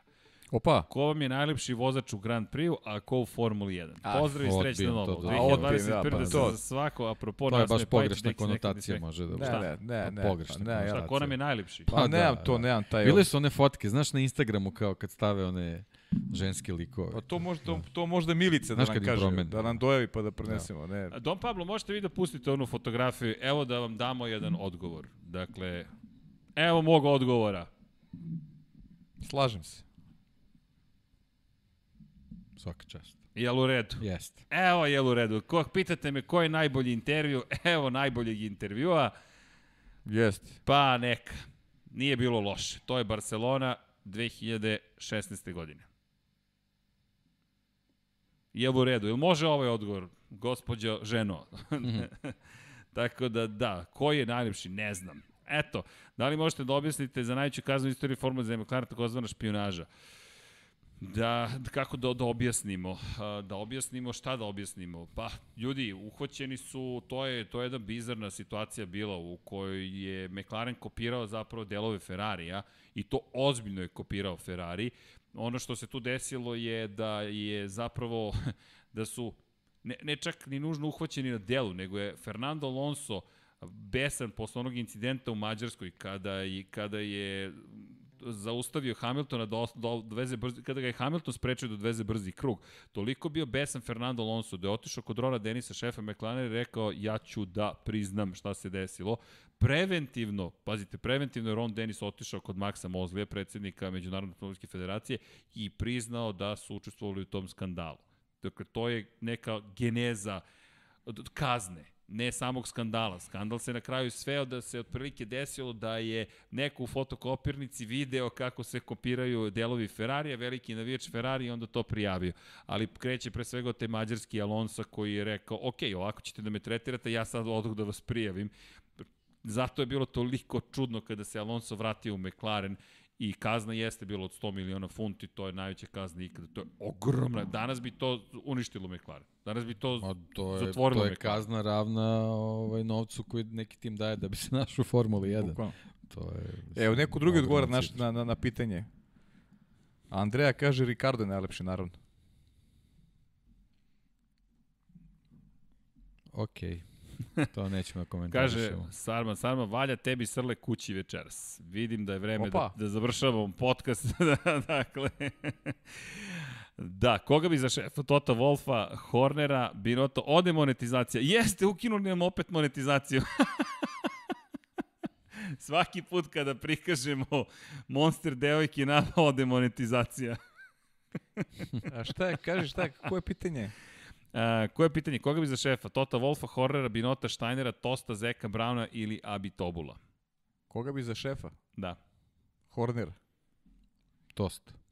To, je, ja sam isto razmišljao o Tostu, ozbiljan je Tost. Ali Steinera svak sigurno ne bih. Steinera? Da, Steinera sigurno ne bih, ne bih Binota. Zek Brown na duge staze možda, a bi trebalo ne. Tost, tost i meni, meni isto tost. Tost je ozbiljan, ozbiljan. Omiljeni dizajn kacige ove sezone. Ne znam, ja sam iz vremena kad je jedan vozač imao jednu kacigu, tako da ne, ne mogu da. to da pratim, stvarno to je. Ovaj... Da, da, jeste. Da, e, inače evo zašto Srki više voli Moto Grand Prix. Zbog one fotografije, pretpostavljam. Ne, ne, nije zbog toga. ne, nije, nije, nije uopšte. Kad biste mogli da date šampionsku titulu ko nikad nije osvojio titulu, dobro malo da preformulišem, ko je po vama zaslužio F1 i MotoGP-u? Dejan Andrić bira Kubicu i Danija Pedrosu. A, vozači koji nikada nisu osvojili mm, titulu. Da. Dani Pedrosa mogu da se složim s tim, sada ne idemo mnogo daleko unazad. A Formula 1 hm, to je sad malo, ovaj, pošto me to seže mnogo godina unazad, pa je sad ovaj... Pričali smo bio u prošlom reći, pričali da, smo, ti ja smo da. pričali. Filipe Massa. Da. Recimo neko ko Ja ću da odem mnogo dalje, ponovit ću što sam i ranije ponavljao, Roni Peters. Roni Peters. Da. Da, Montoya se ovdje Montoya vidim se spominje. Montoya, da, Montoya da. se spominje. Da li BMW ulazi u NASCAR? Ne. Ne, nažalost, ali to je to je neka priča koja se pojavila za sada ne ulazi. E, Vladimir ali... Radulović insistira da ne zaboravimo. Uh, šta znači skraćenica A... alfa? Šta znači skraćenica alfa? Da. Evo ja priznam da ne znam. Ne mogu da se setim. Inače, Nele Don kaže monetizacija je ukinuta zbog ocvirene F1 teme. Dakle, YouTube je prepoznao kvalitet moje svirke toliko da je ukinuo monetizaciju na YouTube kanalu. Kako on to okrene na svoju stranu? Gospodo, ja, ja, ja, evo, imate dokaz kada je algoritam YouTube-a, dakle Google, kompanije Google Incorporated, prepozna ovu svirku i kaže ovo je F1 tema, ja mislim da je sve rečeno. Ja mislim da je zaista sve rečeno. Ne smem više da sviram, ja bih inače svirao, inače bi nam ukinuli ceo kanal. Razumete? Za, pa znam, zato ali, ja. ali jedinu, želju, jedinu želju koju, koja ti je tražena ti nisi ispunio. Koja? Pa Igor ti je tražio. Da a Igor, a ne, ne, ne. Kad odgleda Formulu E. Kad odgleda Formulu E? Kad odgleda trku Formule E. Igore, onda sviram šta je bila želja. To sam već i zaboravio. Ne, šta god daje. Hoki, bravo, hoki je bio, da. Oh, ovde se pamte kafanski pesme. Hoćete hoki. li pratiti rezultate Magnusena u budućnosti? Hoćemo. Pratit ćemo sve moguće pa, to ćemo sigurno. Čujte, mi ne izlazimo iz studija, nismo ništa konkretno rekli večeras, osim što se ove pozabavljamo, odgledali smo utakmicu Liverpoola, ja sam navodno ispratili, odsvirao ne temu. Ispratili, ne, ja nisam gledao. Nisam ni ja. Evo, da, da sviraj nešto autorsko. E, hoću Milane, sledeći put, ali ni, to, to, to, onda ne mogu da me ukinu, tako je.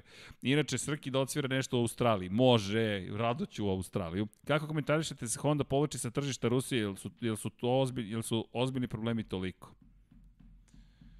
Pa, Pa, znaš kako, ba, to je, COVID to su, godina to razne probleme donosi. Tako to dođe da, i prođe. Tako je, to nije ništa, ništa neobično još kad bi Deki i Paja pevali, dobili bismo strajk da on njih dvojice pevaju. Šta? Dakle, YouTube, tri strajka se, i gase nam kanal. Ne bi nas više niko javio.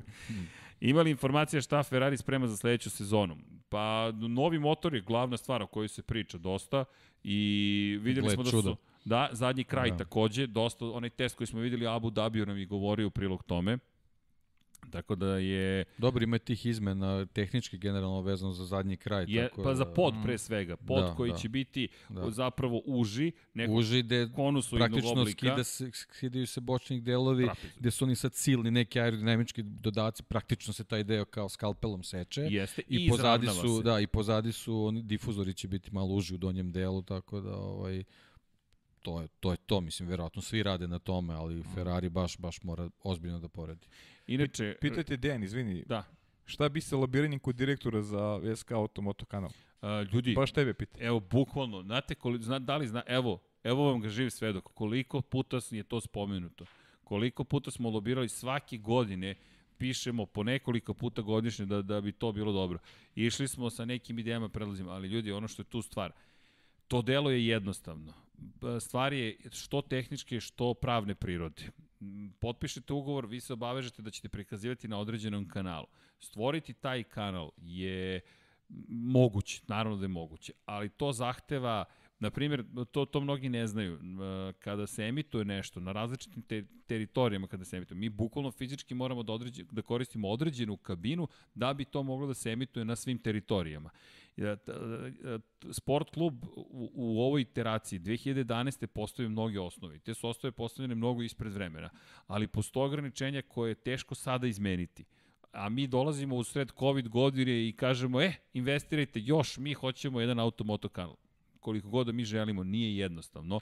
Ono što je naša želja jeste da budemo toliko, ne kažem ni dosadni, ali toliko uporni da neko kada dođe pravi trenutak kaže, ej čekaj, bila je priča o Automoto kanalu, ajmo da uradimo takozvanu studiju izvodljivosti. Šta podrazumeva studiju izvodljivosti? Dovoljnu gledanost, dovoljni broj reklama, isplativost prosto na svim teritorijama i, i to, je, to je jedina stvar. Uzmite u obzir da koliko god mi to voleli, preko 100 ljudi radi na sport klubu. Mi ne možemo da ugrozimo uh, sve te ljude zato što mi volimo neki sport ili ne. I zaista pričamo vrlo otvoreno.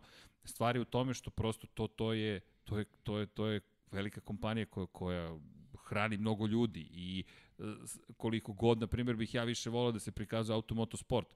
Tenis će uvek, tenis ne uvek, ali dok je Novaka Đokovića, pretpostavljam, će biti mnogo, mnogo, mnogo, mnogo gledaniji. Futbol će uvek biti gledaniji. Uvek. Košarka, to je nacionalni sport.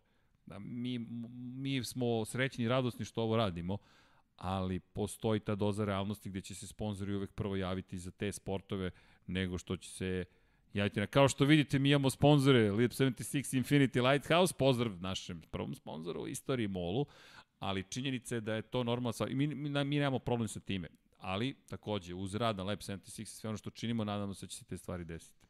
Ko će pobediti u prvoj trci naredne sezone? Ajde Vange. Ko će pobediti u prvoj trci naredne da, sezone? Da, da.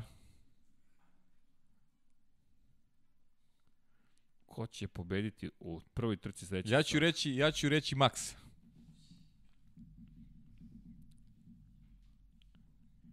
Pablo, nisi očekivao, a? Mm, Sergio Perez. Aha. Aha. Aha.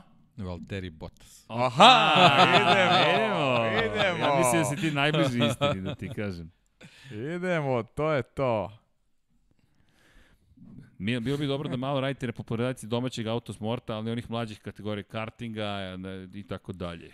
E, pa bilo je pokušaja, Pokušaj, čak smo i radili. Emitovali smo. Emitovali smo, ali nažalost e, nije bila dobra produkcija.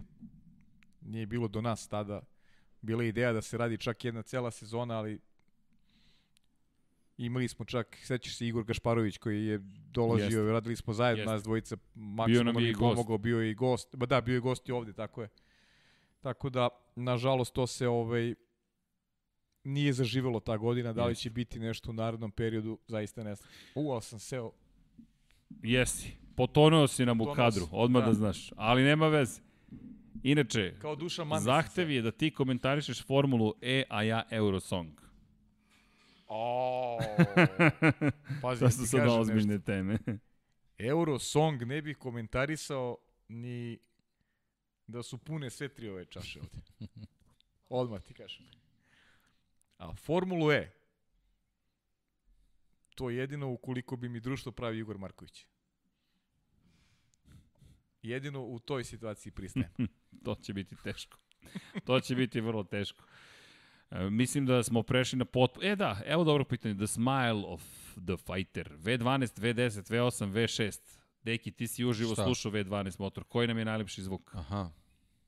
Pa da, V12 je onako utisak stvarno prelep vezan za Formulu 1, ali mislim da V10 sa onim, sa onim suludim brojem obrtaja, to je u stvari bio taj neki pik Formule 1. Deki, da odgovor, pa je, pa je u pitanjima. Pa ja sam u pitanjima, da. E, dobio sam odgovor, ovaj, u stvari šta znači šta znači alfa, znaš. Šta znači alfa? I to zaista može da bude jedno nagradno pitanje. Eto, može mi da postavimo vama pitanje šta znači alfa. Pa dobro, znaju to ljudi generalno. Da. Da damo neku nagradu, kapa recimo. Pa ne, ne čekaj, stani. Da, Anonima Lombarda, fabrika automobila. Da. Jesne. Evo. ACDC je tražen, vi zaista želite strajk da nam udare. Čuli ste koliko dobro sviram. Ne smemo. Ne smemo. Šta mislite, da li vozači zaslužuju plate koji idu preko 30 miliona? Pa to je večito pitanje u sportu. Šta znači da li zaslužuju? Čujte, kada neko vraća... Da li Kevin Garnett zaslužio 120 miliona kad je bio njegov prvi ugovor? Pa, to, je, to je sad to večito to je, pitanje. Mislim, to, to su stvari, taj koji mu daje tu platu, ovaj, Jedinim, ima računicu zašto ga je toliko platio. I, i prosto ima ljudi koji će vam vratiti taj novac. Da li osvajanjem titula, da li medijskom eksponiranošću, da li prodajom pa sad merchandise se ne prodaje toliko, ali opet to je roba prodaje se, verujem, evo ja sam bio na jednom ovaj na jednom seminaru davnih godina, mislim da je bila ne, neka ne, ne, 2004. Godine, ali ne, ne, čisto pričam, znači to, čak to, to, nevezano da. za automotosport, reći o futbolu. A, ovaj, Real Madrid je ugovor Davida Beckham otplatio prodajom njegovih dresova. Pa da. Mhm, da, pa da. Tako da Pa da. vrlo, vrlo se laka računica pravi, tako da, Jeste. da ovaj, sve, sve ima svoju cenu i siguran sam da je to sve u evro dobro izračunato, tako da zna tako se ne. zašto određeni vozač u, u konkretno našem slučaju ima toliko platu. Da. Inače, da odgovorim na zvuk, V10 je meni, ne znam za Paju koji je tvoj zvuk. Da. V10. Slažem se. Pa, da, v, V10 je taj neki, pričali, ono, da, to smo to je neki vrhunac. Vrhunac. vrhunac. Da. Pogodio je frekvenciju i to zvuči savršeno. V10 univerzalno. Srki, da li će, da li će Deki biti sa nama, to je pitanje koje samo jedan čovek zna na ovoj planeti, ali... Aha, da, da, da. Work in progress. Srki da napravi live na Instagramu i onda da svira ACDC i Bajagu. Opa. Šta prošla, želite od prošla, Bajage? Čekaj, čekaj, ponoć, sad ovde prošla, prošla da, sad već, da, krećemo u ekstreme. Sad krećemo u ekstreme, sad je. Za jedno sat vremena biće Toma Zdravković. Pa dobro, poljubi me od Bajage, eto. Ajde. Eto, lepa pesma. Šta? Srki Pajo, da li ostajete pri stavu da DRS treba ukinuti? Da. Da.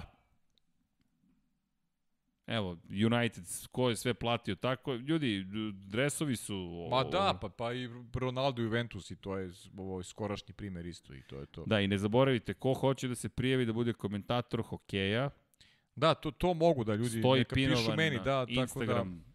Da stoji gore pinovan Instagram profil, pišite Paji Živkoviću i možda ćete uspeti u ostvarivanju nekih svojih snova. Mi vas odavde podržavamo i pozivamo. Pavle Živković, čovek koji je zadužen za KHL i bit će za NHL, javite se. Javite se ukoliko sanjate taj poziv, da budete komentator sport kluba i da, da komentarišete hokej. Govorimo o dve najjače lige na svetu. Ne postoji jače lige od toga. Ne postoje. Ovo vam je prilika. Mislim, E, to je sad reakcija na onu priču želje da budete komentatori, malo je teže sad uraditi probni prenos, ali ovog će biti zaista dosta na našim programima, tako da se otvara neka mogućnost, verujem da na neko ko je igrao, ko ne znam, ko voli, ko prati, ko ne znam, ono, ima želju, eto. A ja ću se potruditi da napravim što brži kontakt s ljudima s kojima treba se napraviti, to je to. Nino pita gde je Junkie Baby. Nažalost, slomio je prst. Dakle, imamo, nadam se da ovim završena ta jedna grozna godina. Već smo ušli u 31. decembar, ovo je poslednjih 24 časa 2020. na ovim prostorima da ih upotrebimo. Ok, kreće rekordni podcast ovog trenutka, šalim se. Moramo polako i mi da se odjavljujemo. Ovako ćemo ostati do 4 ujutru ovde i mislim da ćemo da će uvek biti još milion pitanja i milion odgovora. Hvala svima da. što su što, što su sa nama još uvek, da. Da, da pitaju da. to. Yes, super, stvarno. Šta da vam kažemo, prosto Ali spremajte se za doček. Jeste. Jedan ste uradili, sad ide repriza, pa repriza, repriza. Jeste. da. Yes. U stvari, su, sutra u ovo vreme pustite ponovo ovo isto. Pa to, to, i, to čekajte, je sutra u stvari, to je danas, i, i danas ili sutra, već ne znam koji je termin, je repriz. Jeste. Ovo je bilo ovaj, pravi doček. Da, ovo jeste pravi doček. Mi idemo ispred vremena, kao što smo rekli. Studio na kraju univerzuma. A, ja bih sa... Jaže Janko, nemojte molim, sada prekidamo, pa ček, moramo, čekajte, Janko, moramo, moramo i toj kući nekoj da odemo ponekad, da? Ni, I mi se lepo zabavljamo. Nadam se da smo uspeli da odgovorimo na, na, na, na, na, na pitanja kažemo, nismo spremili onu klasičnu emisiju, nekako smo pod utiskom cele ove godine, što dobro, što loše, mada ja bih se vratio na početak ja moram da vam priznam da mi je neko 31. decembra 2019. rekao da ću ponoć 31. decembra 2020. dočekati u studiju na kraju univerzuma, gde ste vas dvojice za stolom, gde je Junkie trebalo da bude tu, gde smo imali 60 emisija Lab 76, gde smo radili lansiranja raketa u svemir u direktnom prenosu, gde se spojila neka neverovatna ekipa koja ne voli da se spominje, često je tamo sakrivena iza kulisa, da je Vanja de facto postao šef studija. Da, da imamo Brakusa i Banjca u studiju koji emituju obneob.rs odavde, da će pod kapicom da zaživi kao brand, da će Paja da pravi waterpolo emisije, da će imati više go, da će nam Novak Đoković da biti će Paja ovde. biti pod Filip kapicom, Filipović, Da će Paja biti pod po, kapicom. Pogledajte čoveče, eto, to A je znaš što je to. pod kapicom? To je zaokružena deki. priča. to Bravo, je E, to. ali, deki, ali moram, bravo. mo- moram, moram nešto da otkrijem sad na, kad se rastemo. A, je- znaš ko je krstio podcast? Ja ne znam. Evo ga čovjek sa moje leve strane. Znači, i, i on ima udela u, u kreiranju podcasta. Po, on je krstio podcast. Gde smo ga tako razvali? U, biblioteci, mislim da smo čitali biblioteci. neku knjigu, ne znam šta sam ja. Ja sam Uelbeka čitao, čini mi se tada, a ne Jeste, znam šta si ti čitao. Jeste, ja sam bio na Samuelu Tayloru Coleridgeu. A, dobro. Znam da smo bili neki ono, ja francuska kultura, ti... Ja sam da. sa Albatrosa čitao i pitao Da, da, se okej, o okej, značenjima koje nosi taj klasik Okay, okay, britanskih, knjiž, engleskih književnosti. I da, da, da, da kažem ti da mi neko rekao i pod kapicom i Walk On podcast i blok po blok i da će nam Maverick Vinales ovde biti, da će doći, ko sve nije bio kod tebe, Pajos, A, to. Vato Vaterpolista, to su nestvarna imena. Žarko Paspalj nam je ovde, Sportlight, Igor Miklja ovde snima Sportlight. Imamo neke još divne goste koji su nam svraćali, snimali neke podcaste koji se ne emituju širim auditorijumu. Meni, ja ne bih poverovao. Bez obzira što to bio san, imali smo Pa, ideju i rekli, Dovoljno da ajmo. vidiš ovaj zid ovde šampiona. Ko se je potpisao ovde. Besmisleno je. I da smo se selili s jednog kraja univerzuma na drugi kraj univerzuma. I da, da smo sve ovo nekako posti, ne, ne, ne mogu da kažem postigli, ovo je, ovo je život, mi, mi u ovome svemu uživamo, iskreno ja ne bih verovao. I, i fasti, evo, da je Brđa izdizajnirao Lab 76, to su danas momci komentarisali, koji je, for, ovo smo mi u oktobru prezentovali. Formula 1 je svoj logotip prezentovala 1. januara, 70. godina Formula 1, da smo eto osmislili Infinity Lighthouse kao koncept, da smo dobili Baba Vangu zvaničnu, da, da ne znam, Dom Pablo nam je sastavni deo ekipe, poklanja knjige, ne znam šta Stvarno? se sve nije desilo, da. Nisam dobio ni jednu knjigu. E, Pablo ne A, poklanja pa, po- knjige. a, poklanja, ne poklanja. To su studijske knjige, pa da smo Sports magazin ovde dobili, da, da spremamo rutu 76, to će tek da bude zabava. Da, podelit ćemo i kacige, našli smo stare korisnike hashtagova, tako da ćemo i to podeliti, krenut ćemo što brže možemo sa time. Inače, smem da otkrijem sada za novu godinu, možemo reći da će i ljubitelji četvorotočkaša uskoro imati jednu kacigu u studiju na kraju univerzuma Opa. direktno iz šampionata sveta Formule 1, potpisanu od strane jednog od 20 vozača Formule 1 i delit ćemo je pred početak sezone Formule 1. Pa sad pratite Lab 76 da saznate čije bi to kaciga mogla biti. Inače, originalna kaciga je u pitanju. Dakle, govorimo o Belovoj kacigi, autentičnoj za trke Formule 1. Ovo je i od mene sakrio. Čak ni ja ovo ne znam. Da. To je bio dogovor da ne kažem do 31. decembra 2020. godine. Pa a kaži onda smo sada. 31. I, i, I eto, to je neki utisak. Ne, ne smem da kažem, obećao sam da neću reći. Dobro. Ali stiže kaciga. Volim- Na putu volim je. Dobili smo reči. potvrdu da je potpisana, tako da čekamo da stigne. Pa onda kada stavimo kacigu ovde, pa kad imamo sve te kacige, vidjet ćete. Mislim da je to najjača informacija za večeras i to je to. Da, to je to. I da mi sedimo polako, ovako da. s kapicama, šašavi. Ja moram priznati da mi je to jedan od, da, da je to moj utisak i najveći utisak mi je zajednica. Šta što stvorila. sedimo šaše iz kapicama? Tako je, tako je. Ne, najveći utisak mi je zajednica i hvala svima. Nestvarno mi je da, da, da, da, da, da komunicirate sa nama, da smo svi zajedno tu i da, da smo zajedno prošli kroz ovu godinu i zahvalni smo na tome. I ne volimo, zvuči se ovo više sentimentalno, ali da ne bi bilo e, dramatično, već, o, Deki nas Opa. fotografiše, čekajte, ovde smo superstarovi sada. Što bi rekao Srki, ćao svima. O, to je, da, i moramo da napravimo majice, ćao, Ćao, svima. Pa, nemoj dva puta da kažeš, i to će se pojaviti negdje. Ćao komentatore. Samo ti kažem, prva stvar u 2021. koju mora da se, mora da se uradi su majice. Dogovoreno.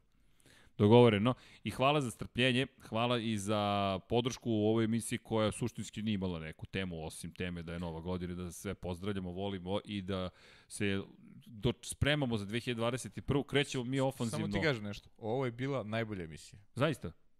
Bila najbolja emisija. Zato što smo se opustili i bili iskreni, mislim iskreni smo uvek, ali malo smo pričali o drugim temama, ima vremena do početka sezone, baš i treba, mislim, svima jedan ovakav relaks. Da. I, I da posvetimo pažnju ljudima da možemo da odgovorimo na sve i svašta. I da sviramo, da se zabavimo, nova godina je, mislim da je bilo super. Meni makar jeste.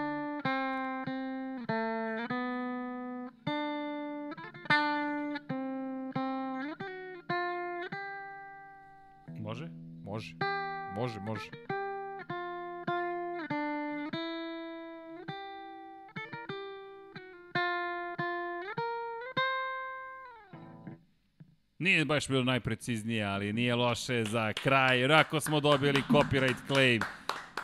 Bravo, Srki! I da se pozdravimo. Ljudi, hoćemo, ovo moramo svi zajedno. Ćao svima. E, hoćemo na 1, 2, 3? Čekaj, Ajde. ajde. 1, 2, 3. Ćao svima!